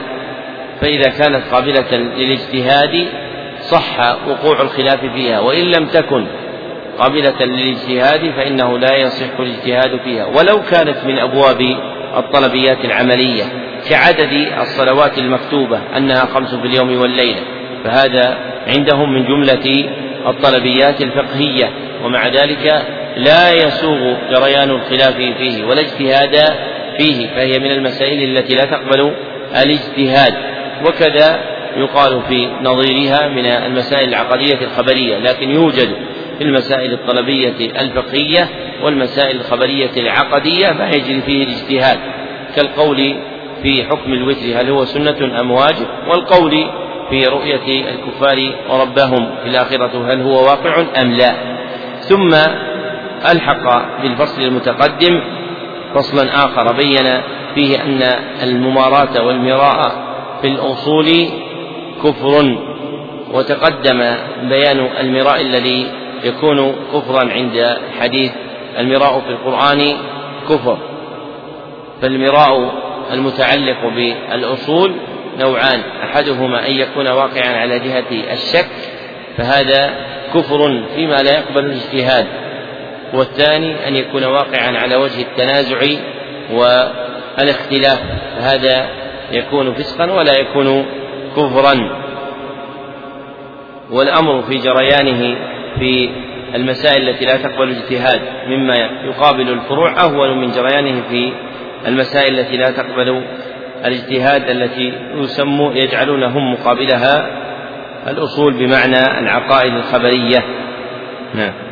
صلى الله عليكم. فصل. إذا وصلت إلى الحقيقة تطرأ عليك الحيرة والدهش والاختلام. فاحذر أن تخرج من طول العبودية والافتقار والملل والفتور والاستكبار. أو يتعلق قلبك بالوقوف مع حالة من الحالات أو يقرع بالأمور السافلات. فالجد واجتهد إلى أن تصل إلى المطلوب يقينا وإيمانا وإيمان يثبتك إيصالك إليه عيانا. فتصير الأشياء تبعا لك بعد أن كنت لها تبعا. وتنال منها بعد أن كنت تنالها. فإن دخل عليك وخيل لك استقرار بشيء سلبت وصرت مفلسا. وعدت بعد أن كنت موضحا بعد أن كنت موضحا ملبسا ورجعت من الوجود إلى العدم من الصحة إلى المرض وخسرت الجوهر بالعرض فنسأل الله الثبات حتى نمات ونعوذ به من الرجوع إلى القهقرى والسؤال عما جرى.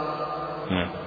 فصل. احذر أن ترى لك رتبة أو حقا تنزل وما تنزل وما ترقى. فترذل وتشقى. بل رد الأمانة إلى أهلها وانظر لنفسك واصفك وعللها, وعللها ناظرا إلى المنعم. إلى المنعم وإنعامه المفضل بزوال الداء وأسقامه. تترك في تترك في النعيم الأبدي والخلوص من العذاب السرمدي إلى ما لا نهاية له من الدرجات والوصول إلى المقامات العليات وتصير مقيما وحيدا. بعد أن كنت طريدا شديدا. فصل.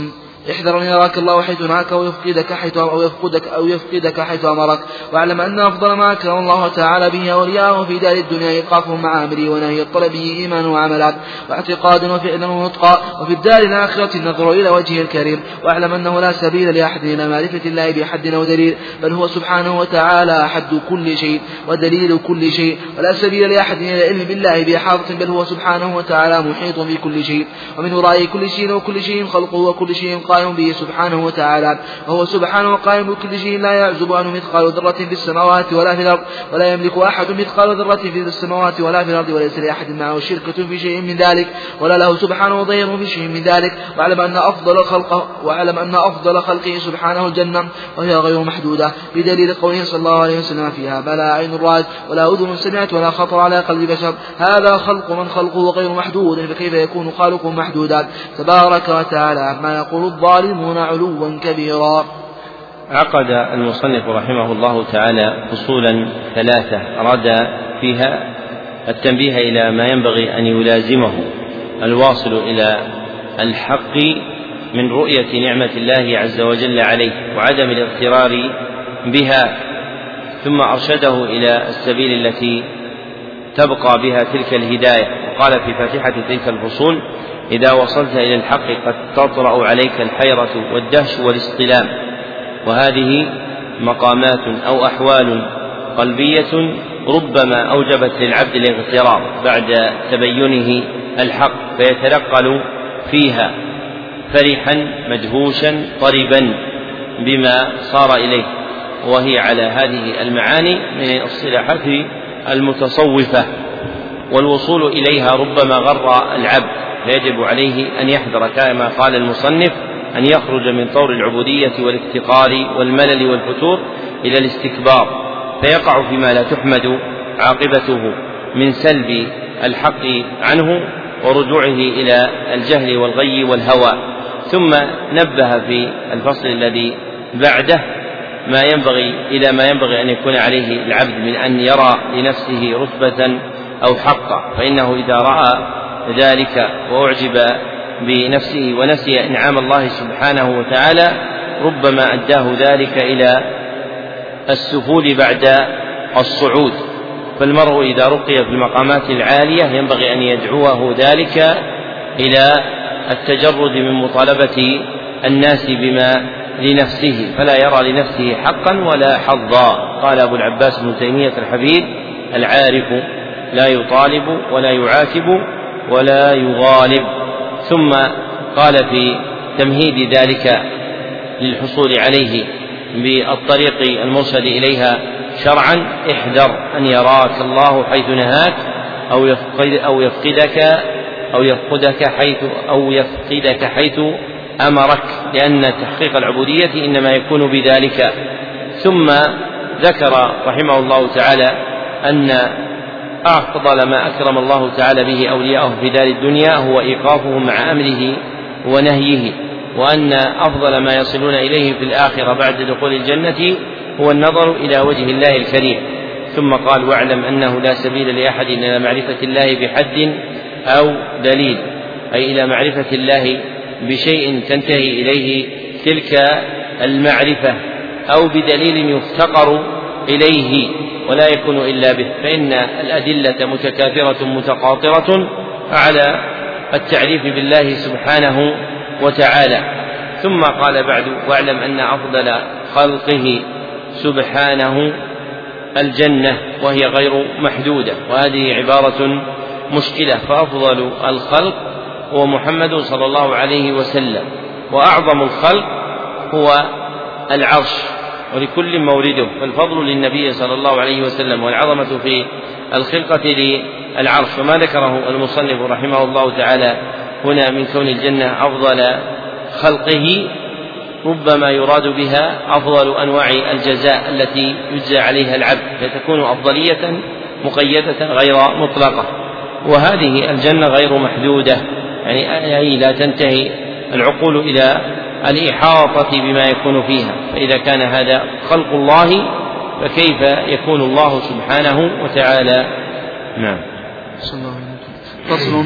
يجب الإيمان بكل ما أخبر به الصادق المصدوق صلى الله عليه وسلم فيما مضى وفيما يستقبل وتستدل على حقيقته في صدرك بما تشاهده في أنك عما مضى على ما يستقبل. كما بدأ يعيد وهو أهون عليه. بمعنى وله المثل الأعلى لا بمعنى أن شيئا مما أبداه وأعاده بعضه بعضه أهون من بعض أو أن إعادته أهون من إبدائه بل الكل هين عليه وإنما خاطبنا على قدر فهمنا من مواجيدنا تنزلا. ولهذا عز وامتنع عن صفات المخلوقين وحكم بإتقان صنعه في مخلوقاته بإحكامه لها. إذا علمت هذا فخروج الدجال اللعين ونزول عيسى بن مريم صلى الله عليه وسلم من السباب وطلوع الشمس من مغربها وخروج دابة الأرض من موضعها وظهور المهدي قبل نزول عيسى صلى الله عليه وسلم صلاته وراءه وكونه ينزو تابعا لشريعة محمد صلى الله عليه وسلم واحدا من أمته فيكسر الصليب ويقتل الخنزير ويضع الجزية ويزيل حكمها وينيق الخمور ولا يقبل من أهل الذمة وغيرهم إلا الإسلام مما يجب الإيمان به واعتقاد حقيقته ومن كذب بذلك كفر لأن الصادق أخبر به ومن كذب الصادق كفر. وكذلك يجب الإيمان بجميع ما شاكل هذا مما ثبت في الأحاديث الصحيحة عنه صلى الله عليه وسلم وهي معروفة مشهورة في كتب السنن الصحيحة والله أعلم. وكذلك يجب الإيمان بتبديل الأرض والسماوات ونسف الجبال ومقدمات, ومقدمات ذلك كله مما نطق به الكتاب العزيز والسنة النبوية. والله أعلم. فصل ولا نصدق كائنا ولا عرافا ولا ندعي شيئا بخلاف الكتاب والسنة وإجماع الأمة. ونرى الجماعة حقا وصوابا وفرقة زيغا وعدالا وعلماء والسلف من الصالحين والتابعين ومن بعد من أهل الخير ولا وأهل الفقه والنظر لا يذكرون إلا بالجميل ومن ذكرهم بشر فهو على غير السبيل. ويجب اعتقاد أن أهل الجنة يدخلونها مخلدين فيها منعمين لا يخرجون منها أبدا وأن أهل النار الكفار وأهل الكبائر فأما الكفار فإنه محتم دخولهم والخلود فيها مؤبدا لا يخرجون منها ولا يموتون فيها ولا يخفف عنهم من عذابها وأنه عذاب أليم مقيم عظيم شديد كبير وأن من قال إنهم ينعمون فيها بالعذاب فهو كافر لأنه كذب الله تعالى فيما أخبر به عنهم وما يحصل لهم من الأم وهذه مقالة الكفار حيث إنهم جعلوا الأشياء المخبر بها عن الله تعالى مع رسوله صلى الله عليه وسلم مجازية وأسماء لا حقيقة لها وجعلوا الأسماء التي اقترحوها والمسميات التي اقتحموها حقا وصدقا. فكذبهم الله تعالى في ذلك وقال إن هي إلا أسماء سميتموها أنتم وآباؤكم. ما أنزل الله بها من سلطان. إن يتبعون إلا الظن وما تهوى الأنفس ولقد جاءهم من ربهم الهدى. لما عكسوا باطلهم وجعلوا حقا والحق باطلا عكس عليهم عليهم الأمر فجعلهم فجعلوا من أهل النار. وأما أهل الكبائر فهم داخلون تحت المشيئة ولا يخلدون في النار. إلا أن يكونوا معتقدين لحل الكبائر فيكفروا ويخلدون فيها وثبت في الصحيح عن رسول الله صلى الله عليه وسلم أنه يؤتى بالموت في صورة كبش ويذبح بين الجنة والنار وينادى يا أهل الجنة خلود ولا موت. ويا أهل النار خلود ولا موت. وقال الله تعالى عن أهل النار أنهم لا يقضى عليهم فيموتوا ولا يخفف عنهم من عذابها وقال تعالى عن أهل الجنة دعواهم فيه فيها سبحانك اللهم وتحيتهم فيها سلام وآخر دعواهم أن الحمد لله رب العالمين فهذا ما يسره الله تعالى من الكلام في الاعتقاد الخالص من الشك والانتقاد والحمد لله أولا وآخرا وظاهرا وباطنا والحمد لله على تيسيره وغيره من وجوه الخيرات وأسأله الثبات على الطاعات الظاهرات والباطنات حتى الممات إنه ولي الباقيات الصالحات وقد يسر الله تعالى في هذا المعتقد من النفائس الدليلات والعلوم الباهرات ما يجب على كل مسلم تحصيله واعتقاده خلوصا من التشكيكات وخروجا من الظلمات إلى الأنوار الزاهرات. وأسأل الله أن ينفع به جميع المؤمنين والمؤمنات ويجعله حصرا من النيران المؤمنات وحرزا من المحظورات وأن لا يخجلنا يوم الوقوف بين يديه ويجعلنا من المنعم عليه من النبيين والصديقين والشهداء والصالحين.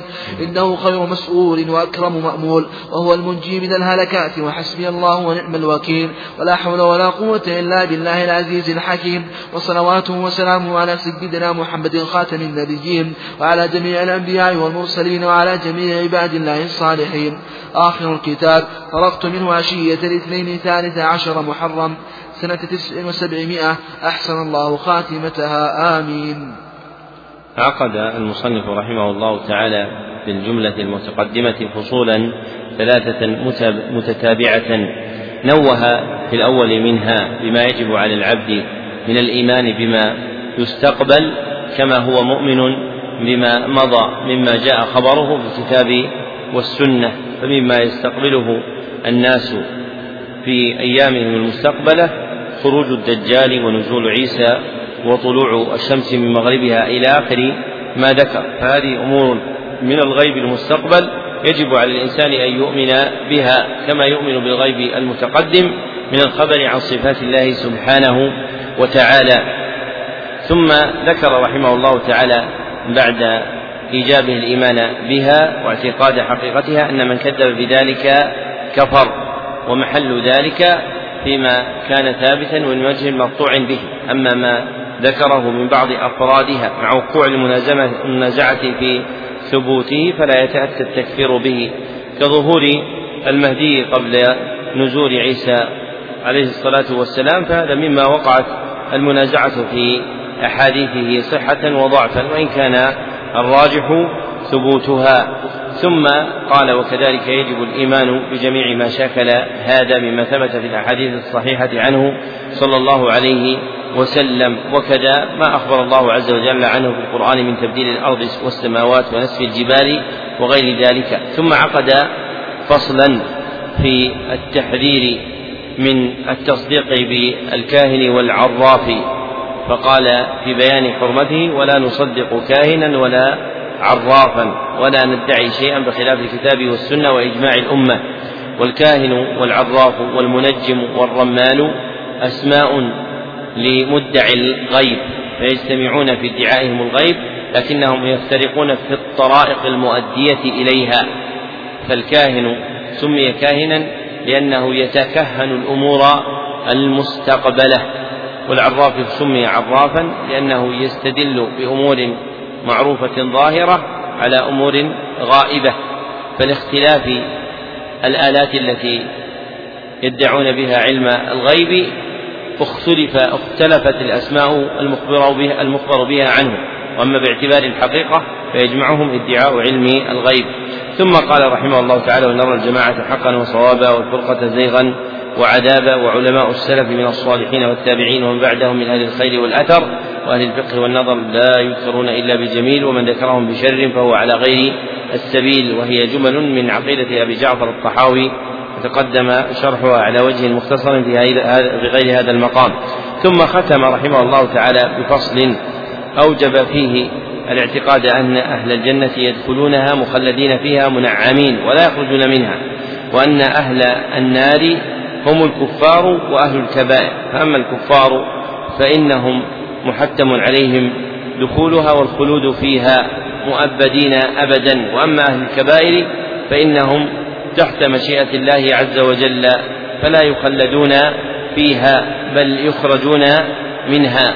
ثم لما ذكر حال أهل النار من الكفار نبه إلى بعض الاعتقادات الكفرية وهي قول من قول وهي قول من يقول إن أهل النار ينعمون فيها فتكون أحوالهم على النعيم فهذا تكذيب بما جاء في القرآن والسنة. ثم لما ذكر رحمه الله تعالى أهل الكبائر قال ولا يخلدون في النار إلا أن يكونوا معتقدين لحل الكبائر فيكفروا ويخلدوا فيها. وهذا محله الأول فهؤلاء هم أهل النار لأن المقصود بفاعل الكبيرة من يفعلها من غير استحلال فهذا تحت مشيئة الله إن شاء عفى عنه وإن شاء عذبه فيدخله النار ثم يخرجه منها ومصيره إلى الجنة. ثم ختم المصنف رحمه الله تعالى كتابه بحمد الله سبحانه وتعالى والصلاة على نبيه صلى الله عليه وسلم وسؤال الله سبحانه وتعالى أن ينفع به جميع المؤمنين والمؤمنات وهو كتاب حسن نافع سوى الشائبة التي شابته في مواضع انتحل فيها بعض الأقوال المخالفة لأهل السنة والجماعة فهو في جملته معتقد صالح ولذلك عددناه عند ذكر رتبته في المعتقدات المدونة على وجه الوسط وبينا في المقدمة الثالثة منفعة إقراء مثل هذه مثل مثل هذه الكتاب وهي مأخذ تجب العناية به لمن أراد هداية الناس. وبتمام هذا الكتاب نكون قد فرغنا بحمد الله سبحانه وتعالى من الكتاب الثاني من برنامج اليوم الواحد العاشر وموعد الكتاب الثالث يوم الخميس التاسع من شهر جمادى الأولى. من هذه السنة وهو الخميس الذي يسبق الأسبوع الذي يكون إجازة لمنتصف الفصل الدراسي الثاني. ويسبقه بإذن الله تعالى في إجازة الربيع برنامج مهمات العلم في المدينة النبوية ويبتدئ من فجر يوم الخميس الخامس من شهر ربيع الأول وينتهي بعد العشاء من يوم الخميس الثاني عشر من شهر ربيع الأول وهو أقرب البرامج المستقبلة. ثم تتتابع البرامج بعده بحسب ما يعلن عنه. سائلا الله سبحانه وتعالى لي ولكم العون على الخير والتوفيق إليه. وهذا آخر هذا المجلس. والحمد لله رب العالمين. صلى الله وسلم على عبده ورسوله محمد وآله وصحبه أجمعين.